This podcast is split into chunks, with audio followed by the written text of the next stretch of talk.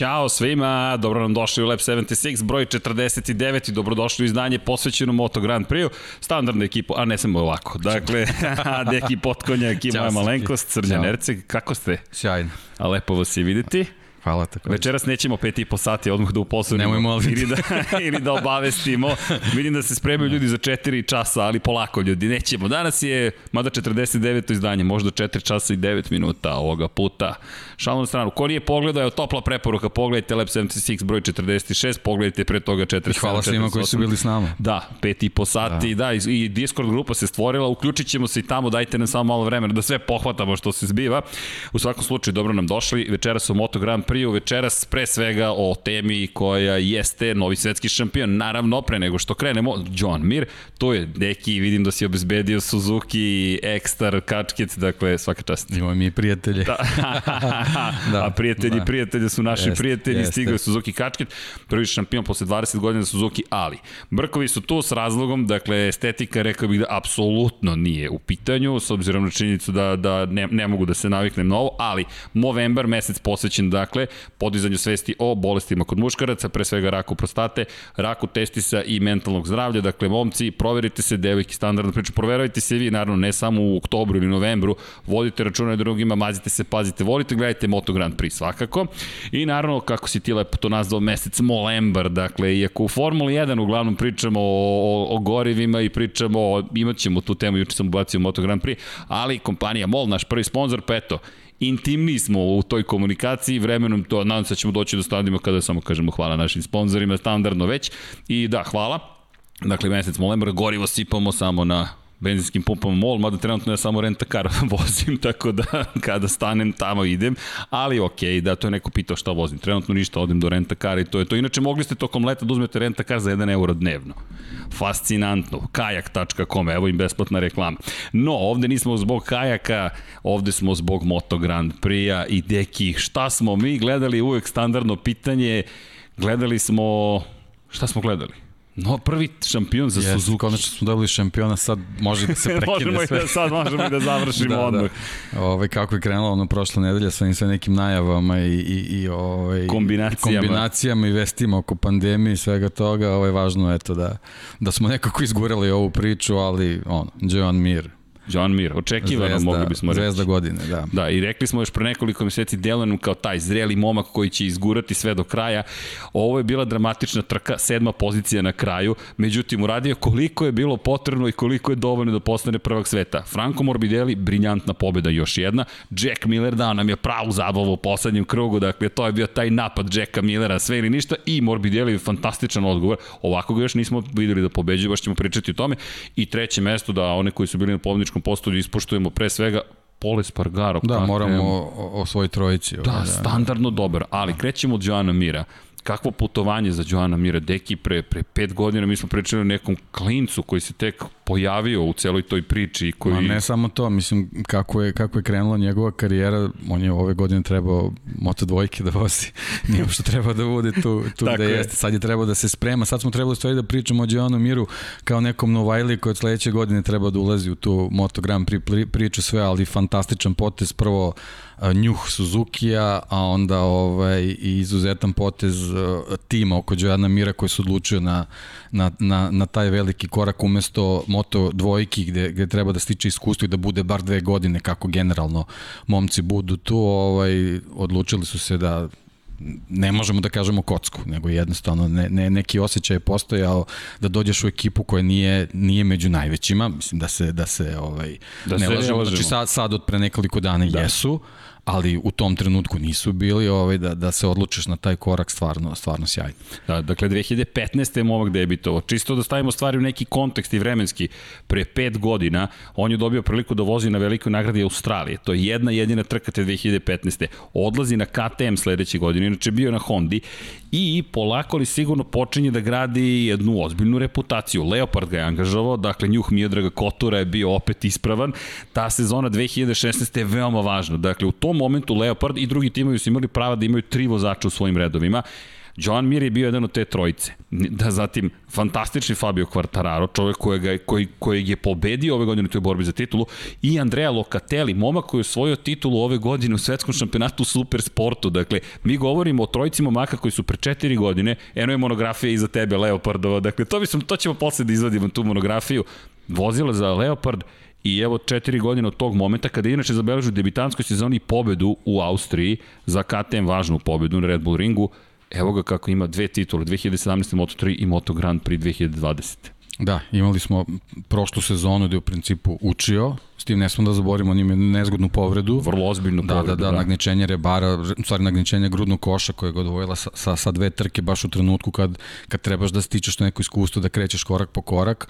Ovo je, međutim, eto, očigledno se nije predavao i onda se desila ova sezona ovakva kakva jeste.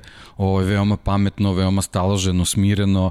Mene u jednom trenutku podsjetio, ali to, to ćemo možda malo kasnije da pričamo, ovaj, ja, ja bih volao da, da ga vidim ovaj, na taj način. Ova, ova sezona mi je nekako njegove vođen su mi ličile na vožnje Vejna Rejnija.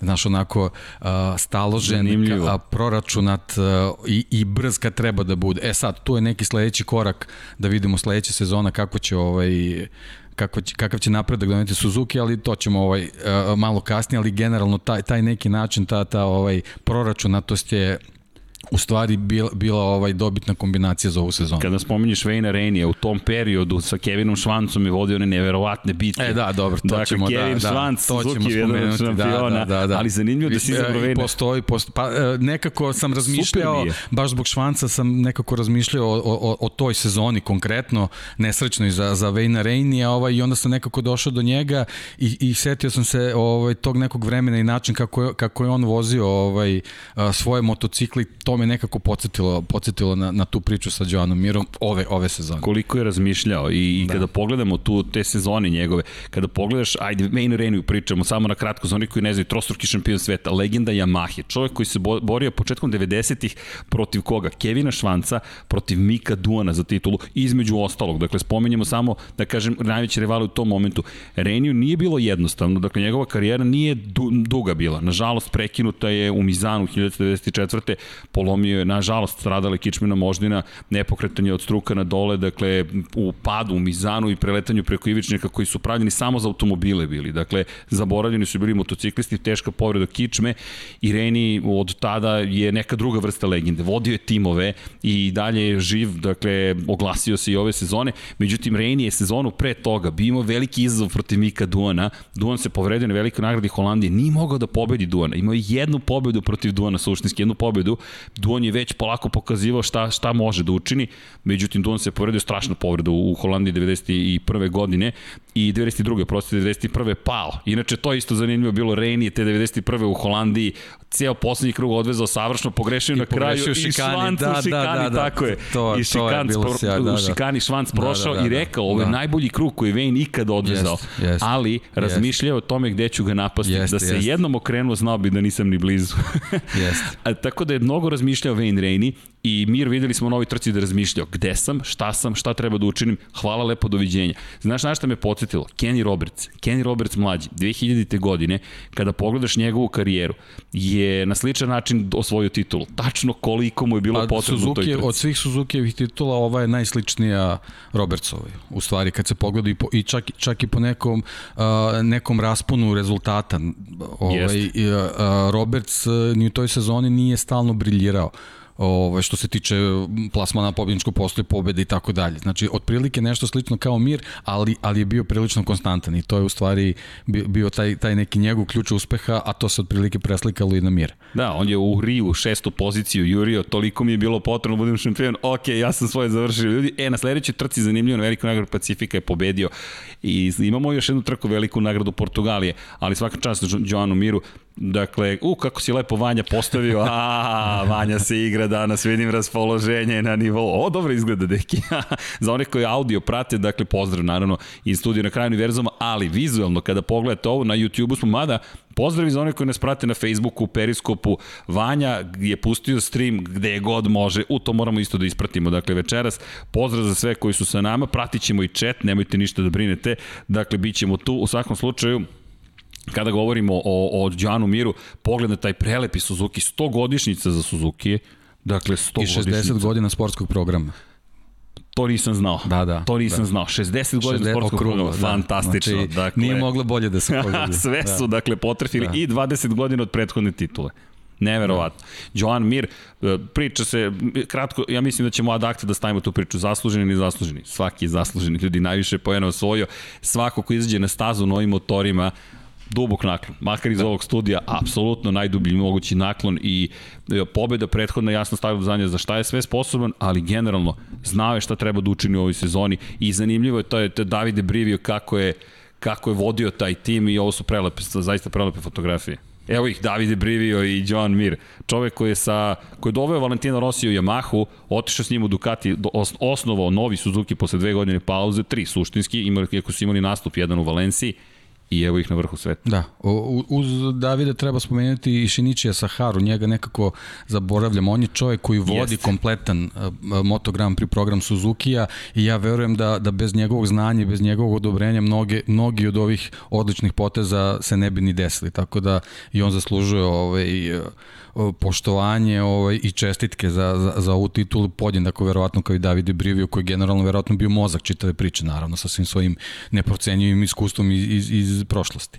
Da i ono što je kada pogledamo tu celu godinu kako je Suzuki se podigao dakle u momentu kada je izgledalo da je sve izgubljeno ne govore imamo šampionski motocikl Mir koji pada na prvoj trci sezone, Rins koji se samo povređuje, ne bili spasao Jacka Millera i nekako sve izgleda izgubljeno, nema predaje, nema odustajanja i, i bitka koja je to kulminirala u, u Valenciji, ali je bilo dosta dramatična. Dakle, i kvalifikacije i sama trka, Brivio jedva ostao živ u garaži. Pa ne, kvalifikacije su bile tipične Suzuki. Znači, to je jedna od stvari koja im izgleda nedostaje, a to je ta jedan brzi kvalifikacioni krug. Znači, ako postoji neka stvar u kojoj bi trebali da obrate pažnju da unaprede motocikl, to je, to je brzina za taj jedan krug u kvalifikacijama, kako, im, kako bi im posle život u trkama bio lakši. Ovaj, ali generalno nekako je bila tipična Suzukijeva trka, oni su no, iz pozadine praktično morali, morali da deluju, ali jednostavno ovaj, njihovo samopoznanje deluje mi od Barcelone, od prilike da je jednostavno potpuno nepoljuljano, da su oni apsolutno bili sigurni da će, da će uspeti u svojim namerama. Sad, Miru baš ne mogu da verujem da, da nije bio nervozan mislim da... da mislim da je 100% bio da, nervozan. Da, da, da, to je jednostavno nemoguće. Pazi, znači, sa zetkom Francuski, veliki da. nagrad Francuski gde je vozio prvi da. put u karijeri po kišu, umio najgori da. plasman da, nove da, sezone. Da, da. Najgori plasman nove godine, dakle mislim da to da. gol dovoljno govori Ali dobro, ima, ima je dva manevra gde se stvarno videlo da, da, da nije, nije kalkulant, nego jednostavno da, da ima svoju računicu. To, to nisu dve iste stvari stvari. Nisu, nisu, nisu iste nisu. stvari. Znači, dakle... kalkulacija i neka računica ko, koju težiš, to su dve potpuno različite stvari i on je uradio, a, a, a, plan je ostvario na taj način da jednostavno ne bude ono na nekoj ivici, nego da, da bude siguran sa, sa količinom bodova koju osvoji. Da, ali meni i dalje fascinantno taj momak tek petu punu godinu vozi u Moto Grand Prix, to ne treba zaboraviti. Vanja je 1997. godište, dakle 1997. godište, ja se uvek nasmejem, ali Vanja našli smo nekog mlađeg, dakle mada ćemo spomenuti nekoga ko je tu u poseti, nadam se ne u poseti, neko ko će biti član družine, našli smo nekog ko je mlađi čak i od Vanje. Dakle, eto, pozdrav za Saru, dakle, 98. godište, ali John Mir je mlađi od tebe, Vanja, samo da znaš. 1. septembar 1997 prvi 23 godine ima. I u eri jednog Marka Markeza, pa i u eri posle Jorge Lorenza i Valentina Rossija, kada pričamo o godinama nekako 23 godine, zahvaljujući u velikoj meri Markezu, koji je sa 23 uveliko vladao Moto Grand Prix, delo je kao da ima mnogo godina, on je mlad čovjek, tek peta Ma, sezona. Mlad, mlad čovjek i, njegovi skokovi iz kategorije u kategoriju su neverovatni. Mislim, on je, on je u nekim intervjuima pričao njegov prvi kontakt sa Moto Grand Prix motociklom, a, kočenje na tom motociklu. Sam je rekao, njemu je, njemu je kočenje na, na prvom testu. Moto Grand Prix motocikla, kaže, sigurno mi je nekoliko godina života smanjio. znači, priznao, on, on jednostavno, o, o, njegova škola, njegov napredak uopšte nije, nije bio lak i sve se veoma brzo dešavalo. Ali deki, on je mnogo brzo i napred. 2013. Jeste. ušao u Red Bullov kup Novajlija. Bio je deveti, vice šampion je bio naredne sezone i već je počeo da beleži pobede. Odmah je skočio u svetsko juniorsko prvenstvo. Dakle, 2015. četvrti je bio, ali zanimljiv je početak te sezone. On je imao prvih šest trka četiri pobede i te 2015. dobio taj poziv, dođi u Australiju. Došao u Australiju, ok, nije završio trku, ali Ostravo Filip ti je debi u svetskom prvenstvu, da to je, to je vrlo zahtevna staza i ni malo jednostavan posao, nije stigao do cilja, no sledeće godine, to smo rekli, otišao u Leopard i polako ali sigurno krenuo. I posle jedne sezone takmičenja, dakle, u kojoj se naučio 10 pobed u 2017. u Moto3 kategoriji, skok u Moto dvojke i već posle prvih šest trka on je bio dva puta na pobedničkom postolju. Dakle, nije ostvario pa to pobedu. Je, to je verovatno nešto to je to. što je, što je ovaj, ostavilo traga i, i u, u toj nekoj potrazi za vozačima je verovatno presudilo. Ja verujem da, da je on samo bio u nekom užem izboru što se tiče Suzuki-a, ali taj, taj start sezone mislim da je, da je odnelo prevog u odnosu na neki drugi. A, a Brivio se odreka usluga Andreja Janonea u korist Joana Mira i ne samo to, tada posle prve sezone saradnje sa Janoneom, taj pogrešan korak koji Suzuki napravio doveo da zapravo smene u Suzukijevom programu i došli smo u situaciju da Suzuki promeni čelo, dakle glavu, ne Kena Kavuće kao tehničkog direktora, već čoveka koji nadgleda ceo projekat, Brivio i dalje ostao kao taj koji spaja Italiju gde je sedište tima i Japan gde je sedište fabrike i stvorili su jednu da. atmosferu koja je nevjerovatna, Rins i Mir kombinacija. Sahara i Brivio su u, u dva različite intervjua su se, su se složili ove, što se tiče te izjave, njihov cilj je bio da pronađu vozače nove generacije. Nisu, nisu želeli da na ovom Suzukiju imaju vozača iskusnog koji je pred kraj karijere to je, to je bio glavni razlog zašto smo dobili verovatno ovu postavu u ovom trenutku. Sad zašto se Maverick Vinales nije, nije našao u toj priči, ali to je, to je onaj deo ovaj, o kojem i Mir pričao. Ali... A, on, se, on se odlučio za rizičan potez da, da prihvati ponudu Suzuki-a, ovaj, razmišljajući šta će se desiti ako ga pozovu Yamaha ili Honda. To je ono što smo pričali. Znači, kad te pozovu Yamaha, Honda ili Ducati, jako je teško odbiti taj poziv. Tako da, da to je nešto što ide u prilog uh, Maverika Vinjalesa i eto i njegovoj odluci da, da, da, da promeni tabor u trenutku kad je Suzuki očigledno krenuo uzlaznom putanjem. Ono je prvu pobedu Maverick Vinales toj, u toj novoj eri Suzuki. Nemoj zaboraviti, Suzuki je napravio ogroman tehničko-tehnološki Dakle, ogromnu promjenu je napravio. Prešli su sa V4 motora, dakle mi pamtimo po sponzoru, Rizla Suzuki Moto Grand Prix motocikl i kada se vratiš u to vreme, V4 je bio izbor koji je bio nekako logičan. Međutim, Brivio i kompanija, svi su rekli idemo na i4, dakle inline, dakle redno postavljen četvorocilindraš u duhu Yamahe, nada se u duhu Yamahe. Dakle, ako pogledamo, Honda tradicionalno V4 ima, Ducati tradicionalno L4, dakle pod uglom od 90 stepeni, horizontalno je postavljen prvi red cilindara, malo su ga sad pomerili u sklopu ajde, ajde, prilagođavanja Moto Grand Prix-u i potrebama. KTM je rekao mi kopiramo Hondu, doveli su pola Honda su doveli u svoje redove, počevši sa Majkom Leitnerom koji je došao zapravo iz Honda pa i Dani Pedrosa koji je stigao iz Honda i napravili i Aprilia koja je rekla V4 i imaš samo jedan motocikl koji koristi i to je taj takozvani čuveni čuveni crossplane crankshaft gde je zapravo na 90 stepeni se pale cilindri, što je sada je prihvaćeno, ali pre 15 godina kada su razvijeli sa Rosim taj sistem, to je da 2004. to je bilo neobičajeno. I Suzuki bira redno postavljeni motor, i evo rezultata, dakle to je sada najagilniji motor koji ima snage, može da odgovori na, na većinu izazova, čak i na stazama na kojima smo očekivali V4 da izdominira kao što je Aragon, to se nije desilo. Tako da je Suzuki napravio jedan ozbiljan motocikl i veliki iskorak u sobstvenoj istoriji, da kažemo, Moto Grand Prix. E, ozbiljan motocikl koji je nastao ozbiljnim radom. Jeste. Uh, jeste, verovatno je bilo jako teško iz, iz početka krenuti sve, pretpostavljam da, da, da, da uopšte, uopšte nije bilo lako, ali opet sa druge strane, kad se, kad se usvoji jedna filozofija i kad se ona prati, verovatno je vremenom, ako osnova bude dobra, onda je, onda je i razvoj mnogo lakši. Ovo, ovaj, oni su se opredelili za to da, da delove tog motocikla razvijaju korak po korak, vidimo da to, da to i dalje rade sa ovim poslednjim updateom vezanim za ogibljenje, gde, gde očigledno na Suzuki se, se to ovaj, sjajno prihvatilo i ono što sam i malo pre rekao, mislim da je sad sledeći jako važan korak da, da taj motocikl koliko to sad bude moguće u, u ovom zamrzavanju ovaj, razvoja vezanih za, za sledeću sezonu, da, da, da pokušaju da dobiju tu, tu ključnu brzinu vezano za kvalifikacione krugove. To je ono što im u ovom trenutku nedostaje i mislim da, da ovaj motocikl ovakav kakav jeste sa nekim blagim unapređenjima da će biti vrlo konkurentan sledeće godine. Samo samo je bitno da se momcima ovaj, omoguće što bolje startne pozicije, jer, negde sam pronašao podatak vezano za Mira, on je ove godine, to možda možeš i ti da vidiš i da izračunaš, a njegova prosečna startna pozicija je 8,7 mesto. Znači, deveto mesto, to je ono što smo pričali, ključna prva tri reda, kad moraš da budeš, on je na ivici bio. E, to je nešto što možda Suzuki ne bi smeo da dozvoli, što bi trebao da, da olakša ovaj, svojim vozačima na sledeću sezonu. I kada to pričaš, dakle, kakve su pripreme, ti zadržavaš Rinsa, zadržavaš Mira, Rins koji sada ne, zna, imamo svi potvrdu da Suzuki može do šampionske titula, naravno, najveće pitanje će biti u kakvom stanju će se vratiti Mark Marquez, s obzirom na činjenicu da ovo do sada bila njegova era. Znamo kada pravim poređenje pre svega sa Rosim i Markezom, s obzirom na činjenicu da je cela njihova karijere su vrlo slične. Imaju titul u svim kategorijama kojima su se takmičili, imaju više titula od Jorge Lorenza. Dakle, u momentu kada je Rossi prvi put posrnuo, uslovno rečeno, izgubio titulu, to je 2006. godine, dve pobede te godine zabeležio Niki Hayden i osvojio titulu. Joan Mir drugačije deluje odnosu na Nikija Haydena, dakle, potekao je u, moto, u Grand Prix trkanju, Niki je došao iz Superbajka, drugačija vrsta projekta, Niki je, neću da pričamo o sreći, da, imao je svoje, kao i svi što imamo srećne momente, ali ih iskoristio.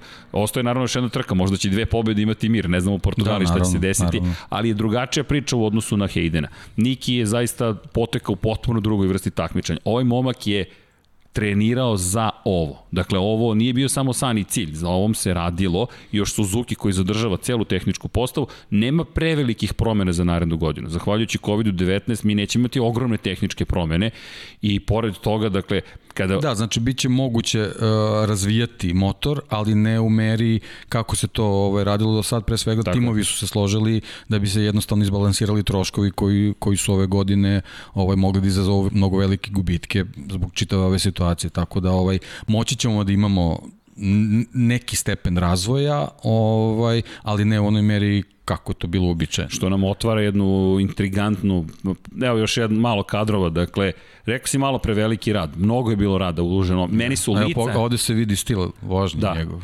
Ovo je inače... To je, to je to što si rekao, znači on je, on je momak koji je rastao na Moto Grand Prix motociklima, jednostavno on iz Moto Grand Prix priče i po njegovom stilu vožnje se to vidi. Da. I to je ono što videli smo, imali smo dosta i pitanja vez, ovaj, uh, vezanih za, za oba vozača Suzuki koji su prilično, prilično drugačiji sa stilom, ali su ovaj, dobili motocikl koji jednostavno je nekako prijateljski raspoložen i dozvoljava im da zadrže svoje stilove vožnje. Smo videli da, da je u drugim brendovima posebno ovaj pričamo o Hondi i, i o, i o ovaj, njihovom motociklu, koliko je vozačima trebalo vremena da se adaptiraju, pre svega zato što su izgubili o, zimske testove koji su služili tome da, da, da se upoznaš sa motociklom. Očigledno da je vozačima Suzuki to je bio veliki plus, jer im je bilo mnogo lakše ovaj, da, da, da svoj maksimum izvuku na, na ovom motociklu. Da, kada pričamo dakle, i o testovima i pripremi za narednu godinu, mi nemamo klasične postsezonske testove ove godine. Dakle, nema klasičnog testiranja. I pritom oni koji budu u budućnosti mogli, to jest kada dođe vreme za testove tokom sezone, ni KTM više neće moći da koristi svoje vozače fabričke da i testira. Ko će jedini moći Aprilija, dakle koja jedina još uvek može koncesiju da koristi. Tako da će to biti vrlo interesantno iz perspektive Novajlija koje dolaze. Imamo trojicu Novajlija koji su fascinantni. Jorge Martin nam dolazi, dolazi Luka Marini, dolazi Enea Bastianini. On ima mnogo više u Moto2 klasi, tamo titula još nije odlučena kao što nije ni u Moto trojkama. Ali da, Suzuki djeluje vrlo dobro u ovom momentu, djeluje spremno. To nas negde vodi i ka, ka čoveku koji je pobedio Dakle, možemo da pričamo o Miru dugo, verovatno će dobiti neki svoj specijal tokom zime. Ja, pa nešto sam razmišljao, neko, je, neko je spomenuo u komentarima, ovaj, mislim da je kod mene na Instagramu baš će naći pa se zahvalim čoveku ovaj, na, na ideji. Ovaj, ja sam nešto spomenuo kao pričali smo ono 5 sati i 20 minuta i to je kao skoro neki rekord i čovjek mi ispravi i kaže nije. Rekord je 32 sata. 32 da, sata. To je svetski rekord trajanju podcast. Mm. Ja sam mislio, rekao, zašto ne bismo 36 i ja sad se zahvalimo Joanu Miru na Šta Hoćeš misliš? tako. Ja, i onda pomeramo. Da. Kad neko dođe na 37, onda mi kažemo Jack Miller 43, pa, da. pa onda Rossi. Znaš, mi, pa onda... mi nećemo da pomeramo za santimetar letvicu, mi ćemo. A, hoćeš 76? Pa ne, 36, 36 sad zbog mira. Ipak a, zbog mira, a, da. zbog toga, da. da inače, inače smo pošto već prošao, prošao je podcast, tako da ovaj, sa tim da. brojem sad je vreme da, eto, da mu se odužimo sa 36 sati. Znaš šta je meni palo na pamet? Dakle, 24 časa Lemana kada dođe. Da mi to pretvorimo pretvorimo 30 sada 6 sati Lemana. Dakle, da spojimo i sa trkom. Pa 6 sati najave, trka i 6 sati odjave. Odjave. Odjava od 6 sati. Da. Pa to će ne, dobro i rekord ne, ne, čekaj, to je 34. Ne, ne, to je 36. 36, 36 lepo si izračunao. Dobro sam okay, izračunao. hoćeš da, da. tako. Pa eto, da. Ok, moramo samo da se organizujemo koji će vikend to biti i kad ko će šta da komentariše. Pa to je neki jun, ako, se, ako, sve bude, ako sve bude ok, to je neki jun. Ok, I uspojit ćemo, dakle, bit će tada trke, bit će sve. Pa vidi, doći ćemo mi do naših 76. 36 pa. sati brzo prođe. Br pa pazi, meni, nama dvojici brzo prolazi, ne znam za publiku da. kako stoje da. stvari. Ali ok, evo, pao je dogovor. Dakle, vidjet ćemo, opa, tajming je, pada i kafa, za malo da ode na računar, evo živi smo, uhvatio se Dom Pablo za glavu, ali ne brinite, to što ste čuli, čekaj da vratim sponzora. Fresh Corner, da iskoristim priliku, dakle, ako pijete kafu negde, idite na benzinske stanice, mola, dobra je kafa, ali nije izašla na računar, dobro je. Da, da evo, Lab 76 da traje 76 sati nemojte ljudi, dajte nam da idemo postepeno, ali ok, razmišljat ćemo. Dakle, da, htedoh da kažem nešto drugo pre nego što krenemo dalje, a to je zapravo Suzukijeva priča i o tehnologiji i o tehnici me dovodi do pobednika velike nagrade Valencije, kakva spektakularna još jednom trka, ovoga puta ne samo Franka Morbidelija, ali Franko Morbidelli, pričali smo o tome kako izgleda, momak će doći u situaciju da kada je vikend njegov, to je to, pobeda se već u petak vidi. U petak smo mogli da kažemo već, i to ono što mi je fascinantno, vidiš ga u petak, to smo u Brnu već videli, i jedino ga je Brad Binder zapravo tamo iznenadio, baš ga iznenadio, sve nas iznenadio, šokirao nas je Binder na KTM-u pobedom, ali pogledaš Morbidelli u petak i već možeš da naslutiš, to je taj vikend. Pa da, ali to su, to su ono i prošle put smo pričali, ne znajući da će biti ova trka, ovaj, njegova, njegova prva pobeda, pobeda Joana Mira i sad ova, ova, ova pobeda Morbidelli su za mene onako tri najupočetljivije pobede, jer nekako Fabio Quartararo je samleo rivale u, u svojim pobedama. Nekako nismo imali ovaj neki dueli, onako bilo je to do, dosta sirovo i, i, i prilično moćno. A ove tri su nekako, a, pre svega prva Morbidelijeva je došla tako što je, što je onako bila prilično neočekivana na način kako je on to uradio, a ova je sa druge strane meni bila onako prilično zanimljiva i, i pre svega zato što me podsjetila na neke stare duele. Između osloga, evo sad si upravo rekao taj posljednji krug uh, Rejnije i Švanca. Znači, to, to, su, to su neke uh, trke iz kraljevske klase kakve smo ranije imali, a sad smo sa ovim duelom gde, gde si ti video jednog naoštrenog Millera, znači, svi smo znali da će u poslednjem krugu da se desi ovo šta se, šta se desilo i, i stvarno nema, je bila sjajna borba gde ni jedan nije odustao, bukvalno svaka, svakom krivinom su se spremali da se vrate na prvu Ali poziciju. Ali drugačija pobeda i da, zato smo da, napisali naslov je. bitkom do pobede, jer ovo nije bio hronometarska pobeda, nije bila, uključio sam štopericu i to ne je samo tap, to, tap, tap, tap, tap, videli smo koliko je posle prve pobede bio hladan posle ove nikako nije bilo. Ali to je ona lepota, to je da, bitke da. na kraju. I ono što je fascinantno, Jack Miller koji je prošao drugi kroz cilj, prošle godine bio treći, koji kaže, ljudi, ovi veliki motori na ovako maloj stazi, iz njihove perspektive ko karting staza da je u pitanju. Da. Dakle, Ricardo Tormo ima mnogo dobrih strana, ali nije mu Pa da, mi smo, mi smo u najavama širina. još prvog, prve Valencije govorili da bi on mogao da bude, baš zbog te neke istorije svojih rezultata, da bi mogao da bude dobar, međutim, nažalost, prvi, prvi, prva Valencija je bila pokvarena ovim lošim vremenom,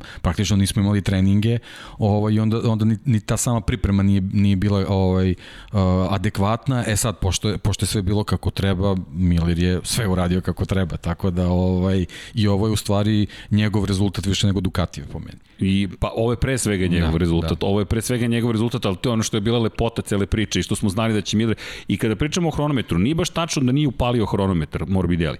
Hronometar jeste bio upaljen, ali je poenta bilo u tome što je hronometar bio upaljen kod Jacka Millera.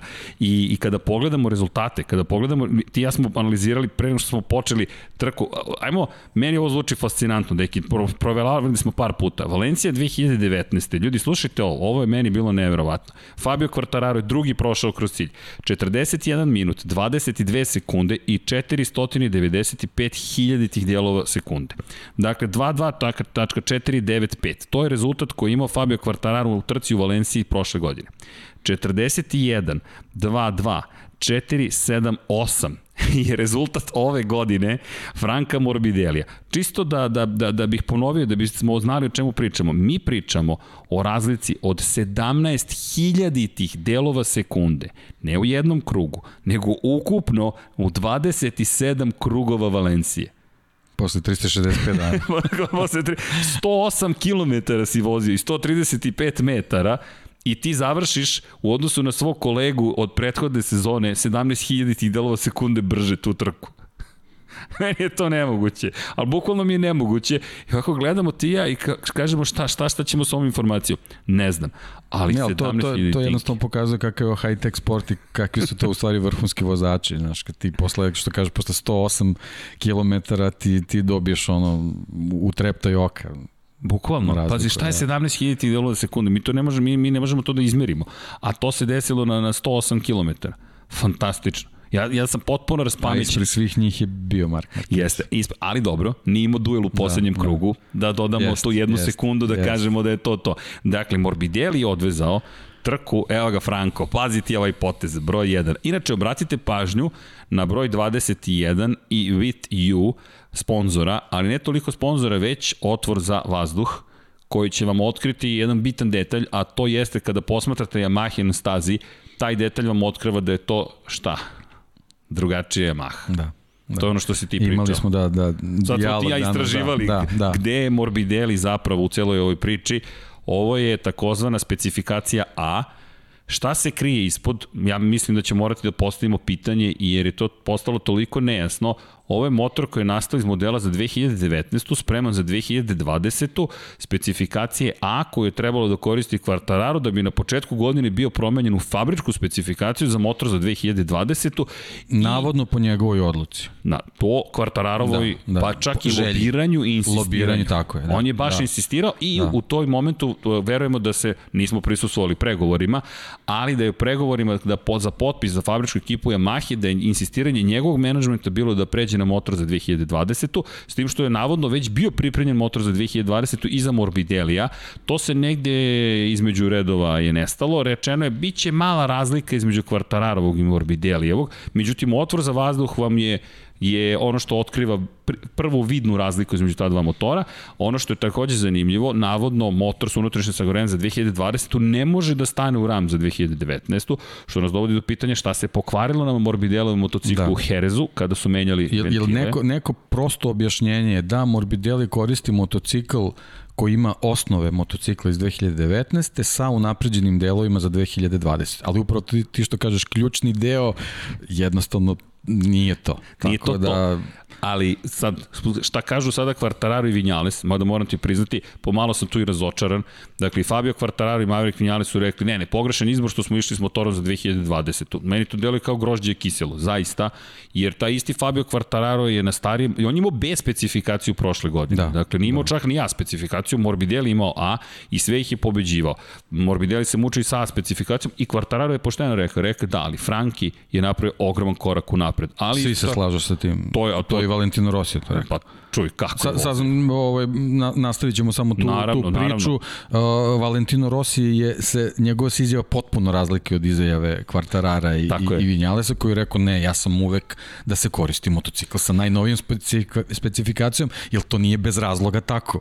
I, I još jedna stvar, još jedna bitna stvar koju je rekao Rossi. Rekao je razlike između prošlogodišnjeg i ovogodišnjeg suštinski su male. Iako kada pogledaš Yamaha, evo nekako smo skočili tema nam je bila, pod naslov teme je bio Yin i Yang Yamahe. Yamaha ima 7 pobjeda ove godine u 13 održanih trka, 7 pobjeda, dva puta po 3 za Petronosove momke Quartararo 3, 3 Morbidelli, jedna Maverick Vinales.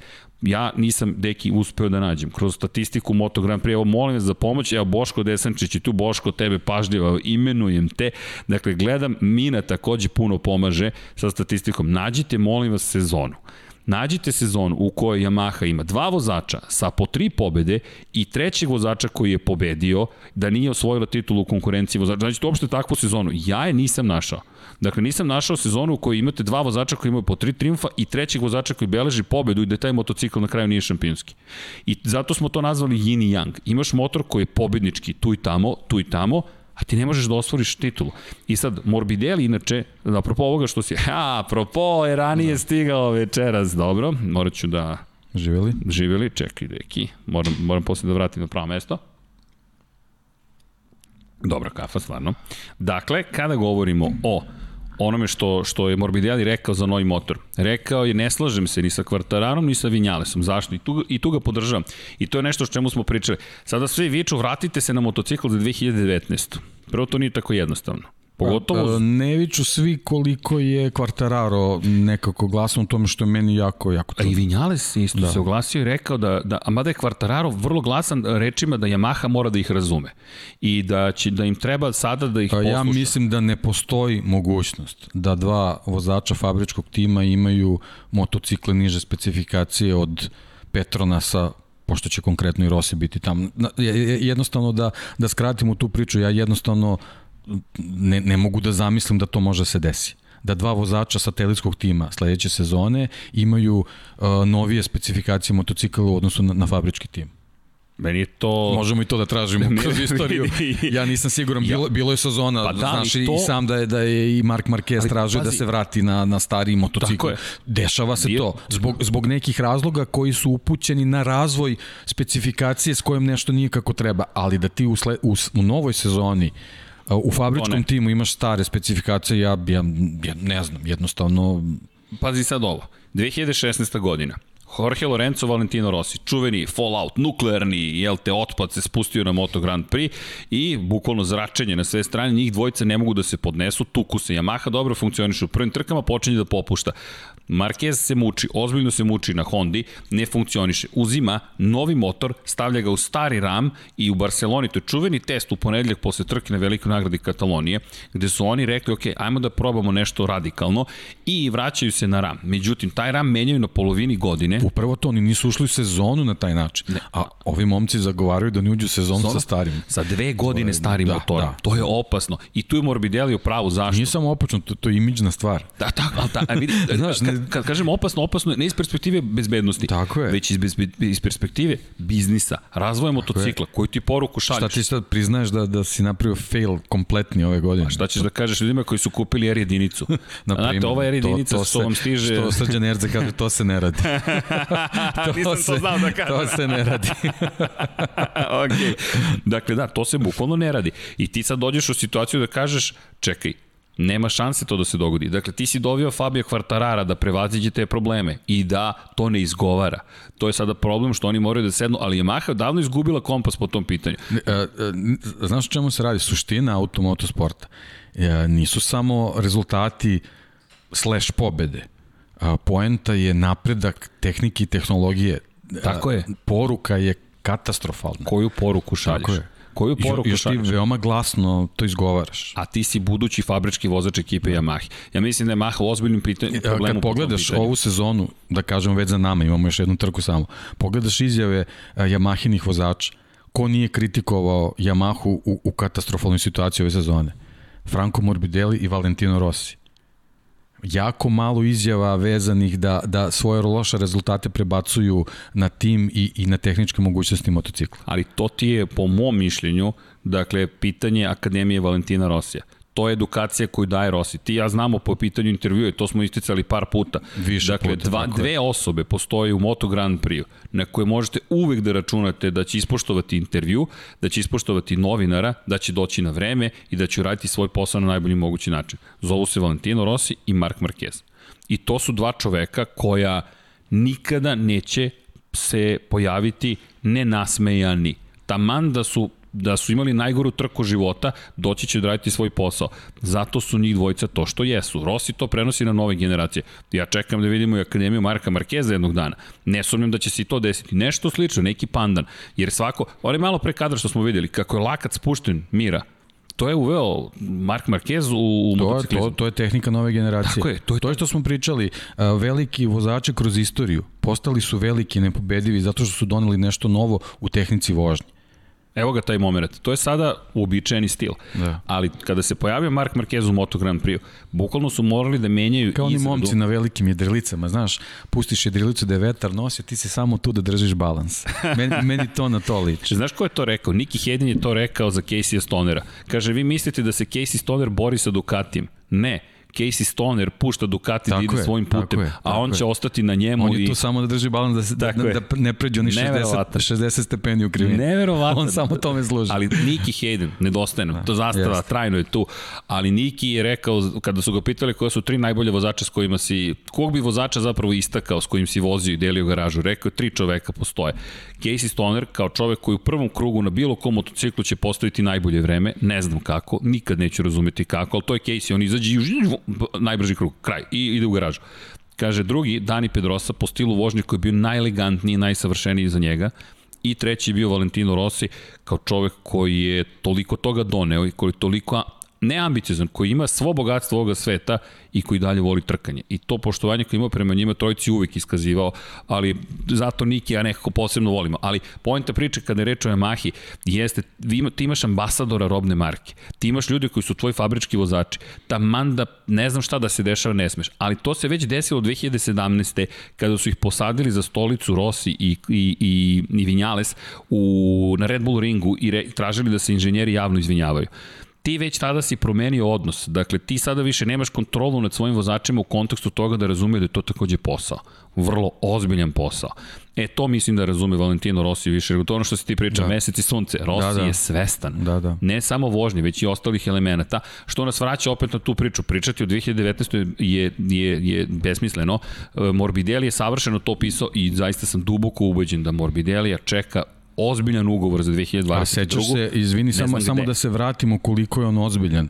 A, I što ti, ti si kroz podcaste više puta to spomenuo, a, izjavu Franka Morbidele, ja ne znam kako je Fabio Quartararo onako dobro vozio ovaj motocikl prošle godine, na meni je da naučim i da savladam i Rekao je, znam šta radi, ali ne znam kako ne to znam radi. Kako. Znaš šta je rekao Rossi za Morbidelli, izvini?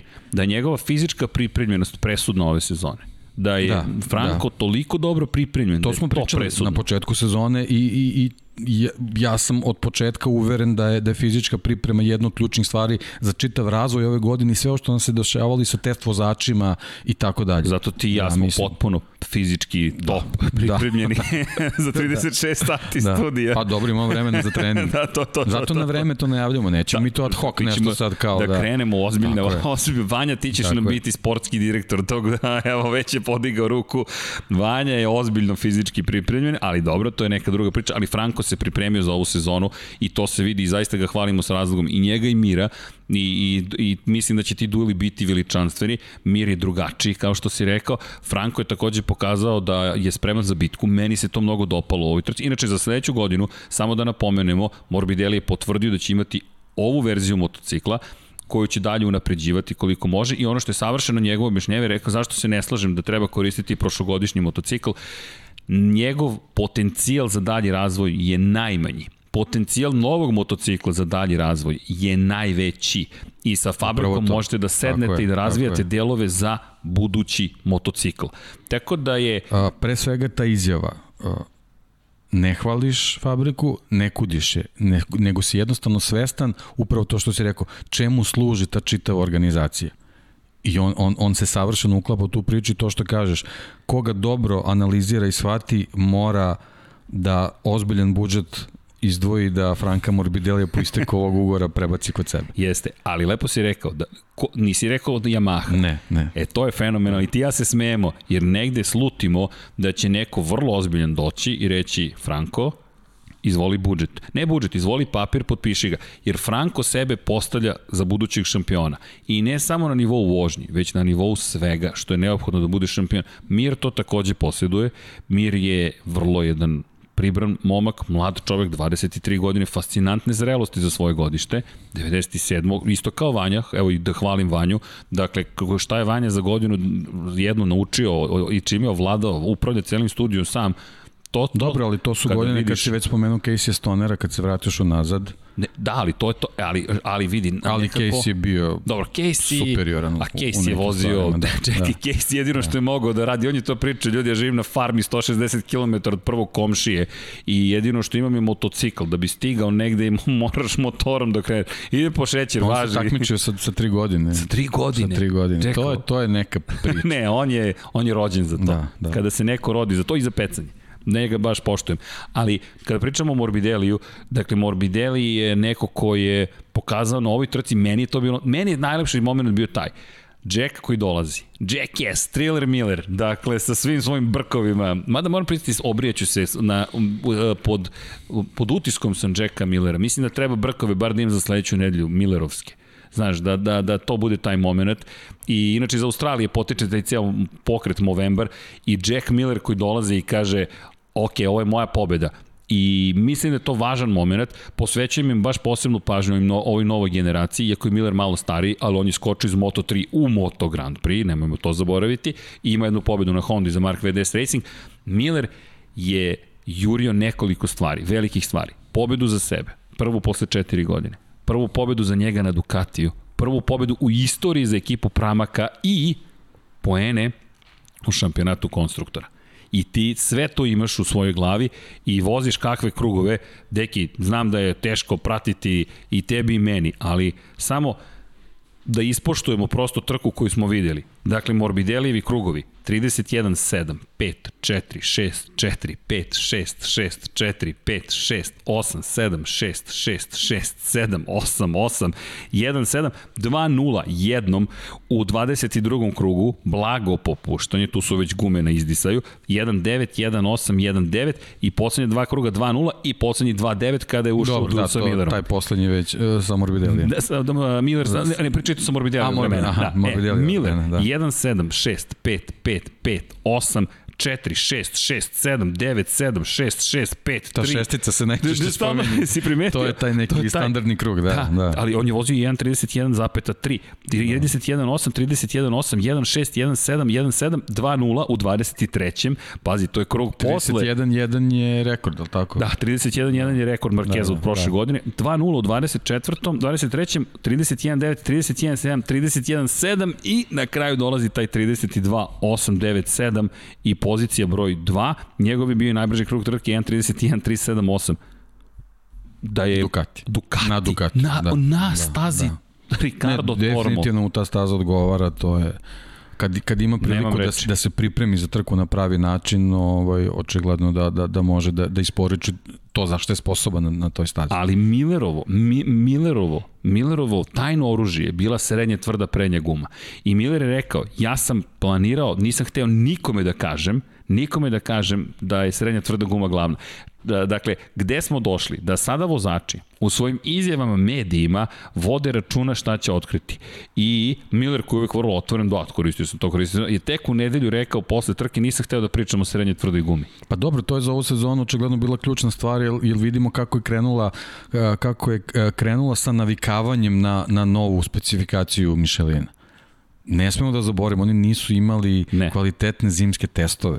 Oni su ušli u sezonu uh, na taj način da onaj ko najbolje razume gumu za tako kratko vreme, on ima dobitnu kombinaciju. Na kraju se ispostavilo, Fabio Quartararo je odlično krenuo, na kraju su mu najveći problemi bili vezani za pritisak, za, za izbor pneumatika. Znači, tokom sezone to se sve negde izgubilo. Gume su Gume. bile te koje su bile ključne. Gume, ali vidi, opet, da. Miller je jedini ko je to na Ducati uradio kako treba. Dakle, ja, do... pa evo sad, mislim sad kad uradimo neku analizu, on je najbolji Ducati. Najbolji Ducati. Mislili smo da će Banjaje biti nekako tako je, tako je zvučalo, Delovalo tako je, delo, njega je, njega je povreda definitivno prilično poremetila u svemu, ovaj, ali jednostavno u trenutku uh, posle onog pada ovaj, kad je vodio, očigledno je to prilično uticalo na njega i on posle toga nije isti banjaja kao, kao pre toga. I mi sad dođe smo do toga da Jack Miller bukvalno brani čast Ducatija. Nešto brani čast, nego što pokazujemo kako je dobar izbor da on bude taj... Za sledeću godinu. Ako je, ako je iko sumnjao zašto baš Jack Miller, Valencija je to pokazala da, da to nije slučaj. Ima još jedna stvar koja se meni dopada u tom izboru Jacka Millera. Slično Kalu Kračlu, mislim da neće ćutati mislim da Italijane čeka kulturološki jedan vrlo ozbiljan pa, moment. Pa čeka Casey Stoner da, po tom pitanju. Po tom pitanju, da. da. Tu nema uvijanja reči. Dakle, Bacanje tu... rukavice kad se ulazi u, u garažu, kad si nezadovoljan, galama. A drugačije. Da, ali sve, drugačije sve u pozitivnom smislu. Sve, znači sve, sve, ako shvate da to sve što se bude dešavalo je za dobro da Ducatija, Ducati. da, da ga povuku, da, da, da, da, da, da ih on povuče, da im bude lokomotiva ovaj, kako je Casey bio dok se nije umorio. Dok se nije umorio, bukvalno. Tako da, ali, ali Jack je onako karakter, kako, onako, kad krene da trese Vidi, glavom. Ko, ko da, sebe zove da, Magare, da, da, ko sebe da, zove da, Jackass, da, da, da, ko da, sebe naziva Jackass. Da, on je taj koji će da povuče. I on će da povuče. I tih 20 poena, ne zaboravimo u šampionatu konstruktora, samo najbolji plasirani vozač dobija poene u šampionatu konstruktora, 7 bodova više od četvrtoplasiranog Aleksa Rinsa, nećemo prestočkati KTM i Pola Espargara i mi imamo 201 poen za Suzuki, 201 poen za Ducati. Međutim, ono što je fascinantno, pre nego što dođemo do Portima, je činjenica da je Suzuki sa Švancom osvojio titulu 1993. godine, nije osvojio titulu u šampionatu konstruktora. 2000-te Kenny Roberts mlađi bio šampion sveta, Suzuki nije bio u šampionatu konstruktora. Od 1982. Franka Uncinija Suzuki nije osvojio titulu šampionatu konstruktora. Ja mislim da će u Portimao raditi, da će Mir ići na pobedu zapravo, da će to biti jedini da, cilj. I, I mislim, velika stvar koja bi u principu trebala da ide na, na vodenicu Ducati, ali eto, do, do, do ovog trenutka nije. Šest je Ducatija, dva su Suzuki. Jeste. Velika stvar. Velika je Puta stvar. tri. Ali, to je izvini, kao da imaš neke džokere, igraš karte, ti imaš džokere, tvoj rival nema. Imamo očuvenu digresiju, Suzuki, i mi bilo jedno pitanje, dakle, ne brinite, posvetit ćemo jedan deo cijele, cijele priče Lab 76 i, i samo pitanjima, ali da iskoristim prosto da se ne dođe na priču kada ćemo dobiti novi tim u Moto Grand Prix već ćemo dobiti 2022. zahvaljujući činjenici da Aprilia formira novi tim koji se zove fabrički tim Aprilije, a ostaje nam ekipa Fausta Gresinija u šampionatu sveta, pri čemu već sada se priča da je potpisan ugovor da će satelitske Aprilije biti u rukama Fausta Gresinija i da će taj tim doći Ko? Fabio Di Antonio 2022. Čak kad otvorimo priču o Aprili, tamo ne sam još da idem, tamo je 40 zamisli, ljudi na spisku. Zamisli Morbidelije. Mor, na, za, na toj Aprili. I, za, gled čuda Italijan koji je dostupan i čeka važan ugovor i imaš četiri Aprili koje mogu da ti pomogu koji razvoju. je sposoban da ko zna šta uradi sledeće da. sezone. Sad je pokazao da je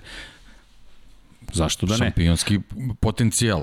A pazi sad šampionski potencijal ne znači to samo da, da, da će osvojiti krunu, nego on je momak koji je u stanju da 5-6 pobjeda zabeleži u sezoni. A šta se još otvara? To veoma mlad. Sledeće godine Marini Luka iz Moto2 polubrat Valentina Rossi stiže u ekipu Avintije, e-sponzorame, gde, za koju se priča da je prodata zapravo i da je Valentino Rossi preuzeo tim od 2022. u potpunosti i sada moram da te moram ti kažem ko je prvi spomenuo, ko je prvi spekulisao. Pre nego što iko spomenuo od globalnih medija, rekli smo Rossi Suzuki kombinacija i sada pričaju toj vezi Davide Brivi i Valentino Rossi.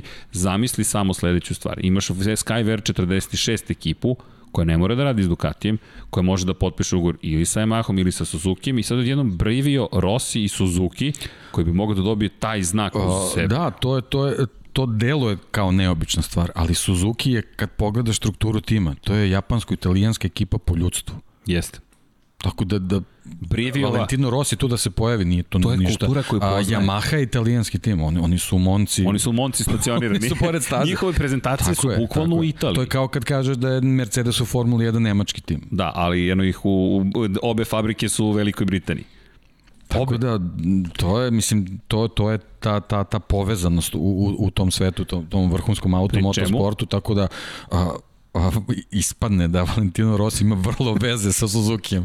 Uopšte nije... Ozbiljne veze. Tako je. I njegovi vozači. Tako je. I sad Morbidelli, italijanski vozač u italijansko-japanskoj ekipi. Morbidelli, Suzuki, Aprilia, to mi je nekako onako put koji, koji bi baš volao da ga vidimo 2022. Ne znam, ja sam... Posebno što sad, a kad krene ovo odmrzavanje tih ovaj, razvoja, Pravila, za 2022. ćemo dobiti ludilo. To će biti baš ludnica. Da, da. Pri čemu vidjet ćemo i kako će se Banjaja snaći na fabričkom Ducatiju. Banjaju ne bih pocenjivo, Ducati je i dalje vrlo jedna specifična biljka, da nije biljka, da. to je zver. Dakle, to je zver. Ja seća se Rossi iz te perioda kada je vozio Ducati, čovek koji niko neće da ga sluša kako treba da se neke stvari rade, koji bled završi trku i, jer to je zastrašujući bio motocikl pa, dan danas. Pričat ćemo o jednom momku koji sad treba da nam se pojavi ovaj, upravo na aprili kako je on dobio šut kartu iz Ducati ove sezone. Mislim, tako da... Da. Možemo, ali da, ako da, otvorimo da, pa Apriliju... Ne, ne, ne mogu ljudi sad da prate ovaj, tako Chase da, Davis, da, da, Chase da. Davis, samo da napomenem, da. pričat ćemo o njemu koji, eto, je na putu u Moto Grand Prix. Da. Posle svega što je doživio. Inače, čovek koga je Ducati bukvalno šutnuo I u trenutku kad je skapirao motocikl i počeo da počeo da pobeđa rezultate. I on treći u šampionatu ove godine. Iza Scotta Reddinga da. i Johnny Are. Da. I ti čoveku kažeš i vaše usluge nam više nisu potrebne. Mislim, on je eksplicitno rekao, Luigi Dalinja mi je rekao da ne računaju više na mene. Vidi, znači, vidi. on je eksplicitno je prozvao čovjek. A, vidi, ni jedini koji je Luigi Dalinju spominjao. Andrea Doviciozo je direktno pričao o Luigi Dalinji. O bukvalno Luigi Dalinji. Ja nemam ništa protiv tih preseka, ali kad se dese tako veliki rezovi, ti moraš da posle tog reza pokažeš da je tvoj potez bio pravi.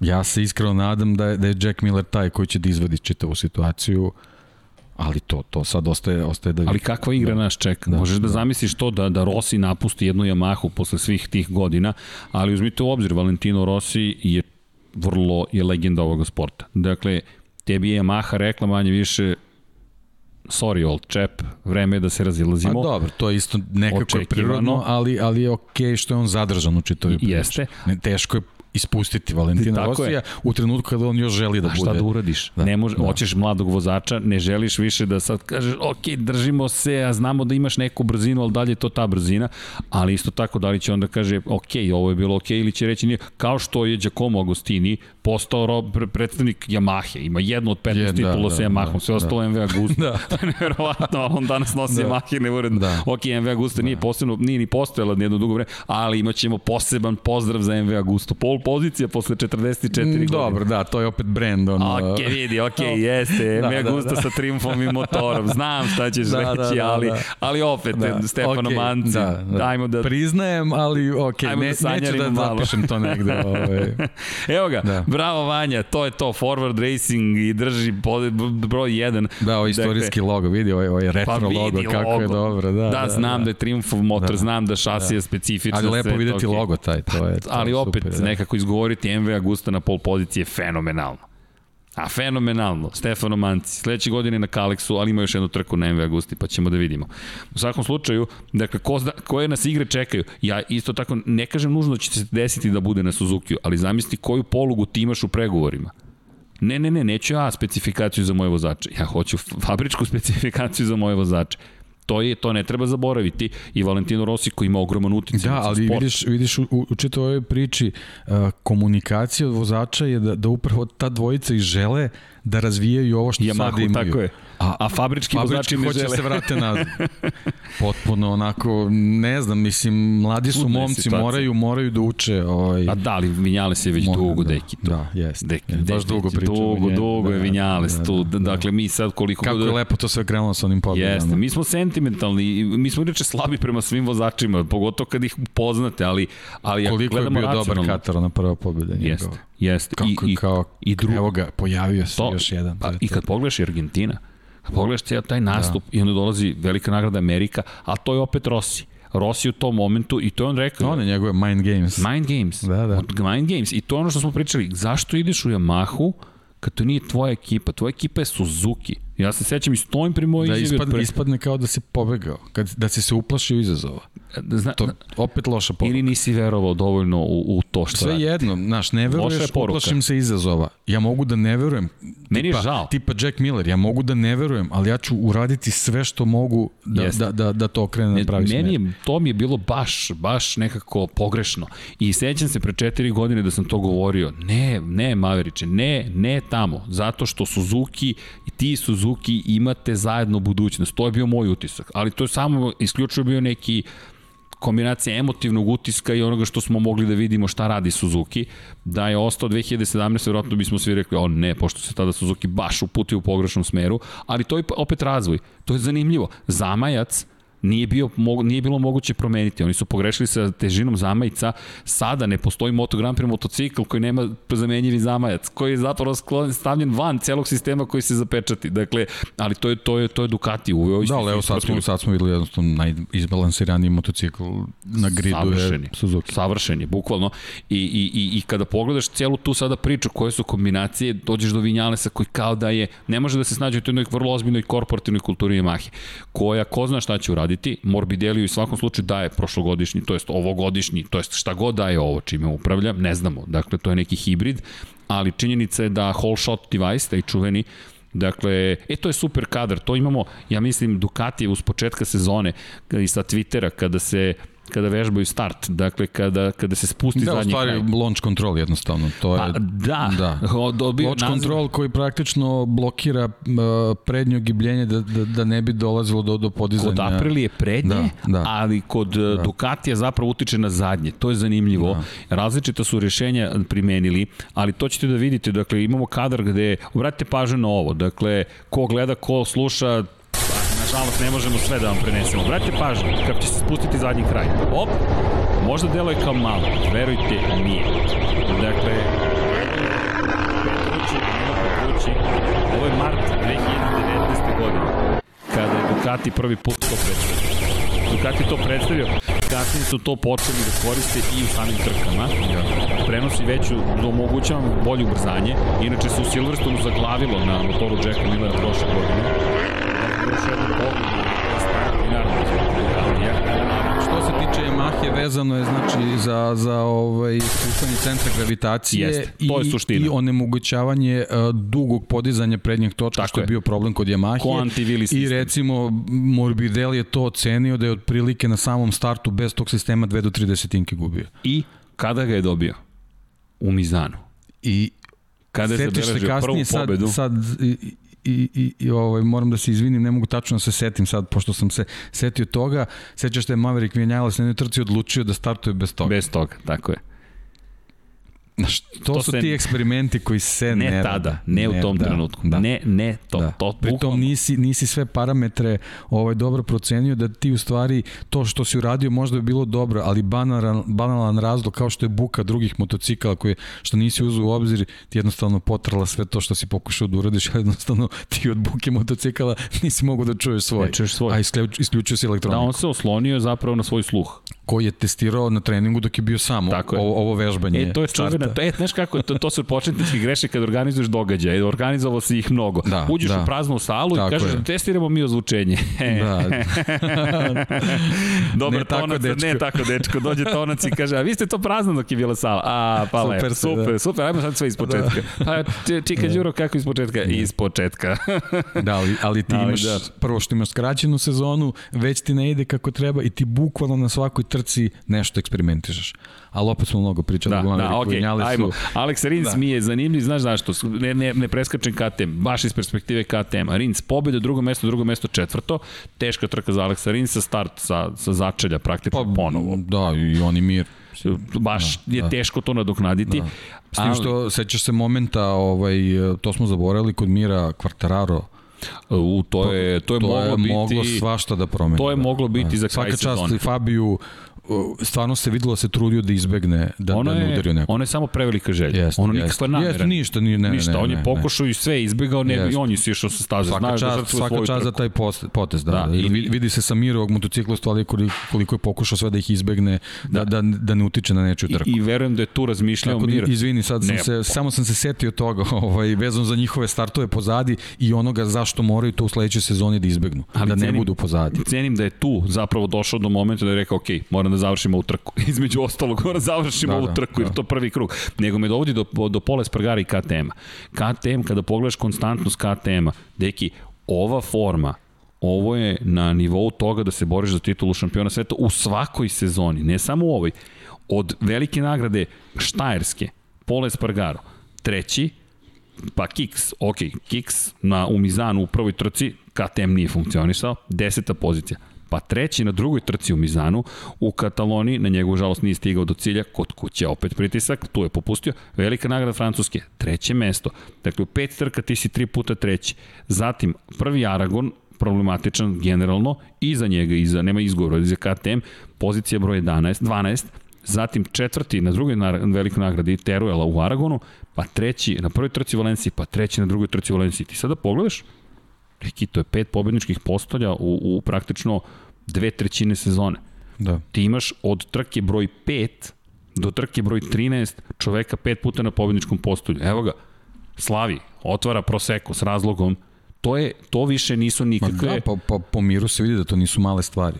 Znači, više, više nije, nije, ti, nije ti dokaz kvaliteta tako što ćeš ti sad konstantno da budeš prvi.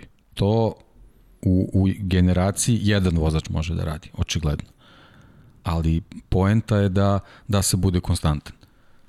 Drugo, treće, četvrto, peto mesto, to je nešto što možeš da smatraš da je da su pozicije koje mogu da, da te kvalifikuju da, da se u nastavku sezone kako, kako trke odmiču da budeš jako visoko u plasmanu. I to je nešto što ne još nedostaje Franku Morbideliju. Kada je loša trka, isto važi za Pole Spargara, da budu i dalje tu. Dakle, ne samo da imaš pobede, šta po mom mišljenju nedostaje Franku Morbideliju, samo taj loš vikend, kada je loš vikend, ne možeš ispod trećeg, u najgornom slučaju četvrtog mesta. Ako hoćeš da budeš šampion, pogotovo imamo dosta pitanja za Marka Markeza, ne znamo u kakvom stanju će se vratiti na stazu, mi mu držimo palčeve, da, pribojavamo se, informacije koje se stižu do nas nisu pozitivne, nisu ni negativne, Ma nema ali ih ni puno, to je, to je najveći problem. Je mene problem. to najviše zabrinjava, nema informacije. Tek i dugo smo ome, 25 godina. Kad god nema informacija, to je gore nego da vam govore tačno šta se dešava u tom trenutku. Obično je gora situacija. I to nekako nikada da nauče velike ekipe, ali ovo nije svakodnevnica, ovo je jedan od tri najveće vozača svih vremena. Ti ne znaš šta god da uradiš, pogrešit ćeš. Samo ne znaš koliko ćeš pogrešiti. Takva ista bila situacija s njegovim izlaskom na stazu. Lako je sad u Valenciji reći što je izlazio na stazu. Izlazak na stazu, pa evo imamo Losa. Imaš sliku ruke. Ruke koja je u, Posle trke. u ledu. Ono I čovjek koji u suzama završio trku. U suzama? Tom, a, a, nije, naravno, to za, za, za, za, za nas obične smrtnike uopšte nije laka povreda. Za ne. njih je očigledno spada u lakše. Kakva je ruka bila? A možeš da zavisliš uh, Markezova povreda koja spada verovatno među najteže koje mogu da ti se dese, da ti to isto pokušaš što je Lowe's uradio. Ne Jednostavno znam, organizam to, je, to ne može da izdrži. To je... Ovo, ovaj, tako da, kažem, u čitoj priči mene najviše zabrinjava taj nedostatak informacije. Da, ovo su neki od Ovo su vežbe rehabilitacije, da. znači ovo nije, nije ono što ja želim da vidim. Da, ovo su Spomenuo si ti i u prenosu. Pa- znači, ja želim da vidim fotografiju kako je on na nekom motokrosu, kako je na nekom ne, superbajku ili, ili na bilo čemu gde on navija gas. Ja, ja želim to da vidim. To je ono što si ti pričao, tebe sam citirao zapravo, ti si taj koji je lepo rekao. Ja dok ne vidim njega na motociklu, dakle ne mogu da pričam o tome da zašto pričamo o motociklu? Ljudi, dok mi ne dođemo do situacije u kojoj mi Markeza vidimo u toj, kako radi ono što znamo vrlo dobro da će raditi to nije taj Mark Marquez. Jednostavno, on je čovek koji je stalno na biciklu, stalno na motociklu. On ne silazi s motokrosa. Ljudi ne silazi, to je trening, to je vežba. On je uveo motokros u Videli smo da, da u pauzi Mizana da, da su na kampu bili kod Rosija. Jesu.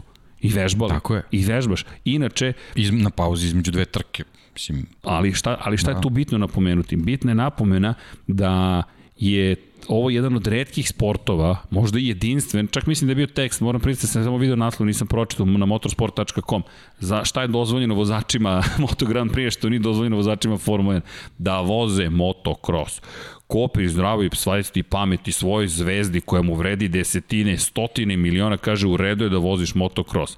I da li zaista očekamo da će ti ljudi, i zašto obožavamo motocikliste, jer su i dalje imaju tu dozu, ne izborili, neophodna im je ta doza slobode. A znaš kako, o, koji je opasnost. Mislim, ovo sad što ću reći meni je onako potpuno neverovatno, ali njima je u njihovom takmičenju o, se podrazumeva povreda.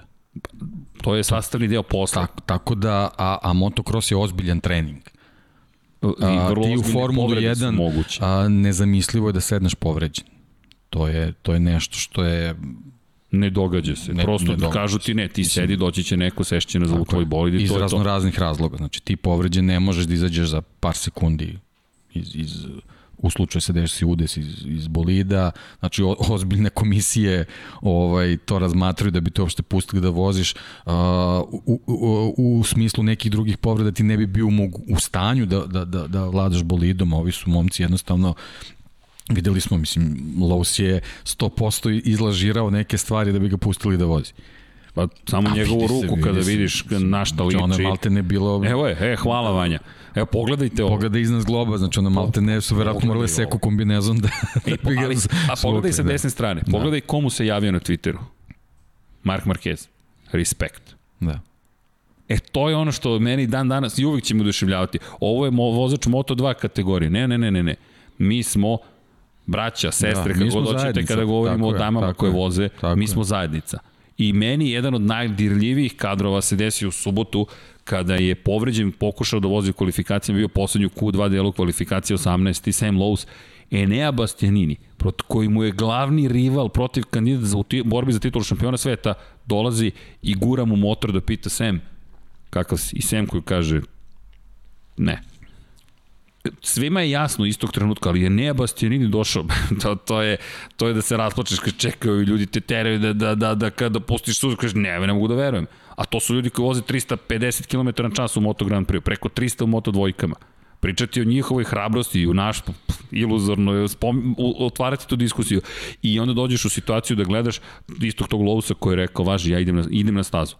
I Augusto Fernandez koji moj utisak je da je rekao, okej, okay, evo dodatni poen. Dobro, ne, okej, okay, to je to je meni rad, to je skroz u redu. Se, sasvim okej. Okay. E, vidi, to su vanredne okolnosti. To nije, ne, vozimo svako sebe. Čekaj, čovjek je ranjen, ne znam kako je 27 krugova iz tom sam 25. siguran da, da niko od njega to nije tražio da uradi. On jednostavno osetio da, da kao timski kolega treba da pomogne čoveku koji je u nekoj Tako situaciji uh, zbog koje ispada iz neke borbe koja je svima san. Tako da nemam, Ispadaš, apsolutno da. nemam, a, ono, čak mogu da kažem svaka čast. A, a to svako može da je Tako Elem, je, tako motocross, je. dakle, voziš motocross, to se podrazumeva da ti voziš motocross, jer to način na koji ti treniraš. Zato mi čekamo Markeza da, da ga vidimo da bismo mogli da odgovorimo ja, na kažem, eto, Držim palče. Prvo, zbog, zbog čita ove situacije, kako je bilo ove sezone, zaista nam nedostaje na stazi. Ozbiljno nedostaje. Jednostavno kao neki reper.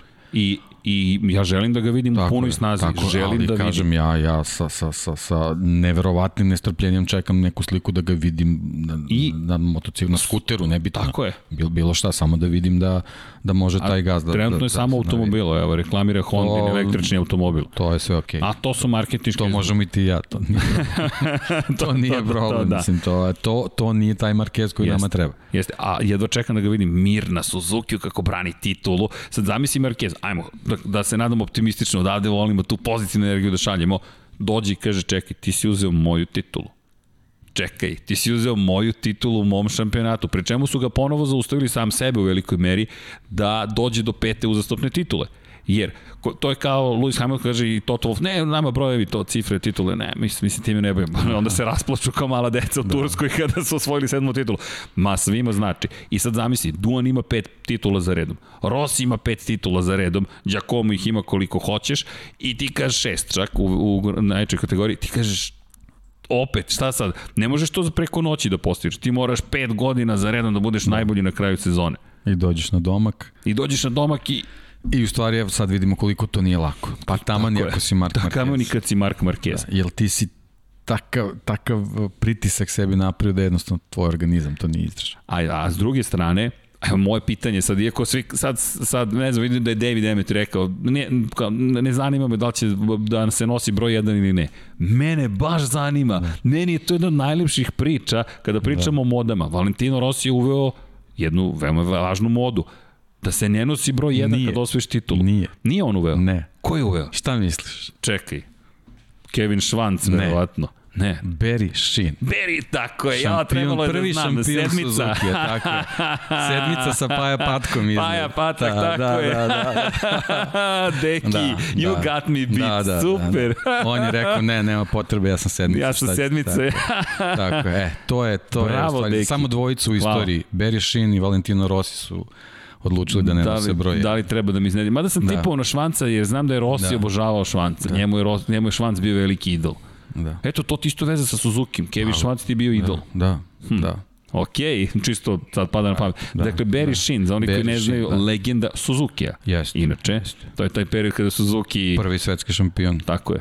Osvaja. Dvostruki. Inače, Boško je postavio pitanje kada poslednji put Honda zabeležila. Nije imala se ono bez to, pobede. Da, to bi, mene mrzi to da tražim Imam ovaj, da, ali, e, super. Imam, super. 1981. godine. Eto. Ali kada se to desilo? Pazi sad ovaj uh, Gold Nugget. Boško je vredan, postoje teška pitanja, ali spremili smo mi teško za Boška. Haha. Tako da čekamo taj odgovor za Yamahe.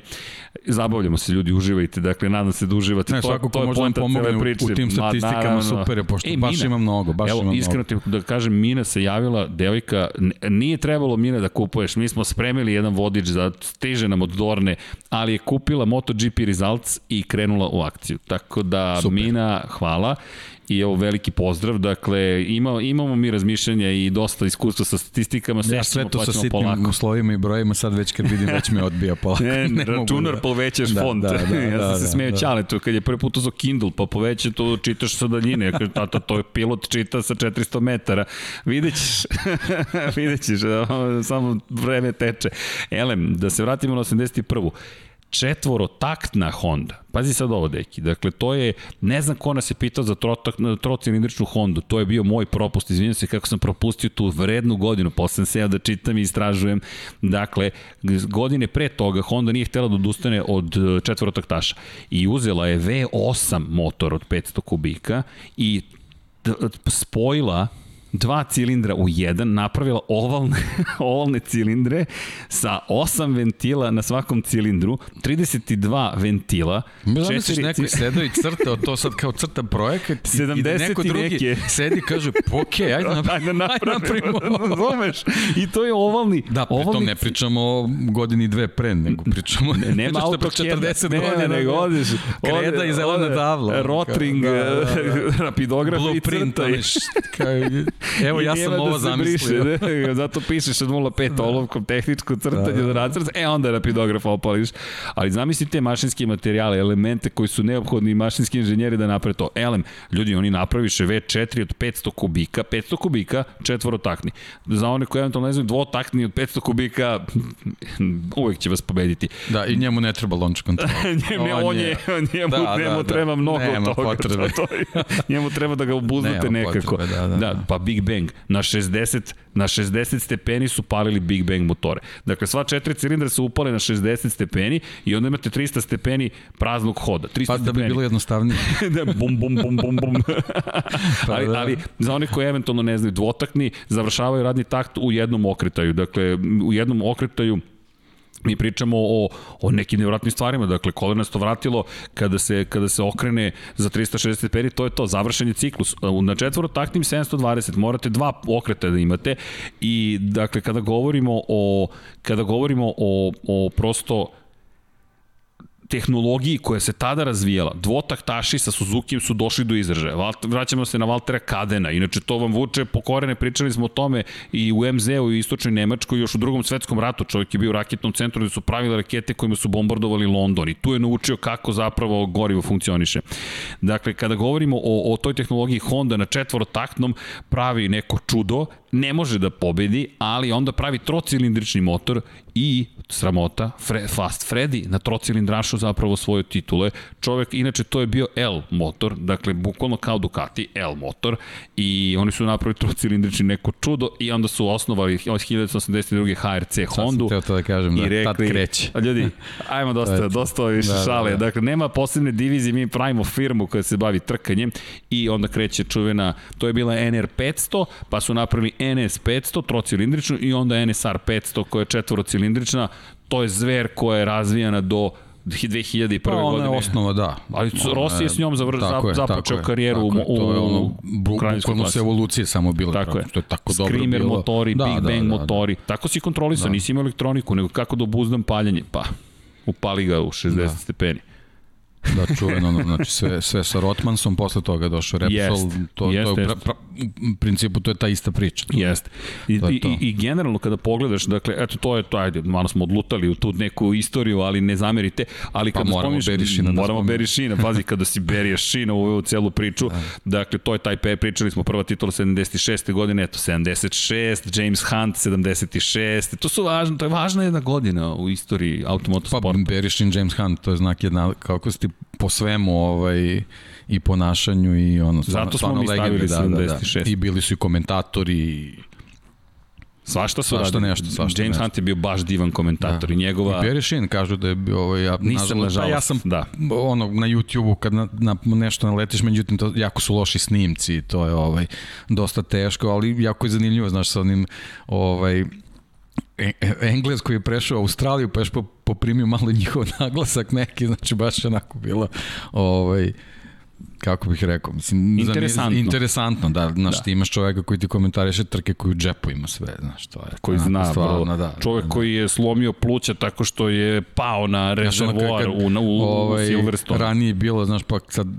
po, ne, po neki Breber, prenos, znaš, kao trebam ja da radim i sad zovu me drugari, kaže, ajde kao dođe da budeš stručni kon, o, kao konsultant ja se setim tako tih nekih, nemoj molim te tako da me zoveš. Ne, ne, nema smisla. molim te da, kao, je, da zna, zna se ovaj, ko je stručni konsultant. Ali to je sve dovelo do to Honda da se, da. da se razvija da se razvija. Tako je, tako dakle, da, to je da. dovelo do Honda da, da se razvija. On je pa bio kriv. Spoj. Kriv je Barry zapravo, jeste. Kriv, da, pa da. i Marco Lukinelli, Franco Uncini, cijela to je grupa da, vozača Suzuki-evih. Da. Ali gde smo... Uncini se slikao sa Mirom. Sa Mirom, to da, je bilo da, predivno. Da, to je bilo da, predivno. Da. To je zaista bilo predivno.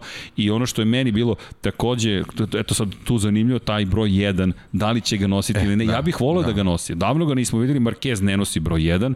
Jorge Lorenzo imao stilizovani broj 1, Casey Stoner je nosio broj 1, tako da bih volio da vidimo broj 1 čisto zato što je malo drugačije. Zabavno jeste, bi bilo. Jeste. I onda da se pojavi Marquez sa brojem 93, imaš Rossi sa 46 i čekaj, čiji je broj 1, ali u kakvo društvo je ušao Mir? Dakle, u kakvo društvo je ušao? To će tek, tek će vreme pokazati. Ti da. si u društvu sa da. Casey Stonerom, Jorgeom Lorenzom, Valentinom Rossijem, Markom Marquezom, Nikijem Haydenom. O čemu pričamo? To su, to su legende ovoga sporta. Ja sam se sad naježio. Da. Ti od Kenija Robertsa mlađeg imaš Valentina Rosija. A pazi, njega, njega u priče Suzuki, znači stavljaju ga u, u, u rečenicu sa Berijem Šinom i sa Kevinom Švancom. Ne, ne treba ti da. A dakle, i Kenny Robertsom da. mlađim, šta to da, je, to, da. to je loše. Pa dobro, da, nego kažem, znaš, ovo su ipak ono kao da, ozbiljne veličine. Jeste, jeste. Kenny Roberts, naravno, mislim, nema što, junior. Junior, čim, junior. Čim si ti osvojio titulu, to je to. Je to. to je to, kraj. Ali, ali, Bio vice šampion baš, godinu pre, da ne zaboravim znaš, kao prvi, prvi šampion je Barry Sheen, poslednji je Joan Mir. Znaš, to je, to je nešto, ne, na, najsvežiji u stvari. Ja mislim da poslednji. je Lab 76 više nego uspeo kada smo krenuli u digresije ovoga tipa, dakle, to je to, je to ali, ali to je ljubav prosto prema motociklizmu i kad ti spojiš sve te priče, vraća me do nekle na ono što si spomenuo Repsol Hondu i Pola Espargara poslednja njegova trka sledi na KTM-u, ali deki, šta mi mozak mi jutro svrti film i razmišljamo ovako, Marquez je povređen, žao mi je što je povređen, zaista mi je žao, ali pogledaj poziciju Pola Espargara. Pola Espargara dolazi u Hondu kao neko ko mora da se dokaže, kao neko ko je sada na KTM-u stalno na pobedničkim postonjima, Marquez je povređen, ranjen je kako god da pogledaš, ti dolaziš u njegov tim. ne kažem da je to dobro, niti mi se dopada što se tako desilo, ali budimo realni, evo spomenut ću, ne znam, Toma Brady-a, zašto? To on, da se nije povredio, dakle, Drew Bledsoe, da, da, da ga nisu povredili Jetsi, nenamerno, da li bi dobio šansu koju je dobio? Neko se povredio, ovaj je ušao, krenuo da baca i to je bilo to. Da. Ne kažem da je Paul Espargaro Tom Brady ili da može da se meri po rezultatima svakako ne može sa Markom Markezom, ali ti si agresivan željan dokazivanja. Nije, znaš kako, super, su, super si to rekao, znači ne, ne mora da bude povreda. Uh, COVID uh, ovaj, uh, spreči Pereza da, da vozi, vozi i mi shvatimo da Niko Hulkenberg čovjek koji nam nedostaje u Formuli 1. Da, da se nije desio taj, taj COVID, mi, mi, mi Hulkenberga nikoga sad ne bi spovenjao, a on sad, sad je u pričama da ljudi hoće da ga vide, ne znam, u Red Bullu, u Mercedesu. Njega bukvalno nije bilo nigde do to COVID. Nigde? Znaš, a, tako da, eto, eto. A pogledaj sad Pereza, da. čeka, on je bio na drugoj poziciji. Da, ne, ne, sjajan vozač, sve super, ali odjednom ali dobijamo, dobijamo uh, Hulkenberga u fokusu. A to, to, to hoću ti kažem, on je sad drugi. Da, Penješ da. se na postolje, mogu su imali da budeš treći i ti nemaš ugovor. Da. Ne znaš, to je, kako, da, kako to, to, to, šta to se su, desilo? Da, da. Nešto se desilo. Da. Ne, mislim, samo a, kako... A čitava ta priča, kako ne računa njega je krenula samo zato što ga dva, dva, dve trke nije bilo u padoku. Dve trke. Dve trke. Samo dve trke, dve trke. nisi bio tu. Da. Uf, to je, da. to je, to je teško. Inače vidim da se Discord pravi.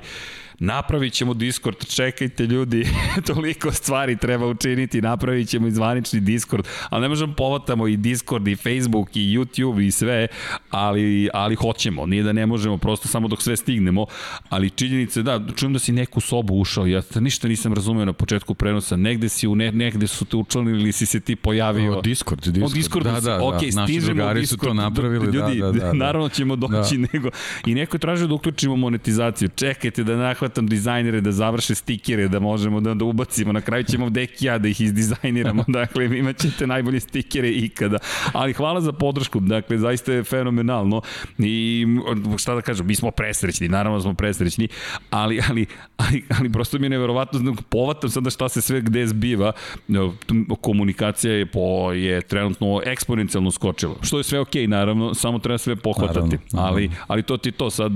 Ne, samo eto manjak, manjak nam je ove sezone, nismo na licu mesta, To da, bi, inače, to bi promenilo sve, ovaj, ali dobro. Nešto nisam okay. uradio na početku, pogrešio da. sam. Ljudi, molim vas, dakle, jedan uh, Twitter, uh, kako se to zove, to je bomb, ali na koga? Na gospodina Ed Junkie Baby, COVID-19 ima, dakle, pozitivno COVID-19, pa eto, malo podrške i ljubavi iz studija, dakle, želimo mu brzo poravak, dakle, Nažalost, ove godine Nikola Rađoni nam je povređen leđa, dakle, diskus hernije, nekako desetkovani smo, ali ne damo se, ali eto, puno, puno, puno pozdrav za Džankija iz studija na kraju univerzuma, dakle, ne znamo čekamo nove rezultate, da nesta to njegova intimna priča, ali mi ga svakako volimo, tako da eto, stiže, stiže pozitivna energija, ali to je sve uticalo na sve nas. Dakle, kao što si sada rekao, uticalo je na Jorge Martina, pobednika Moto2 trke, ne zaboravimo, da. čovjek izgubio šansu da se bori za titulu, možda u Moto2 klasi,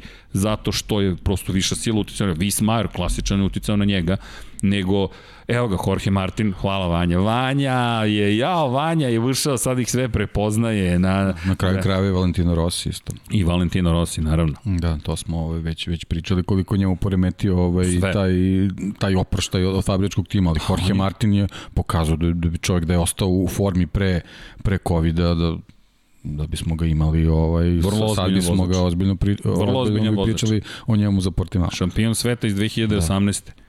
Da, šampion sveta 2018. u Moto3 kategoriji. Moto Grand Prix vozač. Nije, nije on slučajno tu ne, izabran sigurno. Ne, ne, ne, ne, naprotiv. Ali vraća me opet kako, kako svi oni putuju. Dakle, Moto2 titula pripala Polo Espargaru, borio se s Markezom u 125 kubika, nije imao isti put, nije imao istu podršku.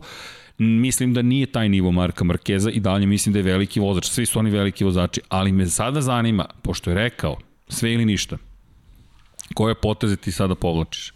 Ti sad, Mark Marquez nije tu. Kralj je bukvalno van zamka. Nije u zamku. Ti sada dolaziš i ti treba se nametneš sa ekipi. Prosto mi je tema za razmišljanje.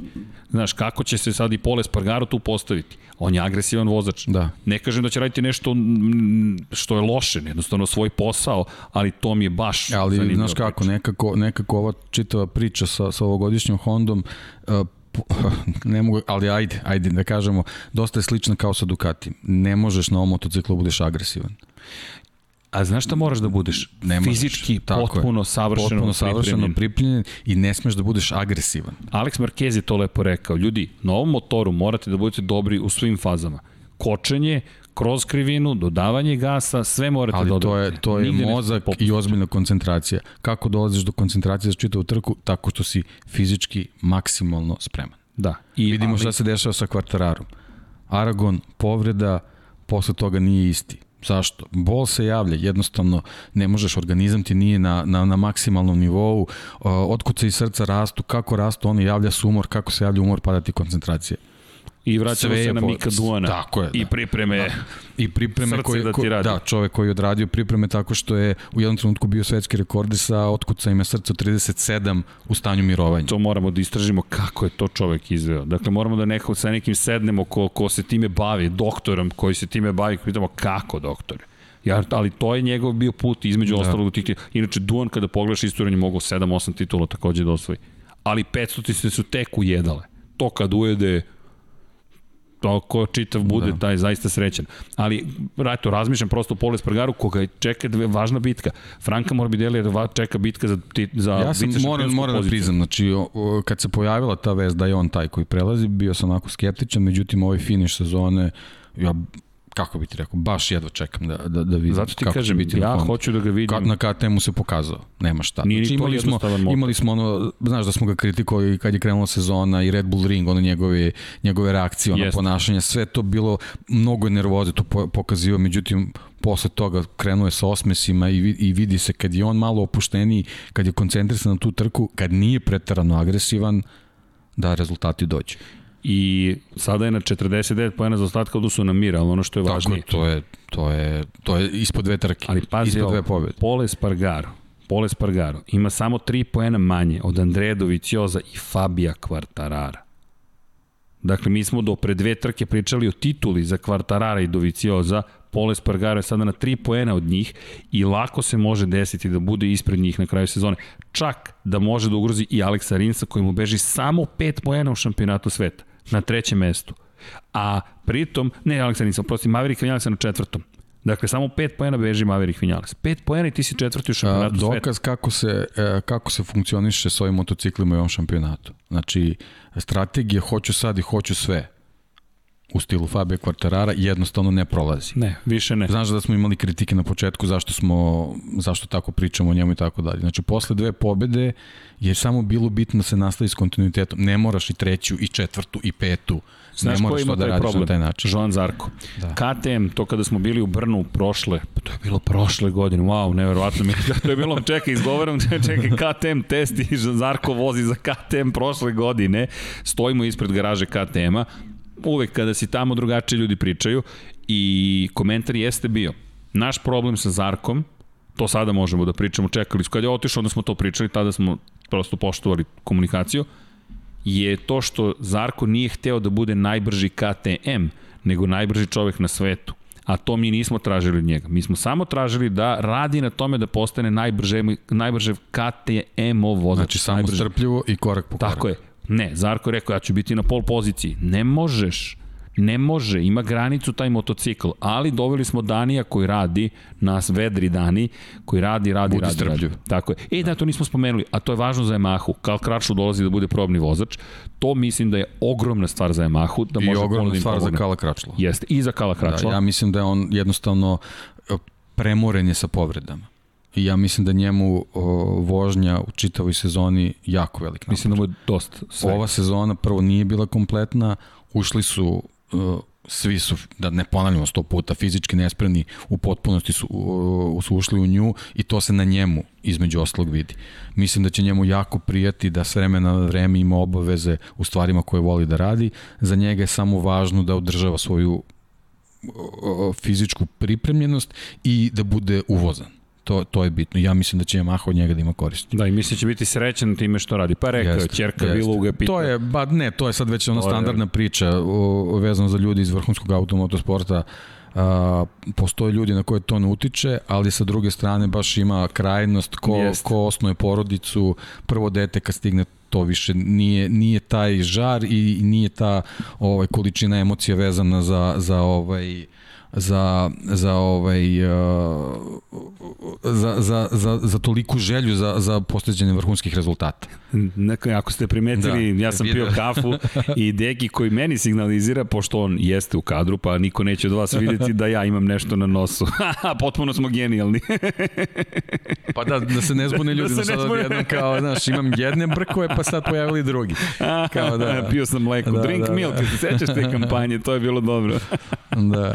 Ali da, dobra kafa, ali da, izvini, te. Za, za kračlo, daj, to je lepo što si rekao, to uvek pratimo kada neko dobije dete, kako će se ponašati posle toga. Gledam Dom Pablo, navijača Sebastina Fetela, koji možemo i tu da tražimo neke paralele kad postaneš porodični čovjek, da, meni dobro, njemu stvari. se poklopilo sa, sa, sa više sa faktora, više ovaj, ali može, može da bude. Mislim, jednostavno mirni vidi se i u njeg, nekim njegovim izjavama i prilično, ovaj, pritom on je čovjek koji je vrhunski uspeo da, Jest. da skloni svoju porodicu i čitave priče onako na šumahirovski način. Onako, Jest. Tako da, ovaj, i eto već kad sam i Šumahera spomenuo, on jednostavno funkcionisao je kako god uvek maksimalno i uvek, uvek profesionalno i fenomenalno. Ali to je ta, i ta priprema. Da. To ono što je Rossi lepo rekao, ljudi, ja sa 25 dođem sa žurke i odem u padok i vozim da. sa 40, odem prvi da spavam. ja da. sam taj koji spava da. da bi ustao pre svih, da bi se spremio, da bih bio blizu onoga što rade klinci. Da, gledam, gledam SMS-ove šta sve moram da kupim. Uz prodavnice i tako, da. Da, ali, da. ali, ali Pola Espargaro, da, eto ima šansu da bude četvrti u šampionatu sveta, vrlo zanimljiva priča. Pre, spominjao si i, ah, hajde, kada, kada pričamo o toj, tom pristupu, mada nismo nužno za njega, ali bih ovde napravio za Takaki na Kagami. Sve ili ništa. Bio je četvrti Juri je treću poziciju, ali Taka je rekao, ljudi, ja idem na pobedu. I mislim da, da, da je na, u prelomnoj fazi svoje karijere. Zašto? Ako sada, ako sada sebe dovede u situaciju da je indisponiran i da ne dobije to što je želeo, bojim se da ćemo izgubiti tu vrstu tog Takaki na Kagami koga možemo da dobijemo i dalje mislim da je pobedničko postolje, pobedničko postolje. Uzmi ga Takaki na Kagami. Uzmi ga. Teško bi mogao s Morbidelijem i sa Millerom. To je, nisi još došao do ove stepenice, ti sad već skačeš na sled. To je, to je, to je greška, po mom mišljenju. Na prvom, na petom si stepeniku, imaš još tri. Ajde na šesti, nemoj na sedmi.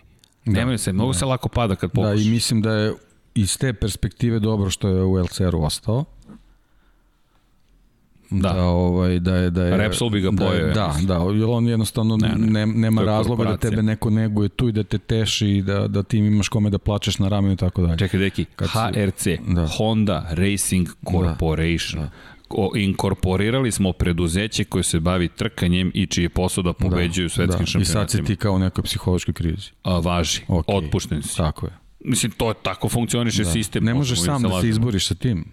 Važi, otpušten si. Da, sve je okej. Okay. U redu je. Koliki je red. Čuj, za besko, beskonačanje za HRC.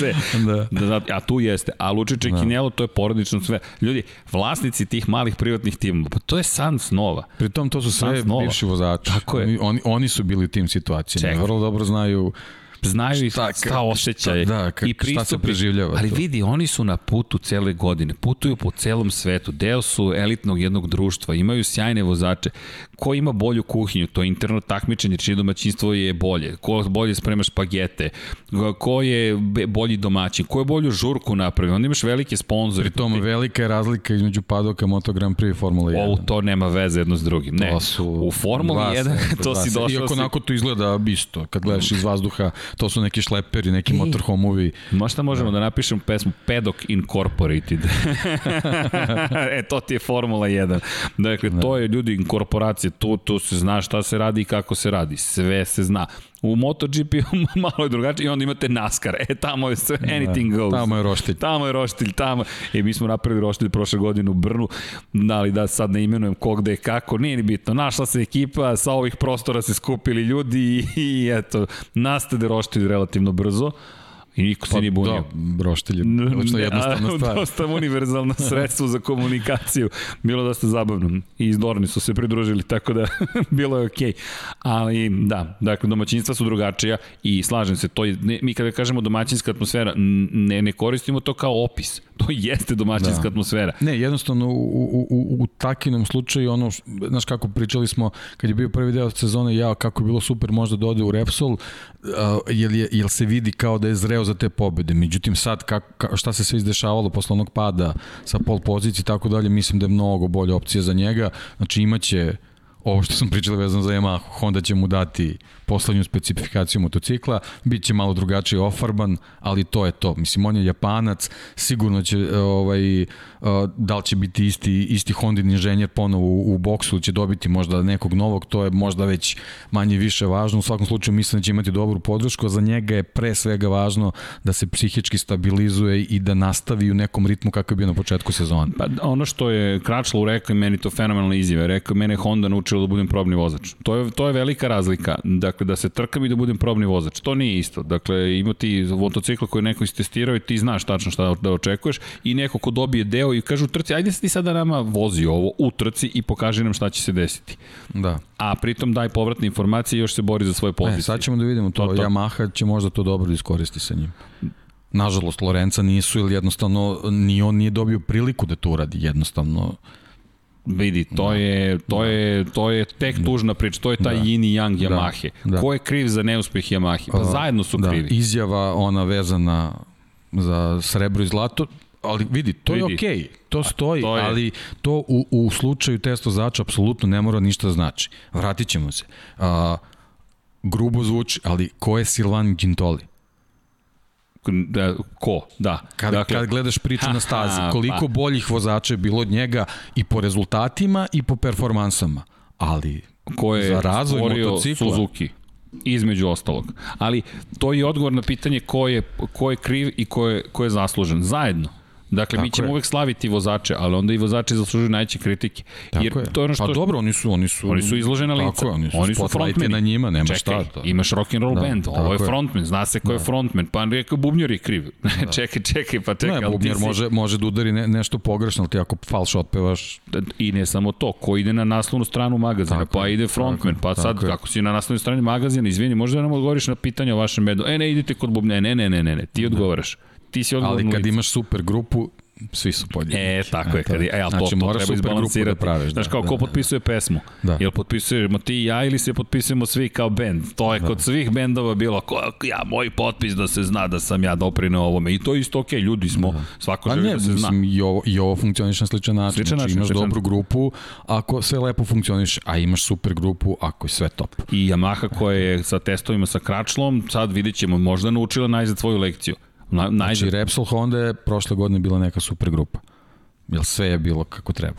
I Ali je imala frontmana e, koji je to... E, meni super grupa. Ok, Suzuki očigledno je super grupa. Pa dobro, da kažemo da je, da je super grupa u povoju. Ali, znaš. e pa znaš ko je još super grupa u povoju? KTM. KTM. Jeste. KTM i mislim da Poles Spargaro mnogo izgubio ovim odlaskom, ali mi da. dovodi do pozicije broj 5 i nekoga koga čekaš da spomenemo, jel da? Ajde da vidimo. idemo, u koju državu idemo, izvini, narednog vikenda? Ja nisam siguran. Da. ne, pozicija broj 6, izvini, da. izvini, moja greška. Brad Binder je bio peti na kraju u toj bici. Binder petica, to je moj čovek, tvoj čovek Miguel Olivira. Šalimo se, to su neki da. naše... Ne, ja sam samo u jednom trenutku Oliviru ovaj, ubacio čitavu priču, da mi se svideo način kako je došao do pobede to je ono bilo Lepo. baš, baš iskusno. Ovaj, a nastavak priče bilo vezano za, za, za onaj tehnički deo i motora, ali, ali videli smo da to nije toliko bitno u smislu da KTM još nije na tom nivou. Ali on vrlo konstantan. To je, on, šesti, to je bitno. Van, to je, van to je bodova, jako, da. šesti, da. peti, šesti. E sad, ispalo je da je on u stvari neko ogledalo forme KTM-a na određenim stazama.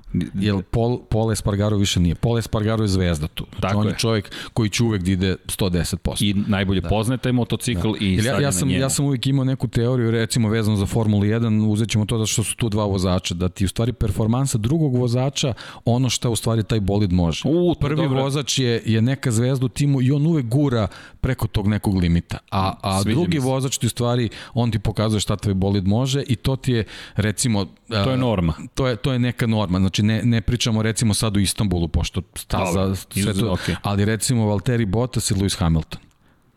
To, to ti u stvari to. Znači ti moraš, moraš da budeš iznad onoga što možeš da bi u stvari bio zvezda. A videli Zato smo si da... zvezda. Tako je. Zato se ne okreneš šest tako, puta, to ti je, nego pobediš. To ti je ovaj, Perez i ovaj mali Stroll. Stroll. Uve, uvek možeš da nađeš. Jasno. Znaš, uvek, uvek je, je ta neka granica ovaj, gde, gde, koja odvaja zvezde od, od nekih, ili ne možemo kažemo, znači vezano za Formulu 1, oni su svi dobri vozači, mislim. Pa to, i to, MotoGP e, sve jedno. Ali, ali tu, tu postoji ne ta neka granica. Dobro, to koja, su finese. To su te finese. To je ono čuveno, da trčiš ispod 10 sekundi, ok, ali da nađeš još desetinku, Tako je. stotinku, Tako je. Ka, da kao što imaš, uh, ti vidiš u stvari recimo na, na Ducatijima. Vidiš ne da recimo da spomenem, kako da ne, evo, evo uzmeš, uzmeš, uzmeš na primjer, znači da uzmemo fabričku ekipu, Dovicioza i, i ovoga Petruće. Petruće. Znači, Dovi u, u, u ovoj očajnoj sezoni opet ti vidiš da on uvek može malo više da uradi. Pa vidi, Andrej Ali... Doviciozo ima 50% da. više poena od Danila Petruća. Nema nikakve tu diskusije o kvalitetima. Danilo Petrući za mene uvek bio enigma zašto je izabran za fabrički znači, tim. Znači, tebi u stvari, u tebi u stvari e, to neko izdanje Petruća u stvari neko, neko realni domet Ducati u ovoj sezoni, nažalost. 12. pozicija. Inače, da. Olivira, da, konstantan. Brad Binder pohvale za peto mesto, on je počeo da se vraća. Binder je toplo-hladno. On je baš dva čoveka u jednom, dakle ili, ili, ili, ili, ali mislim da sledeće godine će se desiti ono što sam pričao, makar zbog mene, učini to Brede Binderu. Dakle, da će biti zaista zazetan. Međutim, Olivira, mislim da će imati dobru trku. Ne, ne vidim da može da se bori za pobedu i mislim da će to biti super, da će Portimao, koji još nismo ni najavili, ljudi, ako možemo... Da, doći ćemo, da, da, da, da, da, Ali to će da, da bude spektakularna trka. To će da bude spektakularna trka, nego samo da ispuštujemo prosto i ovaj trenutak i tako. Raspričali smo se malo, uživamo, ne zamerite, ali je činjenica da još jedan kadar meni ostao i tekako za pamćenje sa ove trke. To je pognuta glava Andreja Dovicioza po završetku trke. Na osmoj poziciji, jedan od težih momenta rekao bih za njega.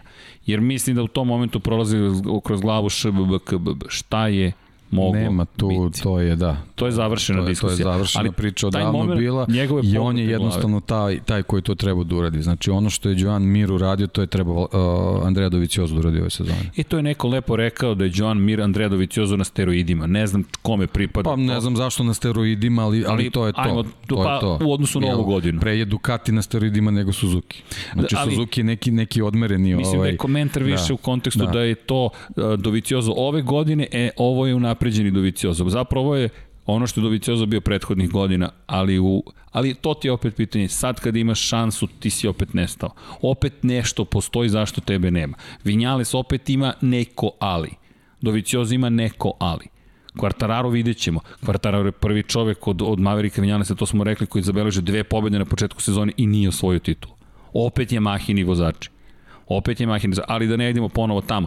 Da, Andrea Dovizioso, da. prosto taj moment pognute glave i mnogo lep kadar kada su svi čestitali Miru. To je bilo fenomenalno kako su se sjatili svi oko jednog vrlo popularnog mladića i čestitali mu na, pa, na znaš kako, oni, oni su svesni koliko je teška sezona. Mislim, to, to je ovaj, stvarno, stvarno veliko dostignuće. Nije to sad po bodovima nešto, ne znam šta, znači on nije, nije došao do ubedljive titule i tako dalje i tako dalje. Ima mnogo manje bodova nego što, što se, što se u, u, u prošlosti ostvajalo, ne računajući čak i Marka Markeza, ne, da idemo i, i, i dalje unazad, ali jednostavno on se najbolje prilagodio postojećoj situaciji. I, i, i to je to je ta činjenica. Uspeo da izbegne godinu da, da, da, se, da se nezgodno povredi, imao i on odustajanja, Znači sve je sve je na nivou nekih drugih vozača. Imao je mnogo manje pobeda od nekih drugih vozača, ali jednostavno kompletan paket je funkcionisao onako kako treba. Tako da ovaj i oni su to prepoznali. Lep je, lep je onaj bio moment sa, sa rabatom. Jeste, to, to, su, je, to, to, to su ovaj, meni scene da, koje se pamte. Da. Znaš, da tebi dođe prijatelj da. s kojim si trenirao i mnogo toga proveo zajedno. Tito Rabat je, je jedan vrlo nežan čovjek jedan vrlo drag čovek, čovek koga dosta kritikujemo na jedan drugi način u kontekstu. Pa nije, nije, nije to kritika, kritika ali... meni, meni jednostavno bilo razočarenje, meni je žao. Meni je žao, žao bilo zato što se sećam njegovih izdanja iz nižih kategorija i on bi se stvarno obogatio bi Moto Grand Prix, ali jednostavno ta povreda je toliko teška bila da... A generalno sve što da. se dešavalo... Mislim, on, i on je sam iznjavio, kaže, Moto Grand Prix je za mene noćna mora. Da, ali pazi, to on je došao... To je baš teško kad neko izjavi. A vidi, ali vidi njegov razvojni put, on je otišao prvo u Mark VDS Racing. Ti si došao, Mark VDS Racing deluje tako sve romantično. Romantično je možda u Moto2 kategoriji. U Moto Grand Prix to je bio pakao. Mark van der Straten nikada nije želeo u kraljevsku kategoriju. Michael Bartolome je bio taj koji je gurao kompaniju, zapravo celo tim ka Moto Grand Prix. Mark VDS je jedva pristao da uđe, ali kada neko prosto ne želi da bude tu, ko upravlja tom ekipom, to se osjeća i ti si došao u situaciju da ni Rabat ni Miller nisu baš bili u jednoj situaciji to je bila ona Honda koja je bila gotovo nemoguća za vožnju i jedva su se snalazili na njoj. Evo kako je na Ducati prešao Miller, šta se desilo, trebalo je to sa Rabatom takođe, međutim ta 2018. je bila zaista da, zastrašujuća. Da, on jednostavno ima Previše povrede imao, Previše. ne samo tu da, povredu. Da, pa dobro, ali ona je onako Mislim, verovatno do nje ne bi došlo Deki. do nekih prethodnih, nije, nije ovaj toliko bilo, ali jednostavno ne prijamu čitava ova priča i to je to. Prvi i jedini I put da smo mi čuli i te ton je ton koji mi dobijamo sa staze kako vozač vrišti od bola u IT tonu. To se nikada nije desilo. Prenosimo Moto Grand Prix, radimo trke 25 godina, prenosimo ih poslednjih 13. Nikada nisam čuo 14. godina da se čuje vrištanje vozača u prenosu. Ja, polomljena butna kost, on je i dalje svestan i leži u, u šljunku. To je je čist prelom butne kosti, to je najtvrđa, najveća ne, kost u telu. Mislim, to, to je dostignuće da se on uopšte posle takve povrede vrati da, da bude na tom nivou, kakvom god. Možemo mi sad da ni podaštavamo te rezultate kako on kasni dve ili tri sekunde. Dve ali... sekunde za Kim, za, za Marko da, Marquez. Da, on je, ali on je tu bio. Mislim, to, to, je, je, pa to je i dalje brže nego da, što će ali, kod nas ali voziti. Ali taj rezultat u stvari pokazuje da se on nikad nije vratio na nivo kakve. Jer siguran sam da njegov nivo pre povrede je bio nivo da možemo da ga gledamo u nekim situacijama na nivou Zarka, da kažem, na nivou Zarka. Povremeno. Ne, da, može, ne može Zarko toliko da bude se, brže od Tito Oni su se tukli u Moto2 da, kategoriji da. za titulu šampiona sveta. Tito Rabat je veliki radnik. Ali šta je to? U svakom slučaju taj lep bio moment kada je pridržao motocikl i ostao da drži motocikl Mirko i Slavi. Ne, jedna iskrena situacija. Meni, meni je to bilo predivno. Ali kažem, pamtim i taj, taj moment. Ne, vidim, oni se zaista da. lepo druže na, na društvenim mrežama, su često slike kako su zajedno na večeri To je to drugari. je super. Oni su drugari, to je to. I yes. vidimo ono što si pričao kao da da ovaj Rins i Mir nisu drugari, ali vidimo da tu izjavama je Poštovanje. fenomenalan odnos i to je ono Poštovanje. što Suzuki u stvari treba. Pa to je Brivio izgradio. To je u stvari e, svakom timu to, to treba. To Dalinja treba da nauči. A Dalinja je primenio teško, teško. Dalinja primenjuje da. filozofiju konfrontacije, sukoba, da. gotovo zavadi pa vlada iz sistema, sjajno organizovao tim da se razvije motocikl, ali ti dovodiš da. jednog dovicioza kome treba potpuno druga atmosfera u situaciju da se vi svađate javno. To je dovoljno bilo dovesti jednog čoveka koji će da vodi računa atmosferi, oni da se bave tehničkim delom i to, mislim, sad sam ja to uprostio. Massimo onako. Rivola. Pa da. Asimo Rivola. Da, da. Aprilija će biti ozbiljna, da, mislim si, da Dovicioza pogrešio. Imao si Brivija, znaš, to je, to je sve... Izvini, i mislim da, mnogo, da je mnogo veliku grešku napravio Dovicioza što nije prihvatio da ode u Apriliju, jer Massimo Rivola ti to najbolje znaš. Vodio, vodio je Toro Rosso kada je Sebastian Vettel pobedio na Monci, dakle u Monci na velikoj nagradi Italiju Toru Rossu, vodio je Ferrarijevu trkačku akademiju mladih vozača, on se bavio ljudima, čekao je Andreju Janonea, iako je bilo gotovo 100% apsolutno sigurno da će biti kažnjen, nije pregovarao da do nekle žrtvovo poziciju Aprilije, ali je rekao ja stojim u svog čoveka. Takvog čoveka ja bih volao da mi bude šef i da kažem ok, ti ćeš me čekati kroz vatru, kroz vatru. Ok, doći ću da vozim za tebe, do Vicioza, da to nije pristo. Samo da spomenu i otud Chess Davis odjednom u priči, Dorna koja želi Britanca da ima u Moto Grand Prix i verujte učinit će mnogo toga, to vredi mnogo, mnogo novca. Ne pocenjam Cheza Davisa, ali Chess Davis Di, to je... pritom nije, ali nije bilo ko, mislim, Chess Tako Davis je. je ime i oni jednostavno prave neki prelazni period dok se ne pojavi neki Lowe's ili već ne znam ko.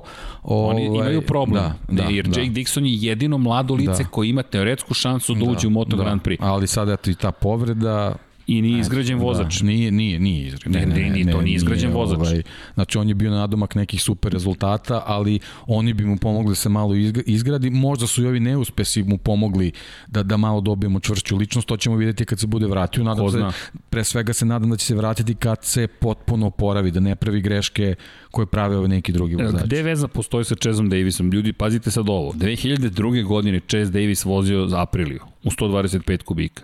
2002. godine. John Mir imao 5 godina. Pa ne, dovoljno, mislim, Chess Davis ima 33 godine. 33 to, godine? To je, eto, znači on je stariji od Joana Zarka dve godine, na primjer. Da. Eto. Dakle, eto, on, to, on to je godinu neki, mlađi da, od Andreja Dovicioza. Na primjer, da. Eto, I eto, to ti njega to. sad dovodiš da. u Moto Grand Prix. Ima neka iskustva, ok, ima i uspehe, svašta je vozio Kawasaki, Apriliju, Ducati, ne znam šta sve nije vozio. Da, sedeo je na Ducatiju u Moto Grand Prix. Tako je. Ima iskustvo sedenja na Moto Grand. Pa on je bio... Ali to je bilo pre 13 godina. E, da, to sam zaboravio da spomenem. Ima mnogo tema, pa ponekad zaboravimo. To je 2007. Ne zaboravite Pramak Ducati. Ne zaboravite Pramak, dakle ne zaboravite ekipu koju moram da spomenem zašto. I, i zašto taj moment teh 3 ove godine u Portugali došao do pobede. Od 2002. Pramak. Inače, to je kompanija koja se bavi energijom. Da. Dakle, kažemo proizvodnjom energije. Da, agregatima. I, agregatima. Dakle, o, da, oni su u energy da, biznisu. Sad je to, da, sada da, je to da, mnogo da, veći posao nego što je bio kada su oni počinjali. Nije bio Doterate mali. Doterate motorhome na stazu i zakačete pramak. Zakačete ga na pramak. Svi su na pramaku. Da, da, dakle, svi su na pramaku. Da. E, oni su prvi imali električne, to se sećam, cok, pozdrav za Zorana Milutinovića. Ne sećam se koja je robna marka, ali znam da su imali super kroseve električne. 2011 niko živi, može da probam. I da. Cok sedi i kroz padok, wow, i kažem kako je Cok, kaže, obratni moment. e, a znaš šta je to zanimljivo? Ricky Carmichael, ko ne zna, Ricky Carmichael potražite, to je legenda motokrosa. Dakle, kralj, ovako, kleknete i kažete kralj Ricky Carmichael. I pitali smo ga baš u Barceloni pre par godina, ok, Riki, dvotaktaši ili četvorotaktaši? Kaže, uvek četvrtog taša, rekao, što? Obrtni moment. Dakle, samo mi daju obrtni moment. Elem, Pramak, Pramak je tad već počeo da forsira zeleno, zato je bila zelena boja. Chase Davis je vozio za Pramak ekipu, to je veza. Danas ko vozi? Jack Miller, naredne godine stiže Jorge Martin, stiže Joan Zarku, to će biti spektakularno, ali u čemu je poenta? Pramak, ljudi, od 2002. godine oni jure da nešto postignu i njima uporno ne ide ta pobeda. Dakle, oni su krenuli i ko je sve vozio za njih? Tetsuya Harada. Pazi, Tetsuya Harada, Makoto Tamada, Roberto Rolfo, Jose Luis Cardoso, Alex Hoffman, Ivan Silva. E sad se komplikuje situacija 2007. To su druga, treća, peta, šesta i sedma. 2004. su preskočili. Alex Baroš, Alex Hoffman, Chase Davis, Ivan Silva i Shinichi Ito. Pa Tony Elvias, Silvan Gintoli. Pazi, Silvan Gintoli je vozio za pramak. Mika Kalio, Nikolo Kanepa, Michel Fabricio, Michel Fabricio koga možete da, koji, koji je isto legenda na svoj način, Aleš Espargaro 2009. godine kao Novajlija došao u kategoriju, Aleš Espargaro ostao, došao Mika Kalio i dve trke kao poseban gost. Carlos čeka, pazi, to je potpuno fenomenalno. Randy Deponije, Loris Capirosi, Silvan Gintoli ponovo, Damian Kadlin je imao jednu trku u Australiji, to se ljudi ni neće, Hector Barbera, Tony Elias. Hector Barbera i Tony Elias. I ono što je tu meni bilo zanimljivo, zaista kada pogledaš posle toga ko je sve došao tu. Andrea Janone, Ben Spiz, Michele Piro, Alex D'Angelis i Joni Hernandez ostali Janone i Joni Hernandez, došao Danilo Petrući umesto Janonea i bio sa Hernandezom. Pa po, kod Petrući je došao Scott Redding i stigao ponovo Michele Piro. Petrući Redding kombinacija, Petrući Miller, Miller Banjaja, Miller Banjaja i Piro ove, ove godine još jednom. To je tim Pramaka i mora da im se, ja, ja se izvinjam, moramo da im odvojimo vreme. Kada su imali najveće uspehe, 2017. Danilo Petrući je uspeo da dva puta donese drugu poziciju i čuvena trka na velikoj nagradi Velike Britanije 2015. kada Jurio Rosija po kiši nije uspeo da dođe do te pozicije i ove godine Millerovi ovi rezultati su izjednačavanje tih rekorda, ali nemaju pobedu. Da, ali tih poslednjih par godina ovaj, su ih i dovela do ovog statusa yes. ko, koji sad uživaju. To je ozbiljna ekipa. Nije, nije to bilo mnogo vrhunskih rezultata, ali ta, ti neki iz 2015. što si spomenuo, 16. 17. to je bilo ono da, da Ducati razmisli ovaj, da, da pa, napravi satelitski tim. Pre toga da, Tamada, da, Elias i da. Baroš su im bili najbolji na pobedničkom da, postu. Da. Pričamo o svetskim šampionima, pričamo o da. legendama, pričamo da. o nekim neverovatnim vozačima. Ali, izvini, to mi je nekako taj Dobro, ne, okay, ali, ali taj, taj recept za, za pobedu je baš to što se nabrojao. Tu je suviše mnogo vozača prolazilo, a sad ovaj neki koncept, da kažemo, ozbiljnog tima, da ti ti dovedeš dvojicu s kojima radiš, ovaj, možda će dati rezultata i ovaj, ono, da li će Zarko biti taj? E, e Nikola Niksi, pozdrav, znaš šta na podsjeća? Kaže, imaju pobedu u Argentini, pre dve godine. Yes. Da, da, da, da, da. Imaju. Ono je bilo, da, ono je Imaju. bilo ono je bila kao, pobeda. Da, viđeno kao pobeda. Da, za one koji ne znaju, u Argentini Jack Miller jedini stoji na startno ciljnom pravcu i ima motor spreman za trku, svi ostali su otišli na zamenu guma i morali bi da čekaju da se upali zeleno svetlo u pit lane Jack bi imao jedno 20 sekundi prednosti dok bi oni stigli da, da ga uopšte da. počnu da ganjaju. Mislim da ni Mark Marquez da. ga ne bi stigao. To je pitanje za dobro da. veliko. To je bilo da. baš ružno. Da. To je bilo da. ružno zato što je to, to protiv svih pravila, ni u knjizi to ne piše, možeš da pozoveš uvek na, na, na višu silu i kažeš bezbednost. Okej, okay, ali... ali to je tako domišljatost i, i ovaj iskustvo neko, kako god, lukavstvo, koje jednostavno trebalo da se nagradi. Nije trebalo. se desilo. To je otprilike ovaj, ono što se desilo Hasu u Mađarskoj ove godine. To je to je da, to. Znači to je, ti, to je ti to. nešto što što to je, je to. suština tog sporta ti to ubiješ, ne dozvoliš da se da, desi. Da, ti ti ga ubiješ. Baš si ga ubio i da. e, to je to uzimanje duše. Da. Nemam problem sa pravilima. I u tim trenucima treba da se razmišlja u publici, ne samo striktno otvoriti neku knjigu i Pa i o da. tim ljudima, pazi, to su neki inženjeri koji da. čekaju svoju šansu. Da. Znaš, taj pramak čeka svoju šansu. I kaže, ovo je danas naša šansa.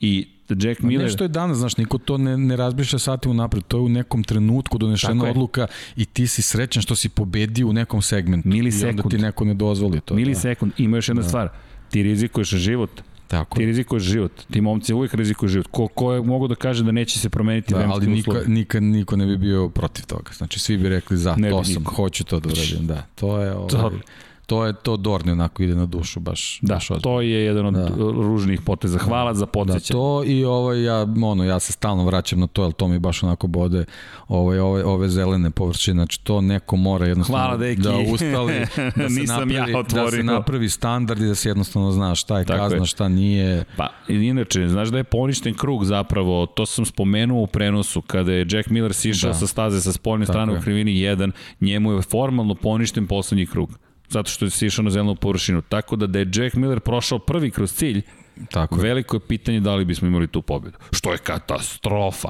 Ti imaš ljude koji su, u, šta smo rekli, 17.000 tinki u odnosu da. na prošlu godinu. Da. Odvezli su kakve trke i on, Polis Prgaro, nismo ti, čitali vremena. Ti praviš kaznu za nešto što je pitanje da li je napravio sebi benefit Tako izlaskom je. na tu površinu. I drugo, on rizikuje da. toliko toga kad siđe da. sa staze.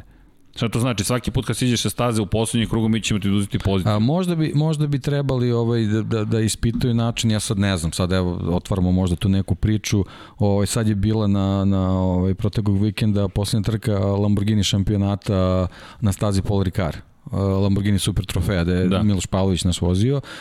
Na Paul Ricardu ljudi znaju, imaju one obojene površine. Koje usporavaju. Koje usporavaju. One su od, od nekih drugačijih materijala napravljene, jednostavno te usporavaju. Možda bi to za Moto Grand Prix bilo dobro rešenje, naravno to sad treba ispitati, jer to možda bude jako opasno, ali ovaj, možda to treba uraditi, napraviti, ako je ta površina već tu takva kakva jeste, napraviti da je ona sama te već kazni ako se nađeš na njoj. I onda ti ne treba nikakav sudija, ne treba niko da, da, da, da vaga i meri da li si ti u tom trenutku dobio prednost neku ostvario ili nije nisi, jer ovo je potpuno bez veze. Ne, neko dobije kaznu, neko ne dobije, to jednostavno na, na tom vrhunskom nivou ne, ne može na taj način se dešava. Znaš, to ti je, to ti je kao eksper, eksperimentalna sezona sa ovim varom u futbalu. Jer, i tu se vidimo kakve, kakve se nelogične uh, odluke donose, iako oni koriste tehnologiju. Ali znači to su neke stvari gde, gde, gde su a, ako ćemo i na taj nivo da da da da ovaj da krenemo ovaj a, a, tu se tu su milijarde u igri i ti jednostavno ne, ne možeš da dozvoliš da na taj način padaš u nekim situacijama da, da, da praviš neke antiklimakse i ljudima jednostavno potireš dostignuće. To je potpuno meni, meni neprihvatljivo. Ja moram, imam, moram da prenesem jedno pitanje. Ima li sporta koji deki ne prati? A hajde sad. da, ja mogu da vam dam odgovor ako, ako deki neće. Nema. pa po nešto možda. Po nešto. Ne po ne, nešto. Negde ne znam neka pravila. To se dami i gospodo da. zove skromnost. Ali ovo čak i nije lažno, njemu je neprijatno i sad ga puštam namjerno da mu bude neprijatno. Neću da prekinu ovaj rat tog razgovora. Šalim se. Ali evo ovo ozbiljno pitanje. Šta mislimo, evo da prekinemo, o padu Aleksa Markeza izgleda jezivo. Ljudi, E, to, ja, ja nemam nikakav, ja sam se baš uplašio za Aleksa Markeza u tom momentu, iskreno, baš se uplašio, on je čovjek lansiran slično Marini, mnogi porede to sa padovima, spomenuli smo dvotaktaše, ljudi, to je strašno. To je bilo strašno, on je isto tako letao, evo gledam, nama je plafon ovde na 3 metra i 40 cm, on je odletao tako na 3 metra, da, da, da, da te neko tako baci sa 3 metra, nevjerovatno. Ne, vidi se ta Honda ove godine baš za Markeze, za obojicu, brutalna. Jeste. Jeste, baš je... Jednostavno ne, ne, ne dozvoljava vožnju preko tog limita. Ne, ne, i, ali to je ono što je Alex rekao, morate tako da je vozite, ako hoćete uspeh. To je, to je, I to je i Jorge, to je i Dani Pedrosa pričao. Mark Marquez stalno vozi ovu Hondu na granici. On je stalno na granici. Jednostavno tako se da, Mark Marquez je u Jerezu pao, ali mi moramo da se setimo koliko je puta on, on izvukao sebe iz, iz jako nezgodnih situacija. Jeste, ali... Pritom ali, znamo da obojica znaju da se iščupaju iz ne, nezgodnih Ali ovo, ovo... I, i Enea zna da se iščupaju nezgodnih situacija. Je... Svako, svako od njih to ovaj, mora da nauči da radi. Da, ali... Mora, ali... mora da nauči da to, tog divlja konja ovaj, baš zauzda. Je, da. Baš je Baš ne, ne, je bilo nezgodno. Ja, znaš kako, ja sam se u trenutku uh, njegove reakcije uplašio da će ovaj da prođe kao kvartararu. Jel taj donji deo leđa, kuk, karlica, to je... Kvartararo još i dobro prošao u celoj pa. dobro. Kad kažem dobro, to je to su povrede manje greda. Da, ali vidiš, on, on je, on je od Uticalo. tog, od, ne, ne, ne, u problemu svakako. ozbiljno. Ali samo, samo hoću da kažem da je još i dobro prošao. E, I Marini. Marini, da. I ja. vidimo, sve, sve, svi ti padovi ovaj, Stalno ozbiljne kost. su. Ovaj, ma pazi, ovi, ovi padovi sa ručnim zglobovima, vidiš Ali Dixon je završio na operaciji. Ali Alex Marquez je imao povredu da, da, ruke. Da, da, da. I, I šta mislimo? Izbacili su i, i, i izbacili su ljudi podatke o njegovom letu. I što kaže David Emmet, ljudi, iz ovoga ja mogu da vam odmah kažem da je jedan sekund proveo u vazduhu Alex Marquez. Ljudi, sekund je on leteo. To je strava i užas. Letiš jedan sekund i što kaže David Emmet, dobro, to je crni taj britanski humor. Dakle, ko voli Only Fools and Horses, ko voli mućke. Dakle, govorimo o, o padu koji u kojem je rekao, kaže, mogu da razmisli o tome gde će da sleti. Bukvalno imaš sekund da razmisliš, e, znaš šta dolazi. Strašno, ali, ali je još i pozitivno prošao. A, Vanja mi nešto signalizira. Da li hoćemo video pada? Ako je, znaš šta, neću. Evo reću ti zašto. Dakle, nema potrebe. Dakle, bojim se da... Da, ko je video... Ovaj... Video je. Da, ko...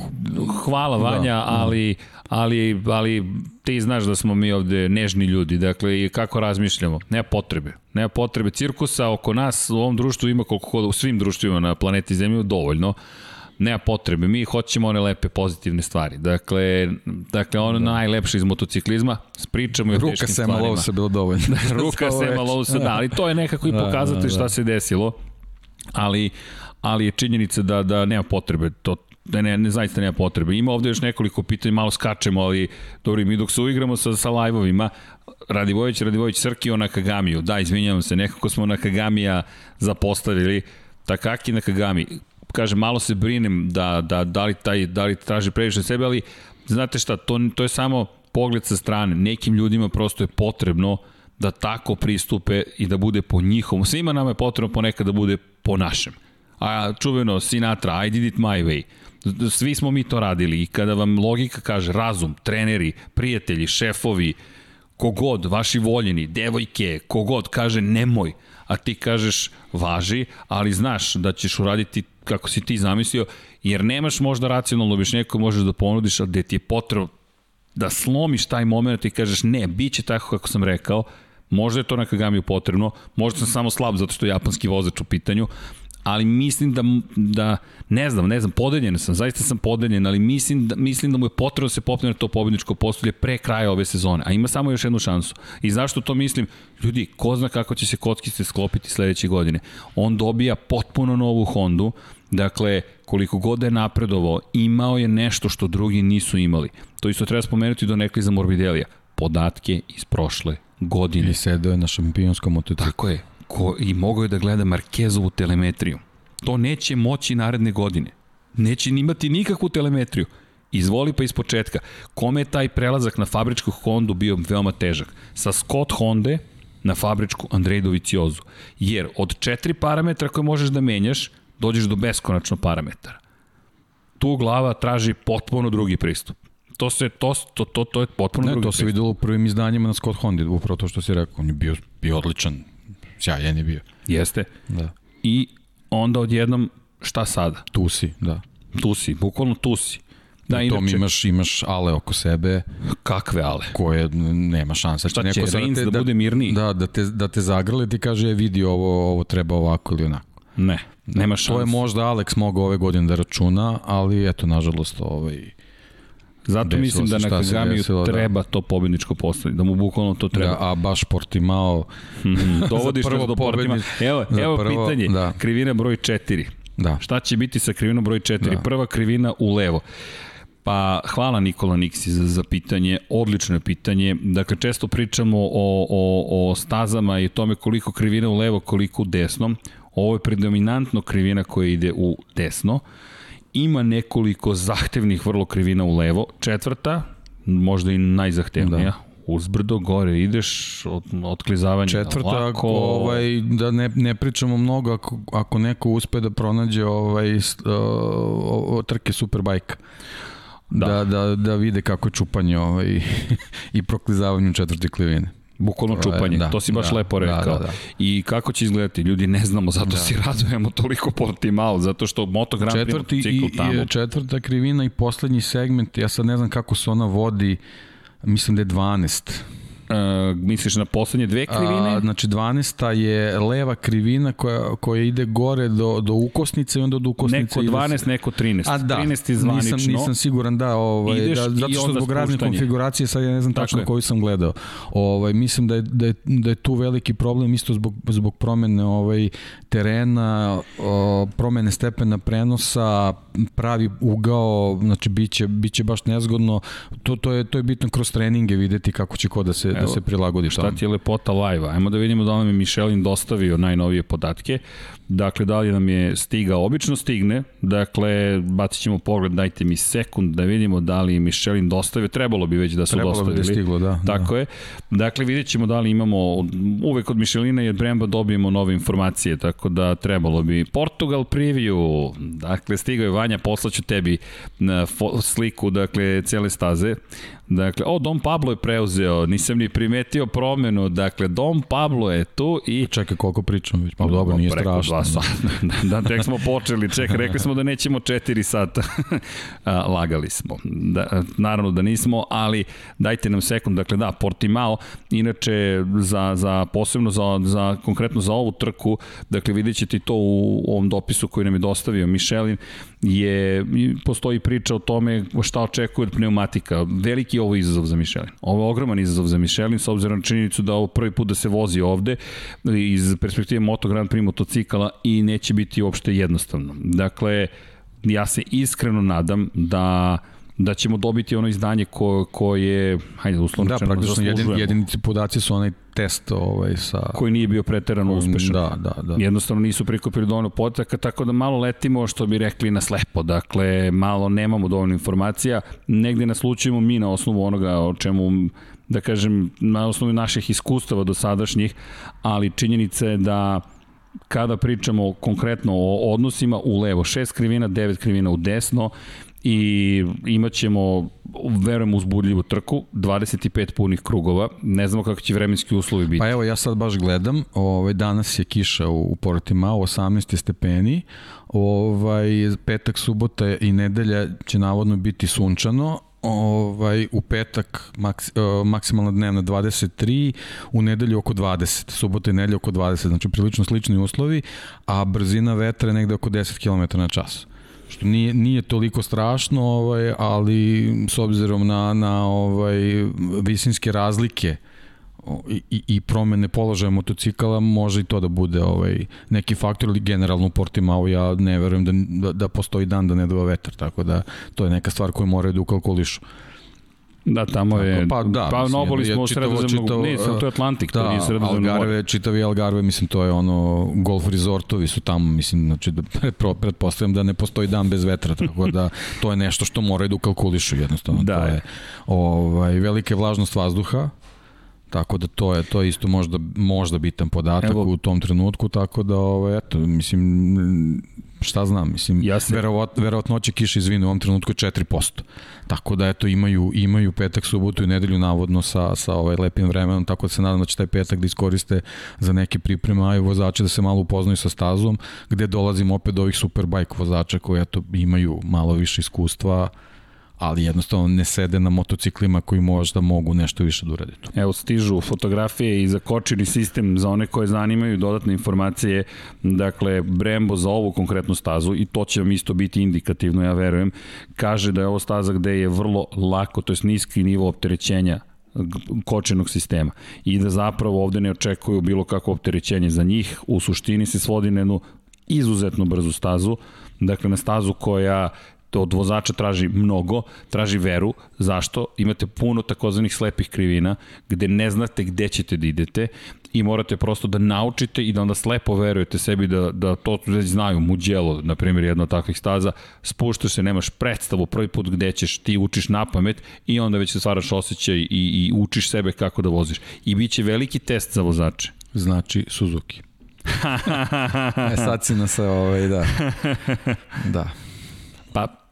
Pa, da, generalno mislim ja mislim da tu ima Vidi, dve sta znaš dve, dve krivine na ostrvo da Filip. Da, da. Na ostrvo Filip to podsjeća. Da. Mene iskreno podsjeća u velikoj meri na Phillip Island i na, na Australiju. Opet more, hladno, duva vetar, to mi je Australija, to je asocijacija, da, nema da. pingvina, ok, da. nismo u Novom Južnom Velsu, ali smo na mestu koje je prosto tako, za da. intrigantno jedne lepe prirode, inače... Pa znaš kako, Philip Island zbog toga, ali meni ovako kad gledam ovako grubo kad gledam konfiguraciju staze, dosta posjeća na Valenciju, ali ali ovaj jeste znači dosta posvećen na Valenciju ali mi ovaj nekako budi asocijaciju na Laguna Seku upravo zbog tih e, uspona padova ali vidi krivina, sad da. ovo deki Brembo kaže 24 kruga Michelin kaže 25 kruga da vidiš oni oni petu krivinu zovu, ja mislim da je to ta Oni četvrta ističu, to ima na sledećem da. kadru zapravo će se videti vi provedete dosta vremena na kočenju, ali nije evo, evo, dakle, prva krivina zapravo jedino mesto gde zaista imaš ozbiljno opterećenje na kočeni sistem, kažemo ozbiljno, ma, gotovo maksimalno, negativno ubrzanje 1,5 sila zemljene teže i pritisak je 4,3 kg na, na, na ručicu kočnice. Zaustavni put je 282 metra. Dakle, kočiš skoro 5 sekundi sa 325 očekivanih, mislim da će biti i veća maksimalna brzina, do 119. Dobro, tu ima dosta kočenja motorom. Da, da, da, da. To je, to je brza, brza krivina, Jeste, ali da, 119 da. km čas nije niska brzina kada pogledaš ulaznu brzinu, ali, na primjer, krivina broj 3 je mesto koje takođe ističu, s obzirom na činjenicu da ima 106 metara zaostavni put, jedna sila zemljene teže je ma maksimalno negativno ubrzanje, pritisak na kočnicu je 3,5 kg i peta krivina 1,3 sila zemlje teže negativnog ubrzanja 4,1 kg je pritisak na ručici kočnice i sa 246 na 78 km. Ali to Brembo posmatra iz svoje perspektive. Da, iz njihove perspektive. Da. da. Sad bi možda bilo zanimljivije vidjeti tu i Michelin kako ovaj, on tu gleda ovaj, Ra radimo vanje da. ja upravo na tome, ali dakle da obezbedimo i taj kadar. Dakle kada govorimo o A znači ta četvrta, peta ako ćemo po ovome i ako možeš samo da vratiš da vidim kako oni ovaj kako su nazvali ovu krivinu što sam 13. Eto, to je ta 13. možda može da bude onako nezgodna, zato što je to praktično uh, poslednji, poslednji sektor gde, gde ovaj, posle ukosnice ove ukosnica, mislim, on je do, dosta širok radijus ima, ali posle te, te 14. krivine dolazi ubrzanje za izlazak na startni pravac. To, to ćemo videti kako, kako se tu pripremaju za taj izlazak ovaj, i da vidimo ko tu može da parira uh, snažnim motociklima, jer meni, meni to dosta liči na, na, na pravac na Aragonu. Tako da ovaj vidjet ćemo, ne, ne znam, ovaj, moramo, moramo da sačekamo taj petak da vidimo kako će se prilagoditi, a eto dobra je stvar što ćemo imati lepo vreme pa, pa će za sve biti ti jednaki uslovi. Da, nažalost ne dobijamo, da. u petak ćemo dobiti verovatno i sliku kako će gume oni smatraju kako će biti opterećeni, to obično petkom stigne, da. ali da, eto za Michelin izazov, ozbiljan, za vozače ozbiljan izazov, kraj sezone, bitka, voziš poslednju trku za neki od timova, opro oproštajna trka Ma da, praktično mi, samo, mi smo samo dobili šampiona, ali to, to za, za motivaciju vozača ne znači ništa A, u tom smislu. Doviciozo, da. poslednja trka možda da. u karijeri u Moto Grand Prix. Verujem da, da želiš da se oprostiš na, na najbolji mogući način. Karl Kračlov, poslednja trka u njegovoj karijeri. Poslednja, on je, to je to, je to. Pro, moda, možda će wildcard imati runde sledeće godine. Ali da, on je već najavljen kao wildcard. Da, najavljen je, da. ali suštinski se opraštaš od Honda ako ništa drugo. Da. Dakle, i važan je to moment. Wild card runde, to je trke na poziv su drugačije. Da, Ovo i može, karijera. ali može da ih ne bude. Može da ih ne bude, da, kao ove godine što ih nije bilo. Tebi je jedno što ti sigurno da je, imaš još jednu trku, da li ćeš imati posle, to, to niko, to niko ne, ne zna. Da. I ti tu dolaziš. Tako je. Miguel Oliveira odlazi iz Tech 3 u fabrički tim KTM-a, cenim da želi da. da se lepo oprosti, pramak napušta ne, da se oprosti Jack Miller. To, na, domać, od, na domaćoj stazi. Na domaćem, da se oprosti od Tech 3 ekipe, pa to, da, to, dodatna motivacija.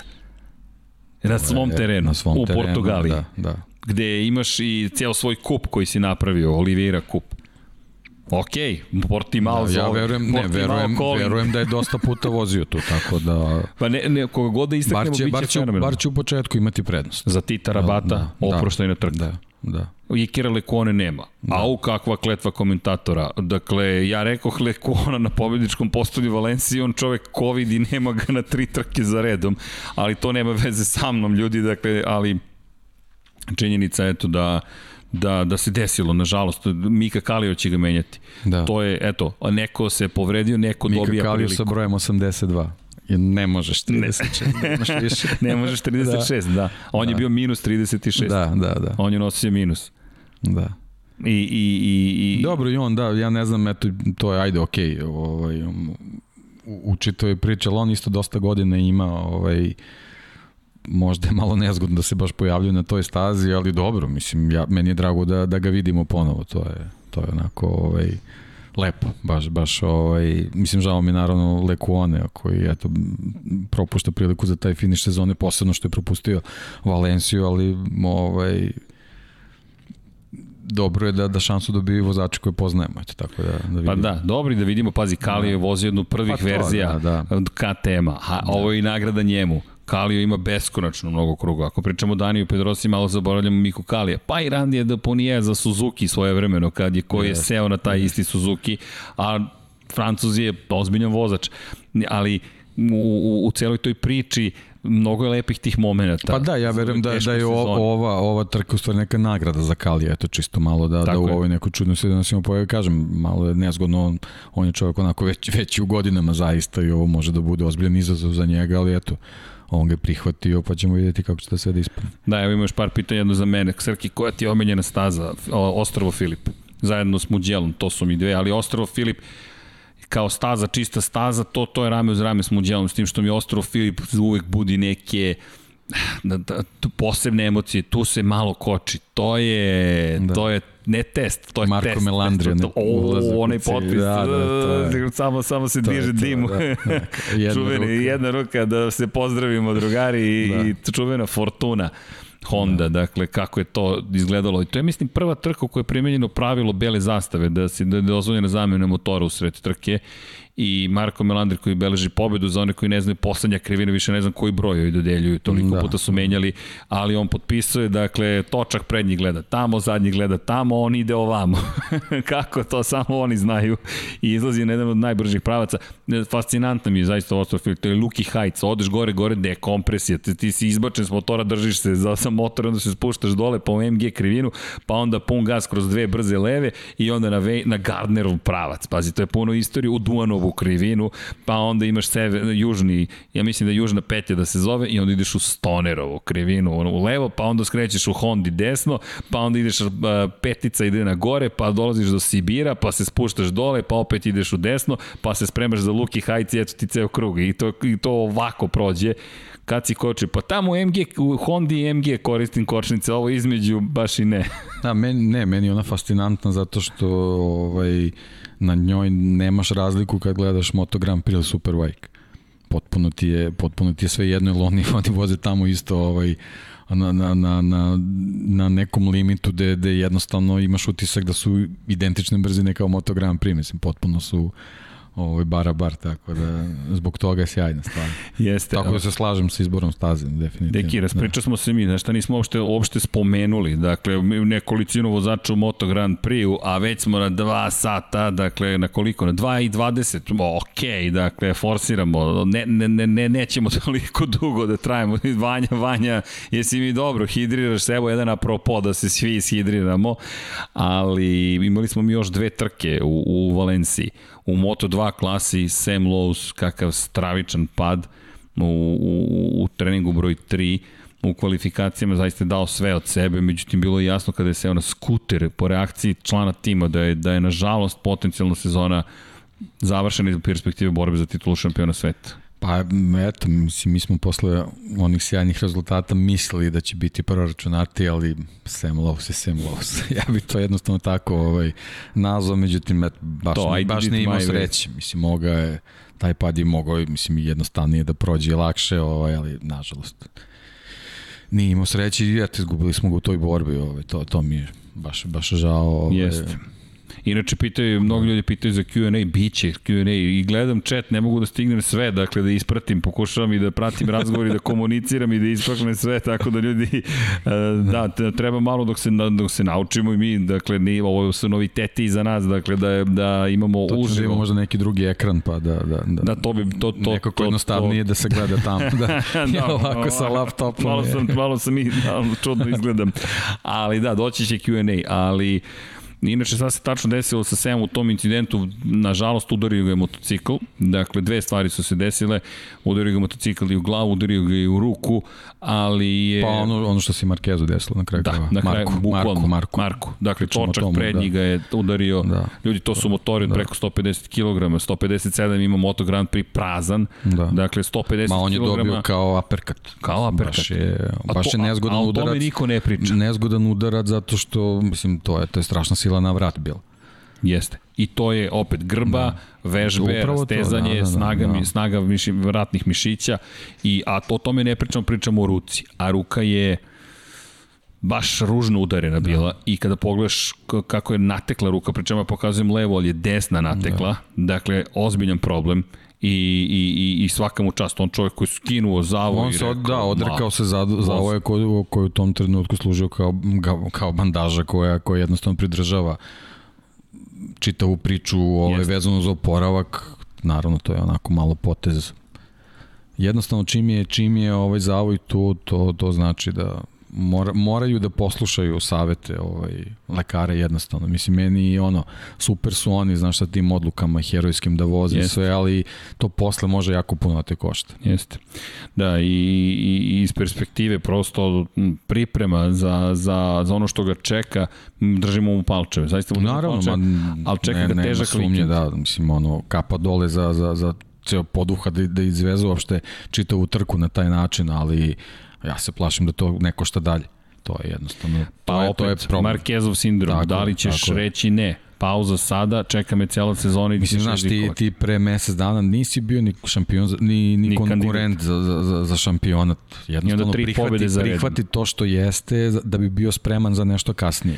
Ali, znaš, baš, baš ugrožavaš čitavu ali priču. Ali vraćamo se opet na onaj moment. Ja radim na moj način, ko će da me zaustavi, to ne, dozvoljeno mi da vozim da, motocross, da, kad ne bi da. trebalo da. možda. To je, to je, da. to je i lepota istovremeno motociklizma i cele priče da. I istovremeno strahota, to je najveći strahovi. Ali u šampionatu sve ovo je dobro. Kao ona toga... samouvernost u Aragonu, znaš, ne trebaš da izlaziš dalje da voziš. Nemaš potrebe. Nema potrebe. Nema potrebe. Ali sad nije znao kako e, da stane. To je, to je to. Ali to ti opet, ljudi smo. Da, ne, sve okej, okay, ali kažem, ovaj, ovaj izlazak u trku svaka čas, sve, samo, samo da ga neko šta više. Ali koliko sport surovo otkriva. Pogledaj da. Bastianini u formu među vremenu. Drugi, treći, četvrti, šesti kako se bližimo tituli i strahovi, verujem da rastu, koliko god pričao da ili ne. Lowe's koji svojim padom zapravo otvara vrata. 14 poena je sada razlika između Bastianinija i Lowsa. Bastianini meni poslednji put bio super na, na Mizanu, ono kad je kiša pred start Deki, bila. neko te to citirao, to. To neko je, je spomenuo, zaboravio sam ko u četu i rekao je ispašće ili na Twitteru negde ne zamerite, rekao ispašće na kraju da je zapravo ključni potez sezone bila trka broj 2 u Mizanu koju si ti tako lepo istakao. Da, da, da. I priprema u prvoj trci kada je video da dolazi crvena zastava i rekao ja idem u napad. Kakav moment za, za, za, za, za, za Pazi, on, on nije imao izbora.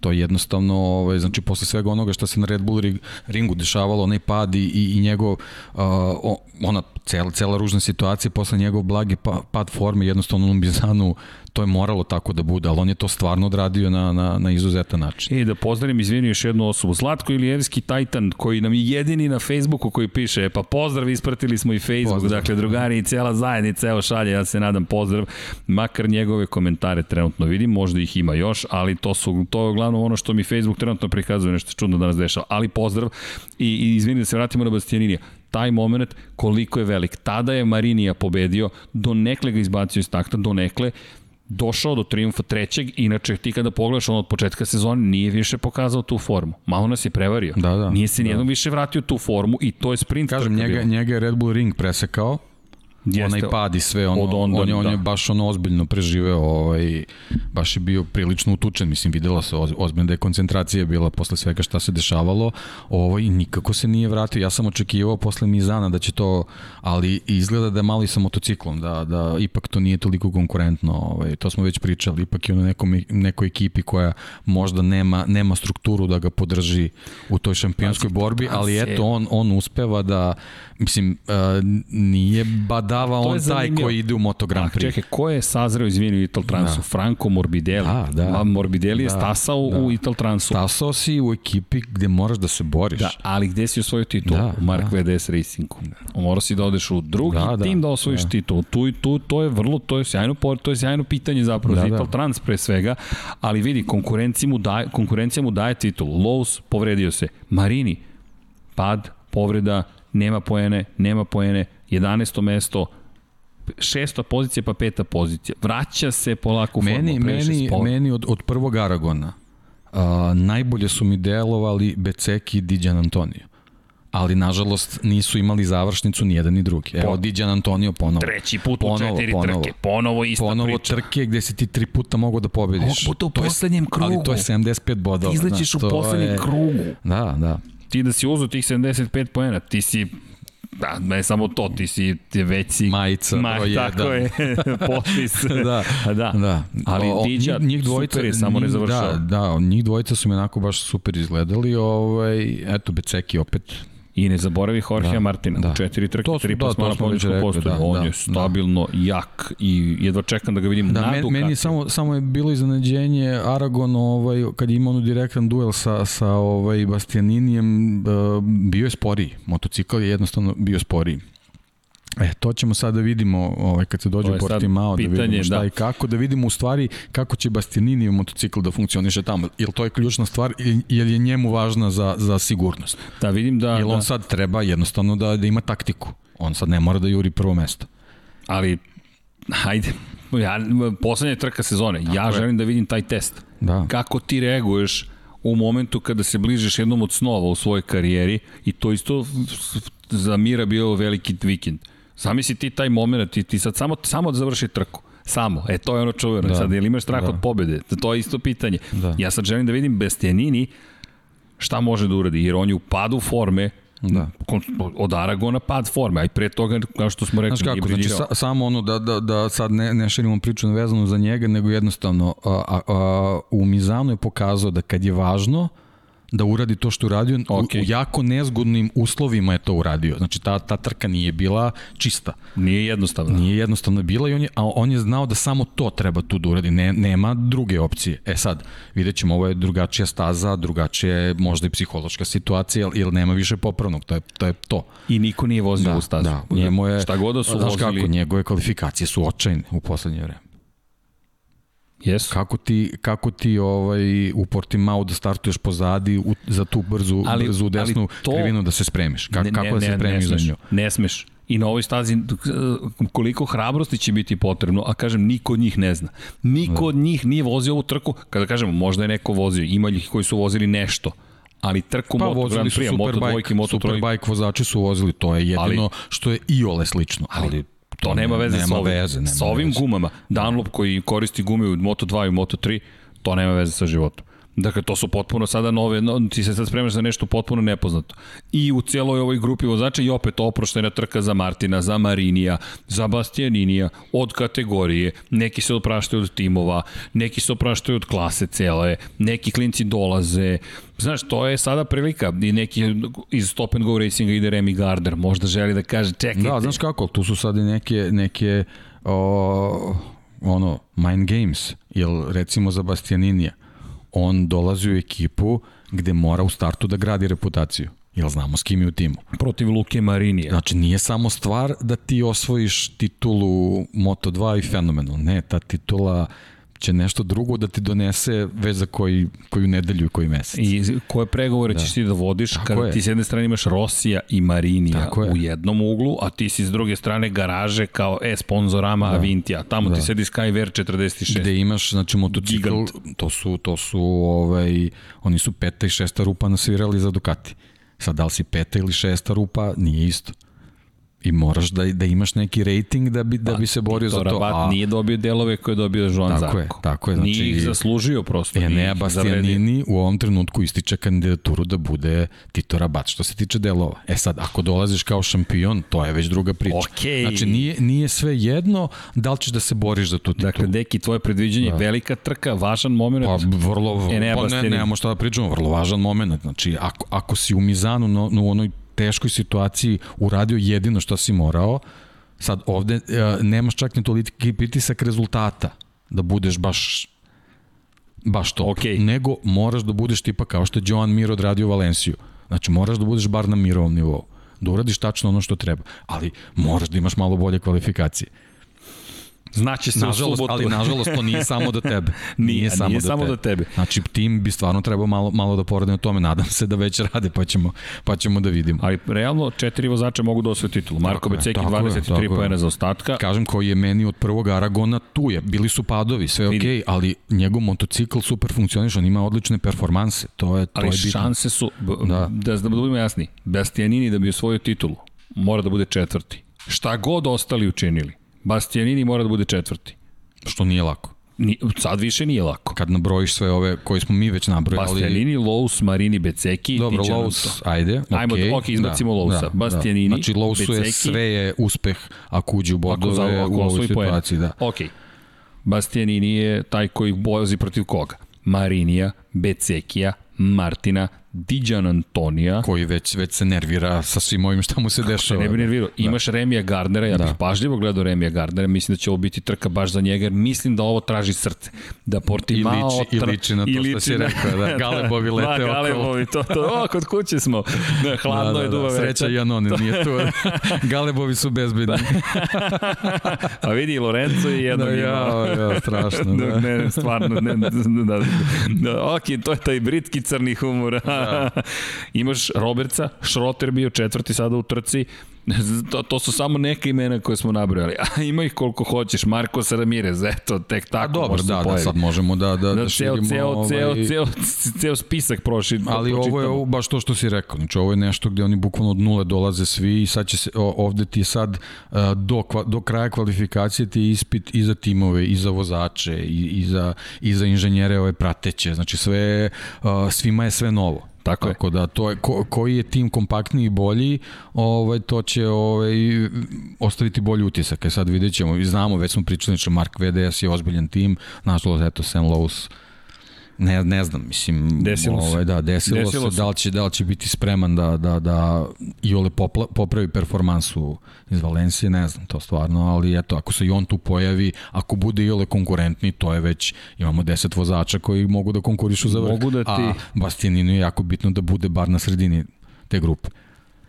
Da li mogu da ti postavim pitanje i time otvorim moto trojke? Imaš nekoliko puta su ljudi pitali, ne znam tačno ko, pitanje je, kaže, da li te nervira Albert Arenas?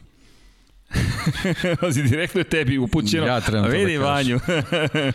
da. Vidi Vanju, odmah izbacuje fotografiju. da.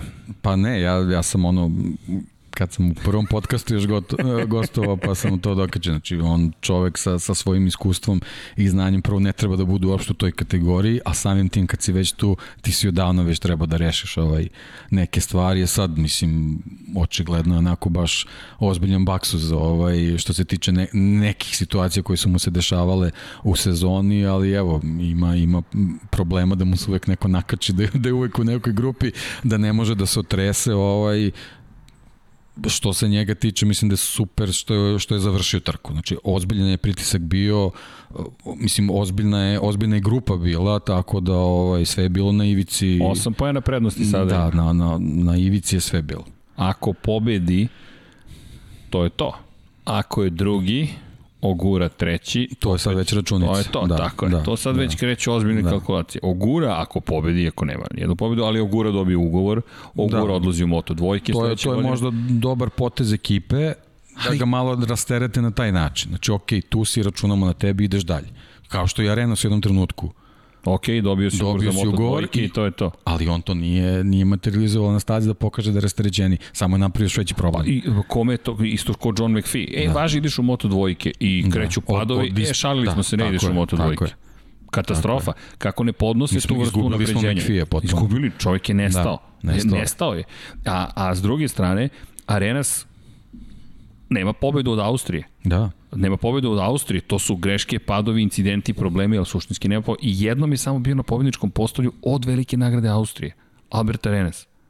To je daleko od onog Arenasa kog smo Da, ali kažem, splet tih raznoraznih okolnosti koje su ga pratile ovaj, nisu se mnogo negativno odrazile zašto su se drugi možda i u većim problemima bili. Ali jednostavno on, on u drugoj, drugom delu sezone ništa nije materializovao jednostavno. Ali, znaš, ko jeste materializovao? Znaš ko.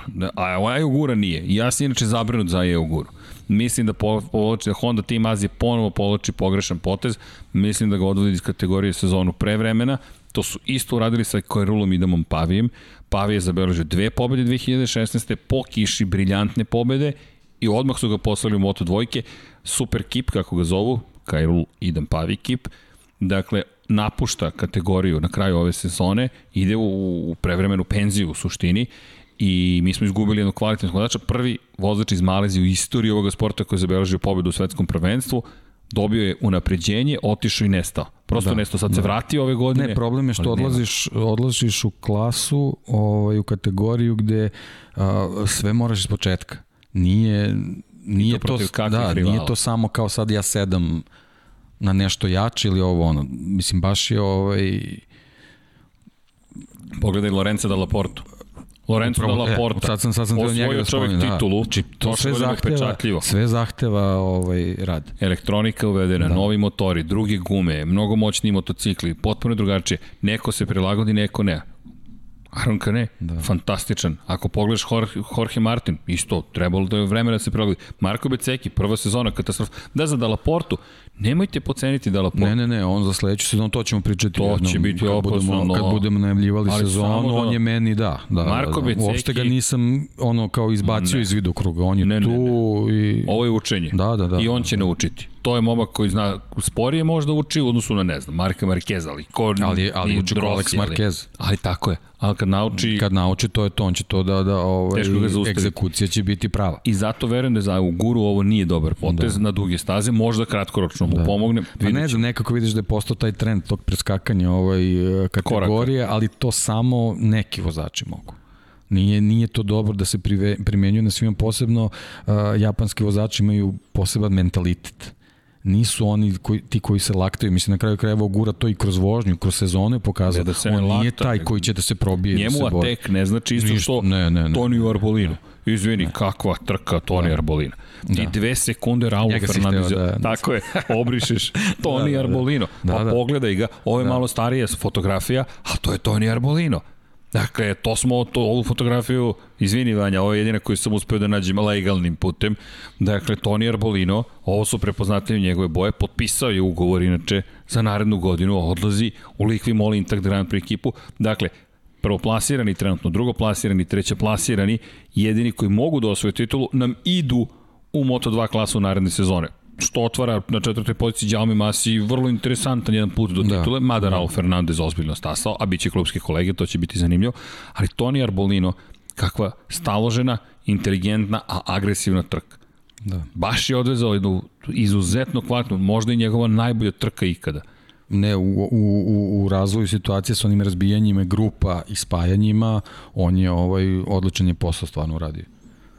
Tako da, ne znam, kažem, sad ova staza je malo nezgodna, naš posebno za Moto trojke, ovaj, tu moramo da vidimo kako će, kako će se oni, oni ponašati na njoj, ovaj, ali on je onako meni, posle ovog poslednjeg izdanja, njemu je sad računica za šampionat malo, malo komplikovanije, nije to baš... O, pobeda? Da, ali da... znaš kako, neću, neću uopšte da pričam o nekoj varijanti kao da, da sad tu neko računa na, na, na šampionat tako što ću, ja ću da pobedim, ovi drugi će odustati ili ne znam šta. Ja ne, ne, neću da ulazim uopšte u te, u te ovaj, kombinacije.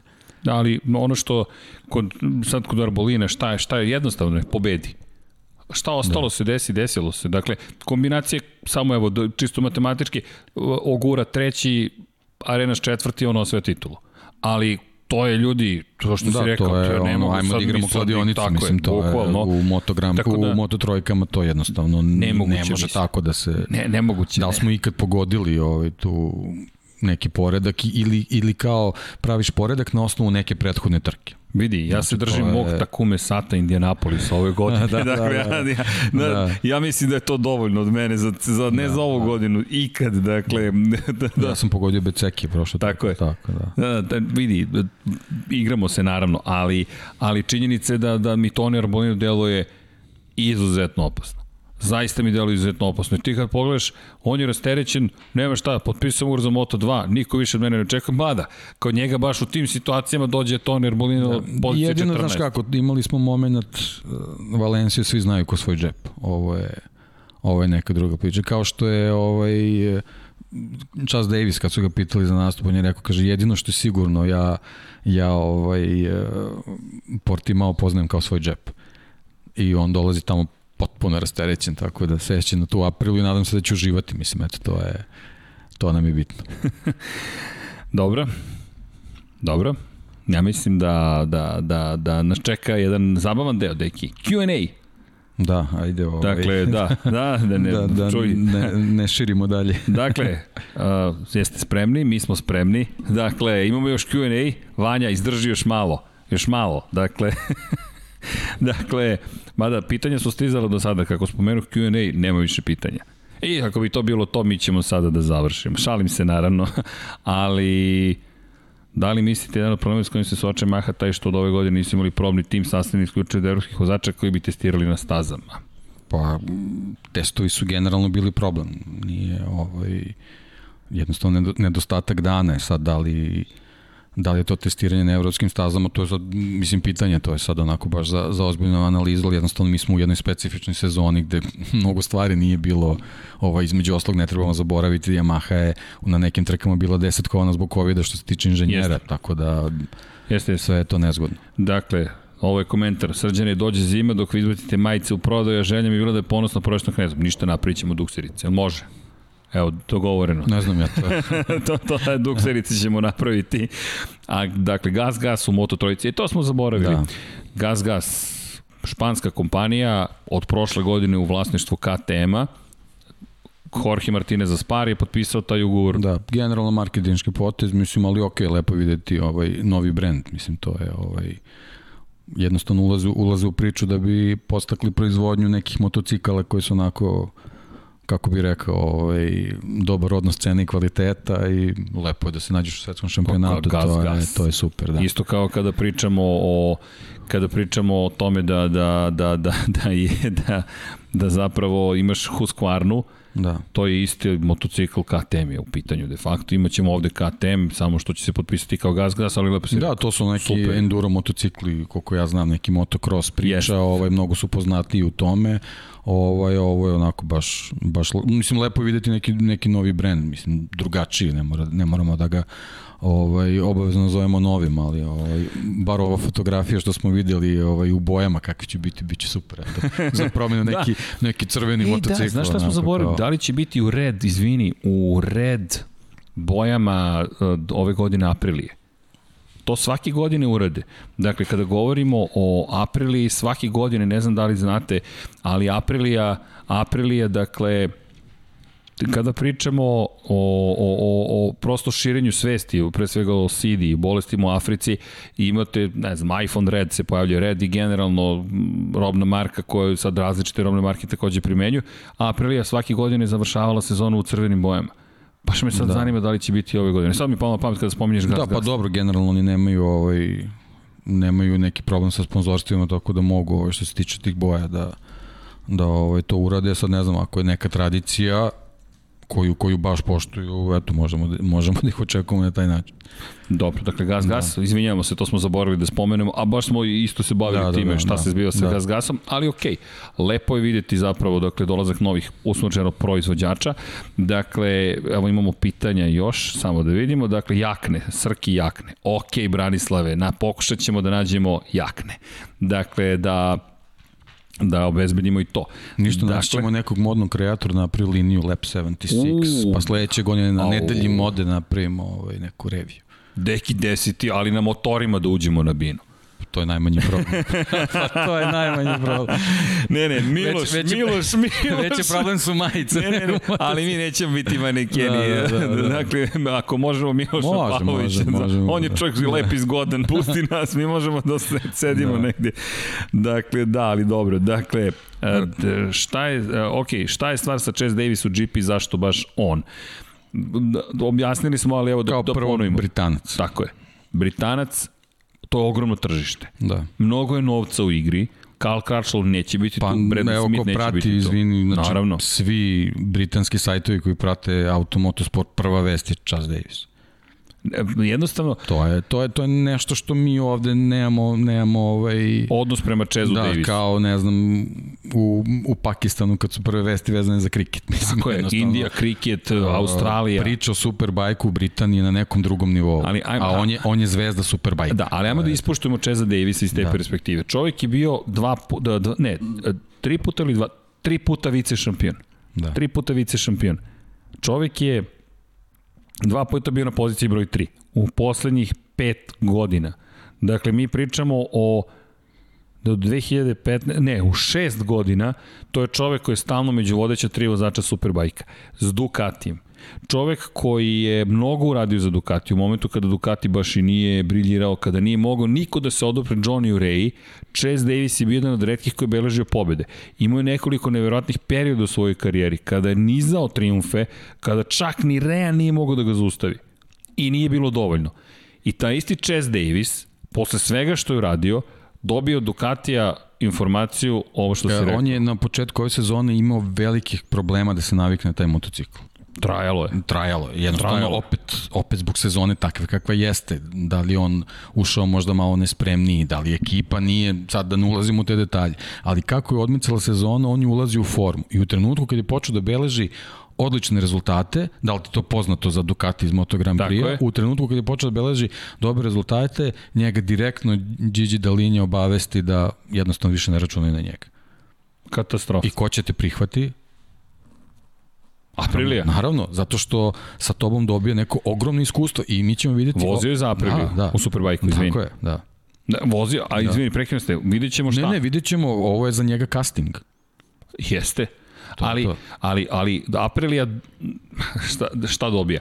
Dobija sezonu, još jednu, dobija financijsku podršku. Znamo da 2022. ulazi sa svojim timom i da će imati četiri motocikla da. gotovo izvesno.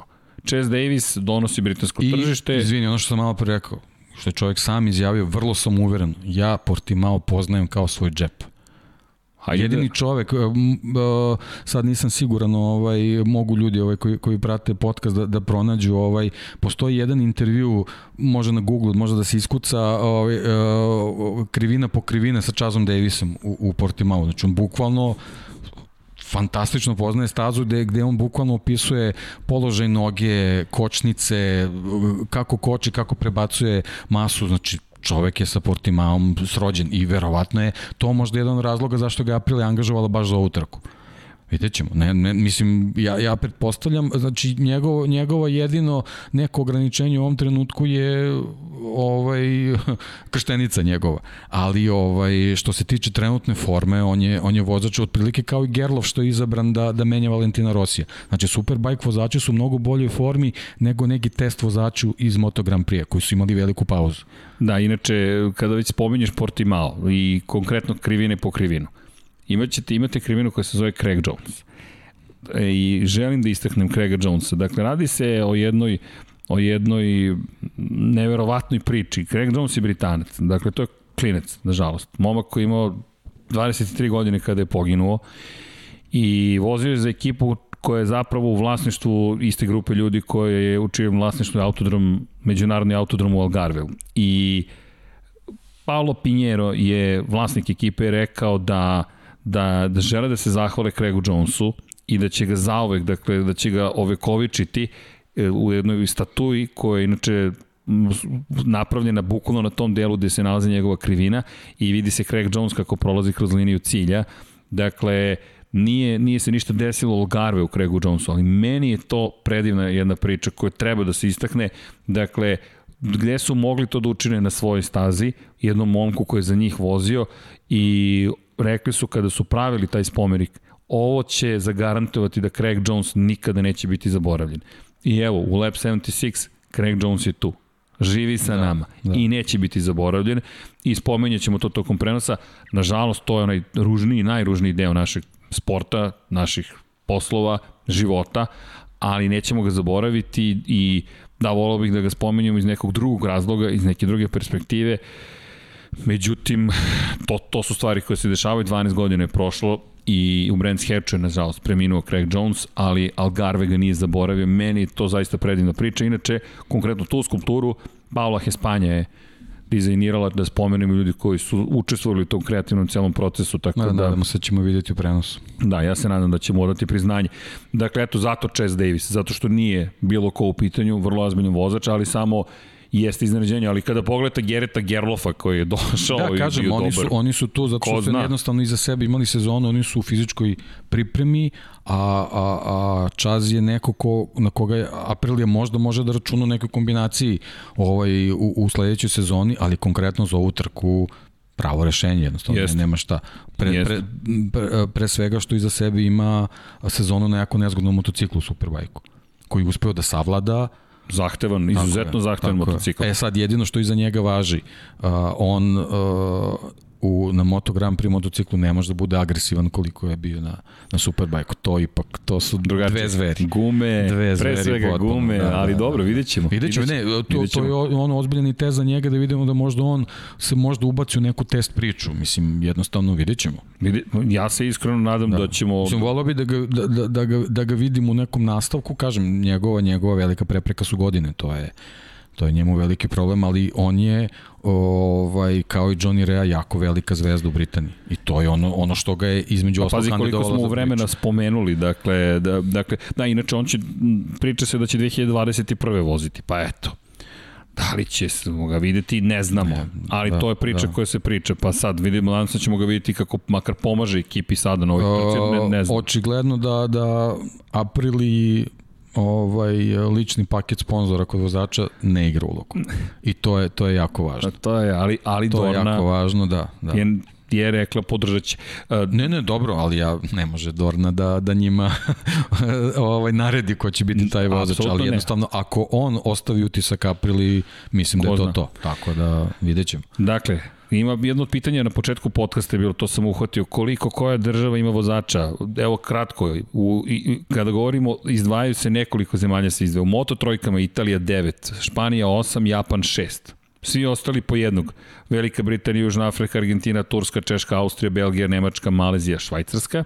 U moto dvojkama Italija 10 vozača, Španija Izvini, 9. samo, samo ovaj, e, da napomenemo, Britanaca je malo zato što imaju svoj šampionat koji je na odličnom nivou, i nemaju, nemaju potrebe da ulaze u te niže kategorije pa, na svetskom nivou. Pa BSB, British Superbike je, je kultno da. takmičenje, bukvalno je kultno takmičenje u pitanju i to ko tamo uspe, zato je Scott Redding još živeo svoju karijeru. Odiš osvojiš titulu BSB-u, odiš oni, super, njima, njima su pravci, znači svetski superbike, eventualno Moto Grand Prix. Da, zato, zato, su, neko... zato su cenjeni vozači koji dođu u Moto Grand Prix, da. tipa Karl Kračlo, Lowe's i, i da, da ne spomenjemo sad. I te kako da, je da, da, poštovan. Da. Ali, ali prosto je bilo teto to pitanje, dakle, pa se spaja lepo novo. Se, seća se vreme kad James Tosland ušao u Moto Grand Prix. Kako ne, to je, to je bilo. To je u Britaniji i on. Dvostruki da. šampion sveta da, u Superbajku. Da, da, da. Ali pazi u Moto dvojkama, Italija 10, Španija 9, jasno vam koje dve države vode glavnu reč. Samo nekako se zaboravite o što sam rekao, Japan ima šest vozača u Moto trojkama, vodite račun o tome. Švajcarska tri u Moto dvojkama, dakle to, to, to je fenomenalno videti. Velika Britanija dvojca, Malezija dva vozača, Australija, Japan, Amerika, Sjedinje američke države, Nemačka, Holandija, Tajland, Andora, Indonezija, Polo, Polonija po jednog takmičara. Dakle, to je kako su prijavljeni vozači. Zatim, U Moto Grand Prix Španija 9 vozača, Italija 8 vozača, Francuska 2, Velika Britanija 2, Australija, Japan, Portugalija, Južna Afrička republika, Nemačka i Sjedinjene američke države po jednog vozača. To se govori svima koji su nastupali tokom godine. Dakle, uključujući Gereta Gerlofa koji je jednom nastupio, to je statistika po nacijama.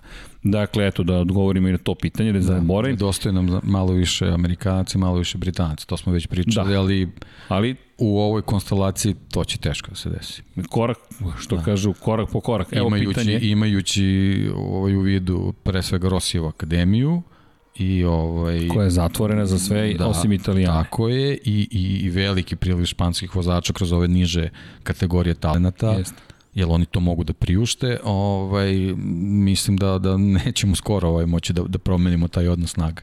Pa, dok ne formiramo naš tim. Polako, da, dok da. ne formiramo naš tim. Da li postoji šansa da se nekada BMW takmiči u MotoGP-u? Ja mislim da ne u skorije vreme. Pa oni, oni, ono što smo već isto spomenjali, oni su krenuli kroz Superbike pro, program da bi videli ovaj, kako, kako se to sve postavlja, ovaj, do duše oni imaju o, ono, kroz Moto Grand Prix prolaze ljudi koji su bili u tim, tim BMW-ovim programima, tako da oni možda mogu da okupe ekipu koja ima to iskustvo, ali mi kroz April i kroz KTM vidimo koliko je, koliko je teško biti na, na ozbiljnom nivou, a BMW da uđe u priču Moto Grand Prix da bude ovaj, ono, poslednja marka, to teško, to zaista. Oni su izabrali da u Moto, Moto Grand Prix marketinški budu kroz, kroz ovaj, sponzorstvo vezano za ovaj, sigurnosne i ostala prateća vozila, ali za sad ne, ne, ne da, inače, posebno u ovom trenutku pa evo, u globalnoj, globalnoj ovoj situaciji to je mnogo velika avantura. Pa posto, postoje uvek planovi, pa, ne, spominje se da postoje. Sigurno ali, postoje, sigurno ali, postoje. ali ima tu par problema. Da biste ušli u Moto Grand Prix po pravilniku, ne možete, evo kako je Aprilia ušla, moraš da potpišeš ugovor sa privatnom ekipom. Šta je Dorna postigla? Ljudi, ono što nije uradila Formula 1. Formula 1 je otišla krajnje korporativno, ka fabrikama. Ka Renault, ka Ferrari, dobro, Ferrari je izuzetak, Mercedes, Renault, dakle to su korporacije. Ti juriš, Honda si jurio da uđe, došla, otišla i tako dalje ali nisi zaštitio na jedan način timove male, male uslovno ili privatne timove, kao što su Williams, kao što je McLaren. To nisu male ekipe, čujte. Ali nisi napravio sistem gde će oni preživeti kad dođu u fabrike. Realno, pod pogledaš, fabrike su tek ovo glavnu reč. Problem je, problem je u tom razvoju tehnologije. Ti si ranije imao, znači tebi je 90% grida, ekipe su koristile Fordove V8 motore, I, i poenta je bila ti si uspešan, ti si pobednik ako imaš dobro konstruktora koji će ti napraviti šasiju, karoseriju bolju od ostalih. Motori su bili isti i ono tipa angažuješ vrhunskog vozača ti si rešio, rešio posao. U Formuli 1 sa, sa novim, sa hibridnim tehnologijama male ekipe tu jednostavno nemaju šta da traže ti moraš da imaš korporaciju za sebe da bi mogo da razvijaš te sisteme, a naravno da će oni prvo da razviju za svoje ekipe ako ih imaju i, i kroz, izvini, kroz, ali, kroz, kroz taj razvoj prikazuju svoju moć. Ali a to Dorna nije dozvolila. To, da. I sad, da bi ušao BMW, BMW ne može tek tako, kaže, tako ja je. hoću dva mesta. Da. A ne, ne, ne, ne, ne, hoćeš da uđeš u Moto Grand Prix, zovi Lučiće Kinela, da, da. zovi Fausta Gresinija, zovi Paula Campinotija. Ko su ti ljudi? Pa to su vlasnici naših privatnih timova. Molim? Tako, tako, bukvalno. Zašto je teško Rosiju čak da uđe? Nada je njemu rekao Carmelo Espelete, za tebe ćemo naći mesto i verujem da bi našli. Za takve legende uvek nađeš neki izuzetak. Ali šta je Rossi uradio? Otišao i kupio de facto kupio Avintiju. Ali da bi ušao sada BMW, mora da nađe nekog privatnika. A to je suviše dug put. Posebno dug... u ovom trenutku kad, mislim, I drugo. na globalnom nivou ekonomije kako se... Neki, ne, ovaj- nema ih više. Da. Ja mislim da će morati da promene pravilnik jer nema više. Svi privatnici će sarađivati s nekim, ide se ka tome da imaš šest proizvođača da. koji proizvode oni po četiri su, Oni su, njima jako bilo uh, važno kad su krenuli RR program da imaju uh, marketinšku potporu ovaj, na nekim trkama, odlučili su se za Superbike. Dugo im je trebalo da dođu na vrhunski nivo.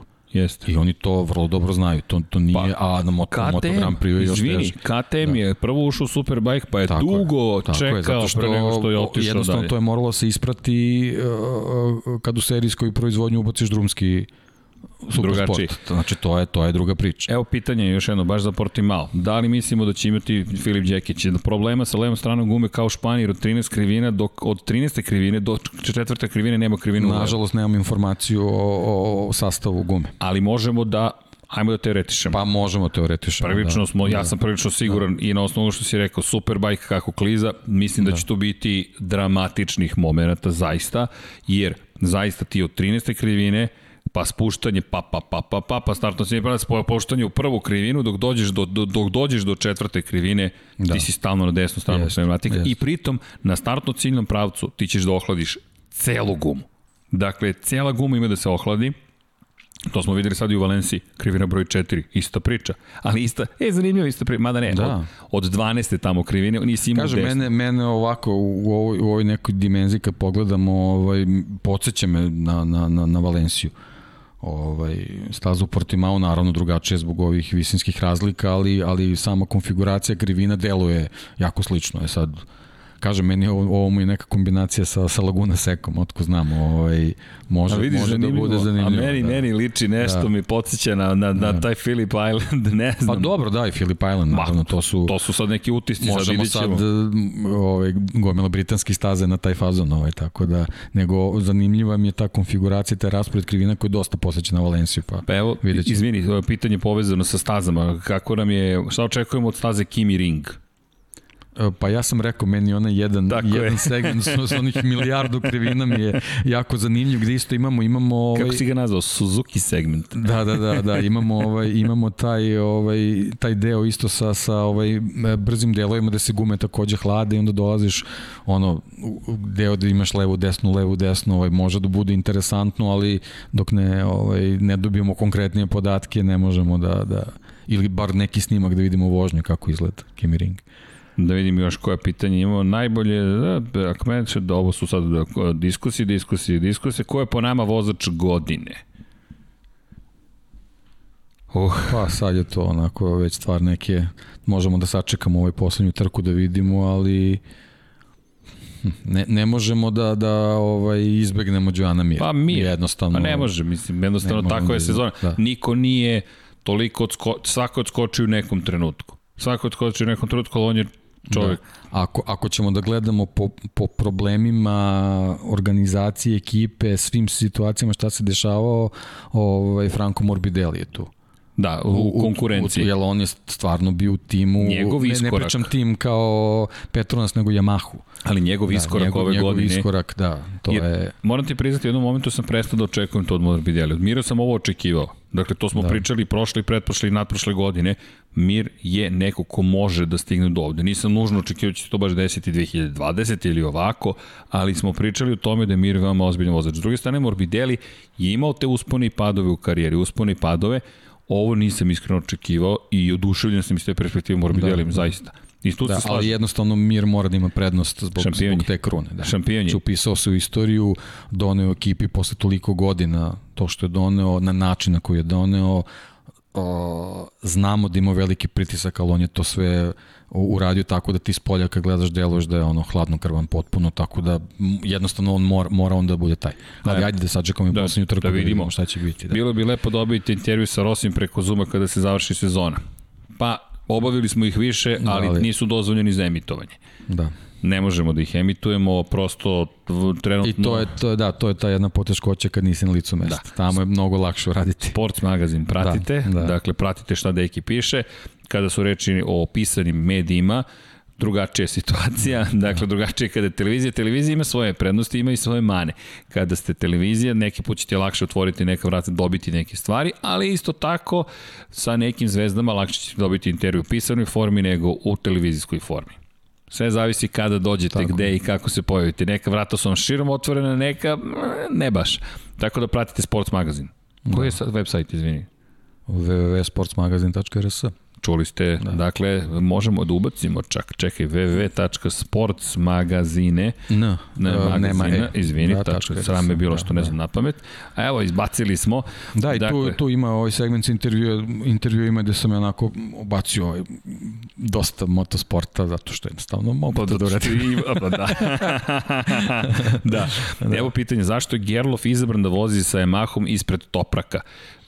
Vrlo je Vrlo jednostavno. jednostavno. Da. Dakle, Toprakov lični sponsor je Red Bull. Da. Sestina, a, Monster, a Yamahu. Gerlof je u američkom Superbike šampionatu vozio za ekipu koja pripada američkom Monsteru. Znači, Monster Yamaha se zove i taj tim. Da, dakle, da jednostavno. Da vidite Topraka. Da se ne bi mnogo komplikovalo. Ne, Toprak pa, je, Toprak je zaslužio maksimalno. Ali da, kako da, zamisli da, da. vozača sa Red Bullovom kacigom kako da, seda na da. Monster Yamahu.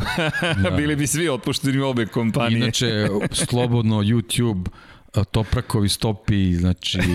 Ko, on i Miller zajedno da... da... Ne, ne, ne, ono je, ono je fantazija, znači čovek, čovek ide kroz, ovaj, kroz pit lane i na jednom točku skreće u garažu, mislim, znači Randy Mamala verovatno ima njegove postere na zidu, ja ne znam, mislim, on je, on je Mamolin show podigao na više nivo potpuno, tako da definitivno je zaslužio i vožnjama i šalo na stranu, mislim, zaista sve, ali to su ono pravno marketinške stvari, oni su se jednostavno odlučili za situaciju koja je jednostavna, a to je da Gerlofa ovaj, samo prebace tu.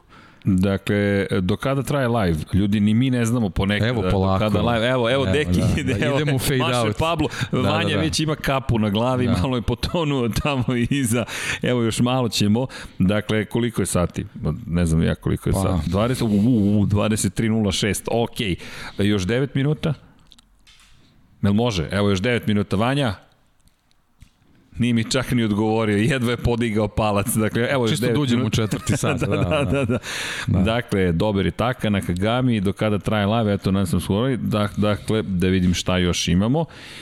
Da, mir, fabrički mišljenje, sad samo da ima mnogo komentara, samo da nađem, da, dakle, da li Yamaha ima finansijskih problema? Čujte, trenutno svi imaju finansijskih problema, COVID-19 mi još ne znamo kakve će posledice ostaviti. Dakle, govorimo... Ja bi to zvao reprogram budžeta, mislim, nije Bukvalno. to finansijski problem. Tako je. To je, to je ne, teško, to, da, to, to, teško da, to, da se to može nazvati problemom, tako. nego jednostavno sad su angažovane neke ekipe koje moraju neku računaljku da upale i da, da. ovaj, to sve dovedu na ovaj mislim čisto da se razumemo znači novac od od TV prava stiže sve to ok zato smo imali ovu sezonu kako smo imali ali samim tim kad se pogleda koliko je trka manje bilo nego prošle godine jasno je da je taj kolač manji tako, tako da je manje nema da. ulaznica da, prodatih da. nema Verujem da su da su i sponzorski ugovori malo a, redukoni zato što opet nije bilo izdanja koliko je trebalo da bude i tako dalje izvini još jedna stvar su... prosti da. čekamo i podatke o prodaji motocikala ljudi, mi smo živimo u, u, u bizarno je. Tako dakle, je. new age reč za 20 za za novu deceniju je bila mobility. Mi smo ušli u moment kada je ukinuta mobilnost, dakle bukvalno ukinuta, a sve ovo je zastavno na mobilnosti. Ceo koncept renta karova, automobila, motocikala, svega se, pre, se selio ka mobilitiju. Da. da živite u mobilnom svetu u kojem gde god da smo mi možemo da postignemo mnogo toga. Odjednom vam je rečeno, svima nam je rečeno, nemoj da se mrdate. I sad imate ce, celu ekonomiju jednu, granu, ogromne grane ekonomije koje su u čekanju, ali mi se svi nadamo da će to vakcine biti da, uspešne. I kad smo već, god, već znam, u toj priči, mnogo, mnogo mi je žao što u Valenciji nije bilo publike zbog mira. Da, Mnogo jer mi je to je... To je onaj trenutak kad ju pokrenu ne vatromet, to, to bi bila ono, fešta prava. Tako da, da... Ko zna, ko zna, možda da. će biti. Možda mu, možda mu prirede, ne znam, Dobro, u Kataru imaš 8000 ljudi kad je puna tribina. Ma dobro, Možda to, to nije, slažem to se. nije to. Ali čekaj. Ovo je, ovo je bilo stvarno Ali, mesto, ako si negde mogao da osvojiš titulu na pravi način, to je, pa možda to je za njega je Valencija. Možda, znaš zašto to razmišljam? Seti se Carlosa Sainca da. prošle godine u Brazilu, popeo se sa svojim timom, pa možda eto na taj način. Inače, da li Deki može da dođe u podcast o Formuli 1? Deki, da li možeš da dođeš u pod... Od mene ne zavisi. Evo, viče mi, ne, za broj 50, da, on ni ne zna da smo ga juče spomenuli.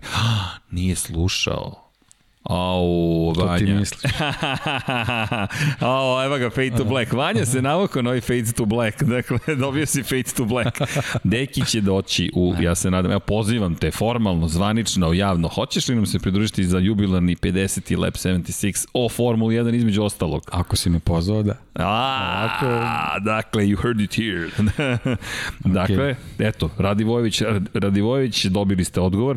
Dalje da vidimo, neko, Mr. Bob povukao je poruku, nadam se da, kakav osjećaj, u čekajte, pobeže mi sada.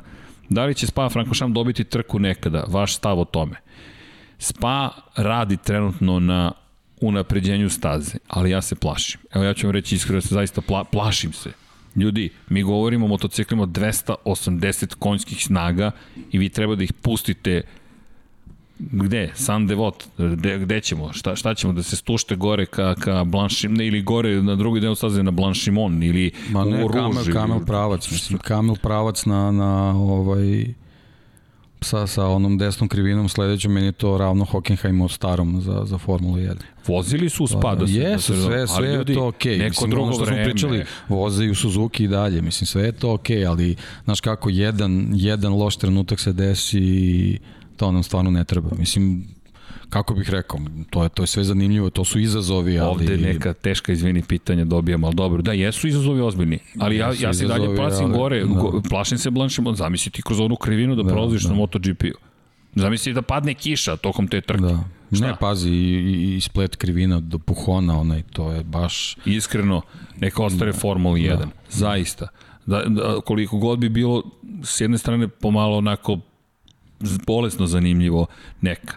Zaista Znaš, kako i ne znam sad ove izletne zone na asfaltu koje ponovo treba da se prebacu šljunak i mnogo tu prepravki treba, ne znam, mislim, ovaj, imamo mi dosta dobrih staza da, da ih sad iskoriste neka, ako, ako ovaj, mogu da dođu do, do boljeg spa, ok, ima, ali... Neka, neka, da, nek da. bude za Formula 1. Da. Imam pitanje, gde se pije kafa, molim vas, Fresh Corner, dakle, Pa imamo sponzore, pa čekajte, pa to je vesela vest, pa čekajte, evo ga, MOL, dakle, pa moramo da mi pazimo, de, ovako, na naše sponzore, dakle, eto, najbolja kafa na, toj, na benzinskim stanicama, u svakom slučaju, mlad je još taka, da li možete, deki, to smo rekli, ipak će podcast duže da traje, Junkie ima koronu, da, nažalost Junkie ima koronu. A, MotoGP u Monci, ne, ne, ne, ne, ne, ne, ne, do, pa evo, Branislav Dević kaže, više se plašim Red Bull ringa. Slažem se da se plašimo, inače u Monci ste mogli gledati superbajkove.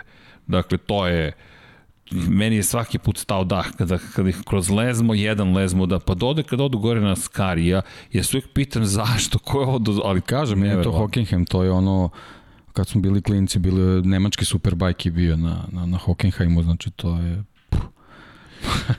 to je, ne, ne znam, mislim, izgleda spektakularno, ali to je stvarno, kažem, jedan trenutak i sve, sve, sve lepo se ovaj, pokvari. Da, neka, neka. A nije, nije sad mo, nije vreme. vreme za to, ovi, nije. ovi motocikli su Biće ozbiljni, ozbiljni, ozbiljni. Gde će Lorenzo? Ne znamo. Ne znamo. Dakle, priča navodno da, da postoji još uvek mogućnost da dođe i, i u apriliju. Dakle, posto... Možda dosta zavisi od Chaza Davis. Vidjet ćemo sad da, za vikend. Da, da. Da. Dakle, da li, je li ostalo da će Paja pojesti šolju ako Pol osvoji, je li ostalo da će... Ko, je li treba ja da pojedem šolju ili ti pojedeš šolju? Neko ko šalje? Ja, ne, ne, nismo mi. Ja nisam Pol. ovaj, da. Ja mislim da je to bilo za Maxa Verstappena da će pojesti šolju ako, ali to smo prebacili da Pablo izabere tetovažu Paji ako Max ne osvoji titulu, pa je rekao da će se istetovirati. Eto, čisto da znate. Pa to je baš lepo. Koje su šanse da dođe MotoGP na stazu Grobnik u modifikaciju ko je pobeđivao sve na toj stazi? Uh, koje, su šanse da, da... Na Grobnik da se dođe. A ne, ne, ne. ne. Nažalost, ne. vrlo su male šanse. Dakle, to nije pitanje više, to nije pitanje samo staze. Dakle, prvo staza mora da se dovede na određen nivo homologacije koji je za 2020. To možemo da razgovaramo s našim kolegama, ali... Pričat ćemo o tome da, još, da. ali to je, to je jedna duga priča, tu vam treba i politička podrška i ne mislim samo na politiku u kontekstu države, već vam treba u okviru sistema. Dakle, čujte, da staze koje se pojavljuju trenutno na kalendaru, novac koji ulažu da bi bile na kalendaru, polako raste, ide ka, mot, ka Formuli 1. Dakle, primjer radi Baku je dao 25 miliona dolara samo da bi ušao na kalendar po sezoni Formule 1. Dakle, jedna godina je 25 miliona da, da uđeš u kalendar, a ne da napraviš stazu. Tako da su to ogromna da, sredstva. Što se tiče Hrvatske, ovo, eto, ovaj, samo ovaj, podsjetnik, hvala na, na, na, na pitanju, ovaj, oni sledeće godine dobiju VRC. Da, to je to predivno. Je, to je, to je fantazija. I ovom priliku im čestitam. Znači, Bravo. Pošto znam koliko i to teško dobiti, oni jednostavno, to je Ma, bila želja. Ma gde god da živite i... u regionu, ako da, možete, da, da, ako VRC, možete, ljudi, da Ma to, to će da praši, to će biti, to, to je svetski šampionat u reliju. Kakav god prenos da vam damo, ta ne, ne, to morate da odete da. i sakrite se negde, onda gledajte i slušajte i uživajte. Nema šta da se sakrije, mi tamo je to sve dobro organizovano, znam, samo, ali... samo budite iza trake. da, to, to, to, to. E, to je nemojte to sve, da, da, nemojte da ono kao da pomislite da je drvo dovoljno da vas zaštiti. Ovaj, ne, tako ne, Da, ali, ali da. ako je pobeđivao? Wayne Rainey, Kevin Schwantz, Wayne Gardner, Eddie Lawson, Freddie Spencer, Frank Uncini, Randy Mamola, Kenny Roberts, da, da. Inače, pre, pre, pre nego što se vozilo na grobniku, vozilo se u Opatiji na ulici. Da. To je bio Monte Carlo Moto Grand Prix, tako pa, se zvao. Da, nažalost preluk da, ovaj da. preluka ovaj ono dosta ljudi je tu da, da. stradalo. Isle of Man i preluka u to vreme su da. bila onako baš velike Pazite zazove. to, Isle of Man i preluka, da, da, da, dakle da. opatija i onda Jadransko more i kažeš ok, kakav je kreolik fantastičan, ali treba da preživiš tu trku. Zato je da. Grobnik posle preuzeo organizaciju trke, poslednji put organizovan 1910. godine i, i gledali smo Vejna Rejnija na Yamahi kako pobeđuje. Da, da, bila je i ona revijalna, revijalna vožnja između ovaj, Agustinija i Keke Rosberga. Ovaj, Keke vozio nekoliko krugova sam i tu se videlo koliko je u stvari taj krug kratak i koliko tu treba mnogo da se radi Jest. da bi to bilo ovaj Jest. kako treba i posle toga usledilo ja nisam siguran ovaj naši ovaj slušaoci iz, iz Hrvatske će možda da mi isprave mislim da je neki evropski šampionat bio bila jedna pogibija i to je onako baš ovaj ovaj, napravilo, yes. napravilo veliki problem i od tada, eto, tu, tu su problemi s tom stazom i tim asfaltom i milion je nekih stvari, ali je super imati neku pravu stazu u regionu, mislim, koju, koju jednostavno možeš da zoveš Grand Prix stazom, ovaj, eto, nadam se, čekajući neka bolja vremena, možda ćemo mi dobiti nešto, ovaj, ovaj, pravo kao što je recimo nivo te, te, te VRC trke koje će biti sledeće godine. Da, inače ne, nema nekih drugih staza u regionu koje uopšte mogu da, da, da, da pomenemo, dakle pa, ne postoji, bilo puno projekata. Region ali... mislimo eto, na, na prostor nekadašnje Jugoslavije, pa, da. pošto eto u Mađarskoj mi imamo ovaj, Imamo onaj Panonija Ring, Panonija Ring, pa imaš u Slovačkoj isto, ima da, da, Slovačka je na, na, Slovakija Ring je na 500 i nešto kilometra, Serez u Grčkoj, ali jednostavno prostor ovaj, te neke naše ovaj, nekadašnje zemlje jednostavno eto da li nije bilo sluha da li ne znam ni ja jednostavno to su sad neke teže priče da. nećemo da ulazimo u to da inače da. pitanje za Filipa Salača odakle iz Češke je Filip da. Salač iz Češke i sad pitanje da li koju bismo izabrali stazu ukoliko ne bi bilo Brna naredne godine, da li Indonezija ili Rusija ili Portugal. Portugal, čujte, ja bih pre, nemam odgovor adekvatan zato što to nije samo pitanje staze. Za mene je to pitanje, ne znam da li deki da li deliš moje mišljenje, ljudi sa ovih prostora. Dakle, Brno je meka nekako ljudi sa ovih prostora da posete Moto Grand Prix trku. Kao što je Hungaroring za Formula Tako 1. Je i Brno iz te perspektive za nas nema zamenu. Da, vrlo sam ličan da, da, da. i iz te perspektive koju god Prvo jednostavno je doći Tako je, milion, autoput, milion nekih stvari. Sa da, bilo da, kojim da, putem, da. odakle god da dolazite, iz Brno države. kao grad, Lep naše grad. okruženje, prijateljsko, poznato, sve. Svi se tamo skupe. Red Bull Ring je po, ovako presekao bukvalno posjećeno. Da. 150.000 ljudi ste mogli da vidite na dan trke. Ljudi, 150.000 ljudi dođe u Brno da gleda trke i s druge strane dođe Prirodni Red Bull Ring.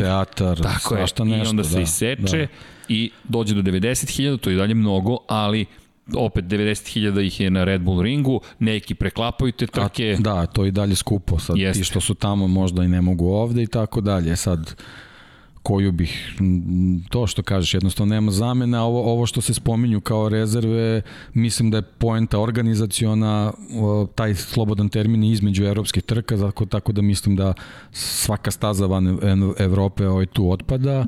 Ovaj, ja bih je... pre bio za Portimao nego za Rusiju, zbog nisam uopšte siguran i Gora Drive kakav je? kakva je staza, organizacija sama, imali smo loše iskustvo u Superbajku sa ruskim stazama, mislim ne mislim ništa loše, nego jednostavno plašim se kakva su njihova iskustva vezana za samu organizaciju. Da, ja mislim, ali mislim da bi ovo bilo na viš, mnogo višem nivou jer MotoGP i Mora da uživa da, da, da, drugačiji status da, i Samo bih, eto, ako, ako, ako je to, to neka zamena, navio bih da bude kao Soči. Znači, eto, čisto vezano za samu organizaciju. Da, ali, znači, to ali je, to meni je to. nema zamene zato što ne, ne, niko nije dovoljno blizu. Nema zamene, eto, nažalost, uh, ide ka tome da je ne bude. Ja bih stvarno volao da se, da. da se promeni ova priča vezana za tu organizaciju, taj famozni asfalt i sve te ostale uslove koji trebaju da se ispune, ali u ovoj situaciji ekonomskoj, što smo već spomenjali, ja ne znam kako bi Česka to uspela da izvede. Da, pitanje je kako su šanse da radimo VRC. Nažalost, ljudi, to, to čak ni ja ne znam. Dakle, mogu,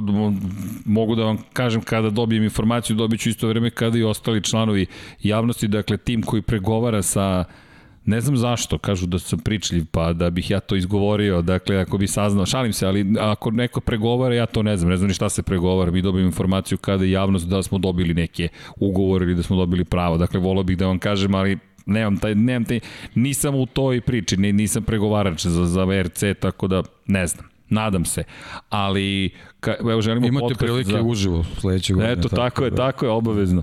Da želimo podcast za svetski šampionat u Superbajku. Čekajte, drugari, treba sve postići. Ajmo korak po korak, vrlo rado. Ne, na, na ovom nivou sezone gde se stvarno preklapaju događaje, jako teško ispratiti sve. A sledeće će biti lakše, 23 da, da, Formula da, 1, da. samo 20 MotoGP-a i samo ne znam ja koliko da. će na kraju biti Kitiš za Superbike. jelku i gledaš poslednju trku u ovoj Formuli 1. Čudno da spominješ to kićenje jelke, da. ali dobro, da ne trčim da. pred rudu. Da, da. A, planovi za vaš tim? Planovi, ljudi, izneli smo osnovu. Uh, plan je, plan je u duhu Douglasa Adamsa. Dakle, čekajte sekund. Don't panic. Dakle, sve se svodi na pogon neverovatnoće i nemojte da paničite, ali tim, to je san. I to je bukvalno neki san i ponekad se upali taj pogon neverovatnoće i onda krenete u neke ludačke misije i mi ćemo da se potrudimo, da, neću da pričam mi, ajde da ne budem bezobrazan, ali znam šta pričam, pa ali mogu da kažem mi, mi ćemo to gurati. Sad, šta je, šta se podrazumeva plan? niko nije podrazumevao COVID-19. Dakle, ovo je sezona trebalo da bude u kojoj bismo napravili neki korak u tom smeru. Nemamo pojma sada dalje šta će se uopšte događati sa, s obzirom na pandemiju. Ali, onoga momenta kada se i ole normalizuju stvari, mi krećemo u neku novu fazu, čućete, Nadam se da ćete biti sa nama. Lab 76 ćemo iskoristiti da vam približimo celu priču. Ideja nam je nešto poput Green Bay Packers modela. Šta to znači? Pa, ideja nam je da napravimo nešto što se zove nije to crowdsourcing, ali ideja, oni koji ne znaju Green Bay Packers model podrazumeva da su gledaoci, navijači tog tima, vlasnici tima. Dakle, nemaju upravljač, nisu u upravljačkoj strukturi, ali tim svojim članstvom u klubu, dakle koji se zove kako god da nazovemo taj tim, ideja je bilo da se zove 69 pre nego što se nažalost desila tragedija sa Nickiem Haydenom i prosto nekako smatramo da to sada nije nije primereno prosto, pa ćemo možda eto 76 se nazove, ali vidjet ćemo. Dakle, činjenica je da je to ideja. Dakle, onda da skupimo zajednicu i da ne, ne zavisimo od jednog velikog sponzora, nego na taj način da nađemo izvore prihoda koji bi nam omogućili korak po korak da ulazimo. Jedan od puteva koji nam je preporučen jeste svetsko juniorsko prvenstvo, pa eto, pratite Lab 76 i ne šalim se kad to kažem, ne bih tek tako to izjavio, postoji i vizija i misija i, projekat je predočen nekim ljudima koji se pitaju, ne na ovim prostorima, već je predočen tamo gde se priča o svetskom prvenstvu. E sad, šta će dalje biti, ne znam, ali zajedno ja verujem da mi možemo da napravimo i to ludilo.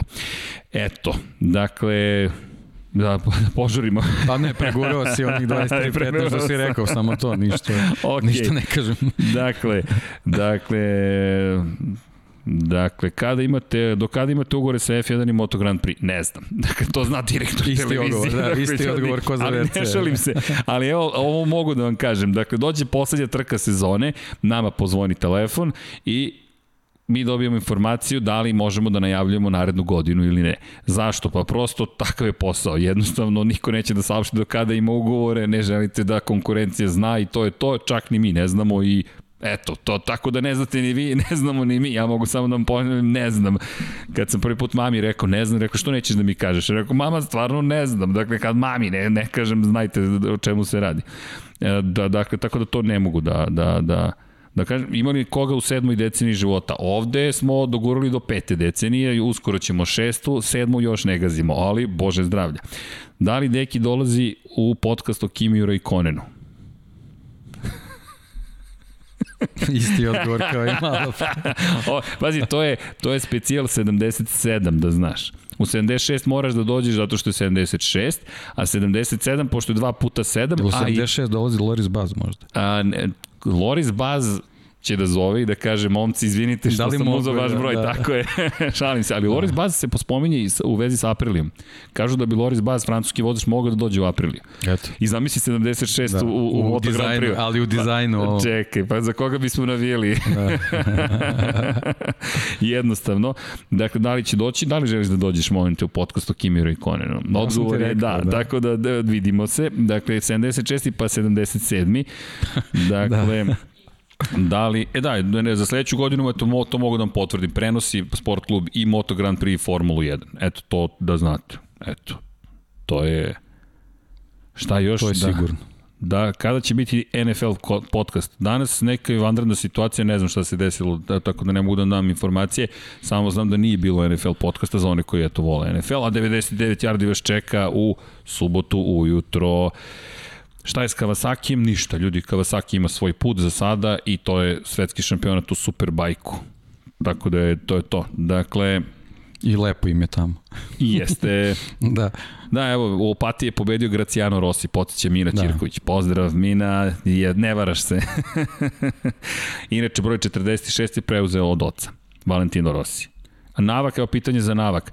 Navak nije ta, taj tip staza. Da, Navak nije trkačka nije staza. Nije trkačka da, staza. Da. da. Drugog, druge namene Navaka i Navak je predivan, ali nije ta namena. Postoje zaista ozbiljne razlike u odnosu na ono što se što Dorna ili međunarodna motociklska Pa da, ne moram da idemo na taj nivo, nego jednostavno, da, mislim, dobre, dobre konfiguracije, ali to je pre svega poligon Jest. bezbedne vožnje, tako da drugačije. Da, znači track day je ok, to je, to je sve u redu, neke trke nižeg nivoa, da, ali jednostavno nije ogromna ulaganja, ne, ne znam, mislim, to je teško i, i, spominjati, tako da... Da, izvini, evo pitanje, Gabor Talmači, kakve osjeće imate kada se setite Gabora Talmači, zašto nije u jačim kategorijama, zbog manjka sponzora, Pa meni je Gabor, imam, imam podeljena osjećanja Gabor Tolmači kada je pitanje. S jedne strane sam potpuno oduševljen. Gabor je bio tako velika zvezda u Mađarskoj. Meni je to krajnje onako intimno, fenomenalno bilo. Odem u Budimpeštu i gledam postere na kojima je Gabor Talmači. Gledaš jednog momka iz svetskog šampionata u motociklizmu koji je zvezda i to je super. S druge strane, Gabor Talmači je čovek koji je povukao jedan potez koji je za meni dan danas težak, a to je moment kada je prekršio dogovor sa Mikom Kalijom 2005. godine na velikoj nagradi Katara, u Losailu. Dakle, šta se desilo? Desilo se da je dogovor pre trke, inače u to vreme KTM je u kategoriji 125 i 250 kubika, voze zajedno 125 kubika Kalio i Talmači, po danu se vozi u Kataru. Dogovor je, dakle, bio da zapravo ukoliko budu na prve dve pozicije u trci, neće jedan drugoga napadati. Kalio juri titulu. Gabor je međutim čekao do poslednjeg kruga i u poslednjim metrima pretekao Miku Kalija. I to je jedina trka koju ja pamtim da imate dvostruku pobedu ekipe, to je fabrički tim KTM-a koji tada ne zaboravite nema titulu. Prvu pobedu za KTM u istoriji doneo Casey Stoner, prvu titulu za KTM je doneo Sandro Cortez 2012. Jasno je da 2005. nisu osvojili titulu i gledate tim koji je besan, besan, a ima dvostruku pobedu, deo garaže koji pripada Gaboru Talmačiju slavi, ali shvataju da možda to slavlje preuranjeno. Gabor je rekao da je pogrešno shvatio koji je krug u pitanju, ali je na kraju godine Mika Kalio bio na poziciji 2 vice šampion iza Toma Lutija za 5 poena. I da nije Gabor pretekao Miku Kalija te godine, Kalija bi bio svetski šampion 2005. sezone. KTM bi te godine osvojio svoju prvu titulu i ko zna kako bi istorija izgledala. Tako da Gabor je kontroverzna ličnost, fantastičan vozač, posle otišao ekipu Jorge Martinez za Aspara, osvojio titulu sa Asparom, 2006. godine je bio šampion sve, ne, 2006. izvinjam se, bio Alvaro Bautista, 2007. je Gabor Talmačio svoju titulu i to je ne, ne, neverovatan uspeh. Kasnije, da, ponestalo je već sponzora, ali i generalno su timovi kako je birao, imali su svoje probleme. Prosto mali je taj prolaz kroz koji možete da se provučete da zaista uspete i morate da imate jednu vrlo ozmiju konzistentnost. To se Gaboru prosto nije desilo. Ali, ali činjenica je da činjenica je da, da imamo situaciju u kojoj, eto, momak sa, sa ovih prostora, iz komšija, dakle, uspe u nečemu, meni to bilo fenomenalno, kažem, ovde u Mađarsku gledam postere reklamne sa, sa Gaborom, kako, kako, kako, kako promenim, uvek sam tako intiman kada prema motociklistima. 2009. 12 Moto Grand Prix startova. Jeste. I što je u našoj priči važno, čisto ovaj da, da spomenem, MOL je bio sponsor Tako da, da u našem komšiluku postoje bravo. kompanije koje prepoznaju MOL je uveo prvog uh, mađarskog automobilistu u Formulu 1. Znači, ne smemo ni to da zaboravimo, tako da... Ove, da, to isto da. zanimljiv od Formule jeste, 1. Jeste. Čežol Baumgartner da. je na Jordanu nosio značku kako ti imaš na laptopu. I ti, i, i ti, da. čega imaš i ti. Tako da ovaj, to, to su stvari vezane za naše prostore. Znači, bez velikih pravih sponzora jako je teško ovaj, napredovati u, u, u, u, u vrhunskim šampionatima gde, gde, gde je potreban ozbiljan novac. Tako da... Da, evo samo još par stvari i, i da, da se polako pozdravljamo. Ne, kratko, kratko, ne brinite, nećemo do ponoći. Dakle, o, rekli smo će da završamo. Dakle, napravljeno neoficijalni Discord server Lab 76. Ajmo da napravimo zvanični server. Dakle, ali pridružit ću se svakako. Samo vas molim za razumevanje. Ponekad ne stižem da odgovorim na sve, ne zato što ne želim zaista, ja se zaista izvinjam, ali od neki se smeje. Nekad i baterije iscuri. ali, ali e, nemoguće baš sve postići. A, ne odgovara ni meni da znate, tako da... okay. Ponekad ja čekam dva sata na odgovor, ali sve okej. Okay. ali nije zato što... Ne, ja, ja, ja, ja, ja, ja stvarno ispašće sad, ali ne, ne, ne mogu da postim. Vanju isto. ok, mislim da će da nas ugasi Vanja. ali da, dakle, dakle, pitanje za Srke kada se brijem. Uskoro, uskoro, uskoro. Dakle, jedva čekam, ja moram priznam, ja ne znam kako nosite brade i brkove, ljudi, meni, baš sam nervozan, dakle, ali okej, okay, za dobru stvar nosit ćemo brkove, dakle, šta jedem? Ne jedem. Ovde se svađaju sa mnom što ne jedem. To je stvar treninga. Da. stvar treninga. Da, ja sam na nekoj čudnoj dijeti, ništa ne pitajte. Dakle, uglavnom... Bude 36 sati podcasta. Da, to, to je dok... trening za to. Da. Ne, pa to su proteini, uglavnom povrće, voda, čaj i kafa mi je slabost kafa mi je slabost, eto, to, to baš volim, dakle, to je jedini greh koji mi je ostao, ako je to greh, dakle, sve ostalo su mi zabranili. Genetika je čudo, dakle, učinila je svoje, tako da, ko zna, Da li se hidriram? Pa trenutno ne. To sam naučio. Deki se hidrirao na tokom podcasta od 5 sati 20 minuta. Bilo mu je teško do kraja. Danak na iskustvu je da. platio. Implikacija, mislim da. da sve znate. Dakle, imam iste brkove kao Deniro u filmu Hit. Ok, tema je otišla na, na, na, na neko ludilo. Ali da li, Popušta pažnje. kao Jack Miller brkovi. Sledeće nedelje Jack Miller brkove furamo. Nemojte ništa brinete da zovemo Gabora Sagmajstera. Paris Dakar doživljaju. Wine, zašto da ne? Dakle, to bi bilo lepo, ali da ne obećavamo, moramo da pitamo ljude, ne znamo Tako da li su postupni, da, naravno, da li žele, naravno, ne, ništa naravno. ne znamo. Dakle, Kad se završi sezona, pa ćemo da, da Tako da, je. da uđemo u te priče. Da li je fabrički tim požurio sa dovođenjem Francesca Banjaje? Oh, da, Francesco je baš velika enigma. Baš je velika enigma. Ajmo da sad... Pa dokazuje da je talenate sad. Jest. Ovaj, njega je izgleda prilično poremetio na pad u Mizanu, tako da pre svega vidimo da motocikl nije, nije u, u formi kako bi trebao da bude, tako da baš zato je to i enigma. Vidjet ćemo, vidjet ćemo ovaj, Vidjet ćemo dakle, možda na sledećoj trci, možda kad krene sezona, ali ne verujem da je sad teško u ovom trenutku reći greška. nego jednostavno treba i njemu dati priliku.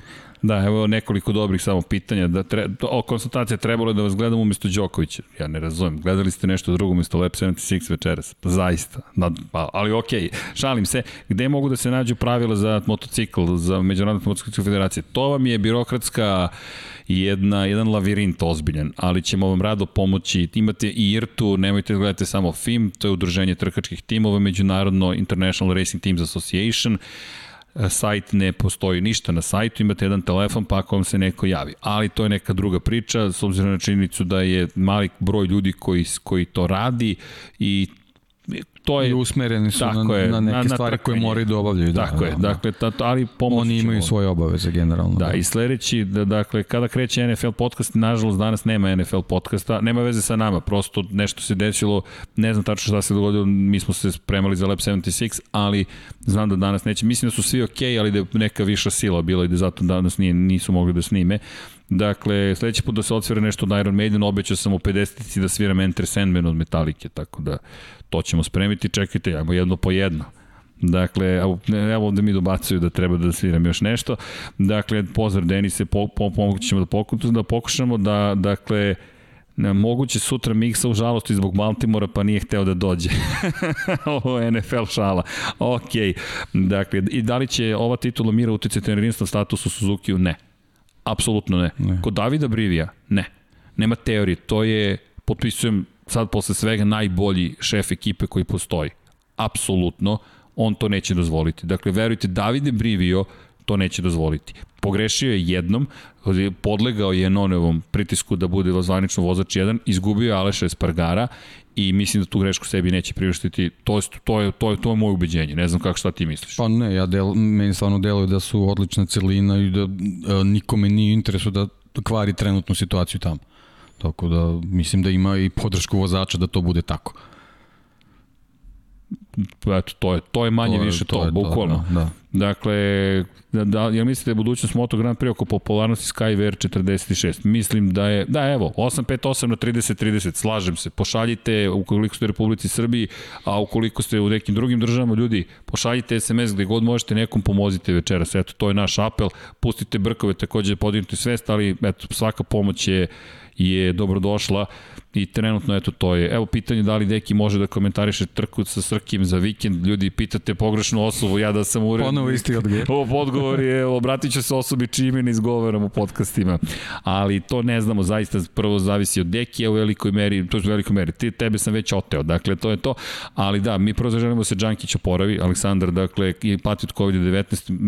Neću vam davati još informacije, nadam se da će imati neke pozitivne, kada ih budem imao, podelit ću ih ali to jeste istovremeno i, i neka neka lična stvar. Dakle, dokle smo stigli? Do 23.35. Ok. Ja mislim da je vreme da se polako odjavljujemo. Slabost, kaže, vidim da je slabost spominju se neki monster devojke, nemam pojma o čemu pričate ti kadrovi iz Barcelone, ja ne, ja se toga više ne sjećam. Ne znam. Niko ništa ne zna o tome. Ali, bez sve šale, ljudi, ja se nadam da ste uživali.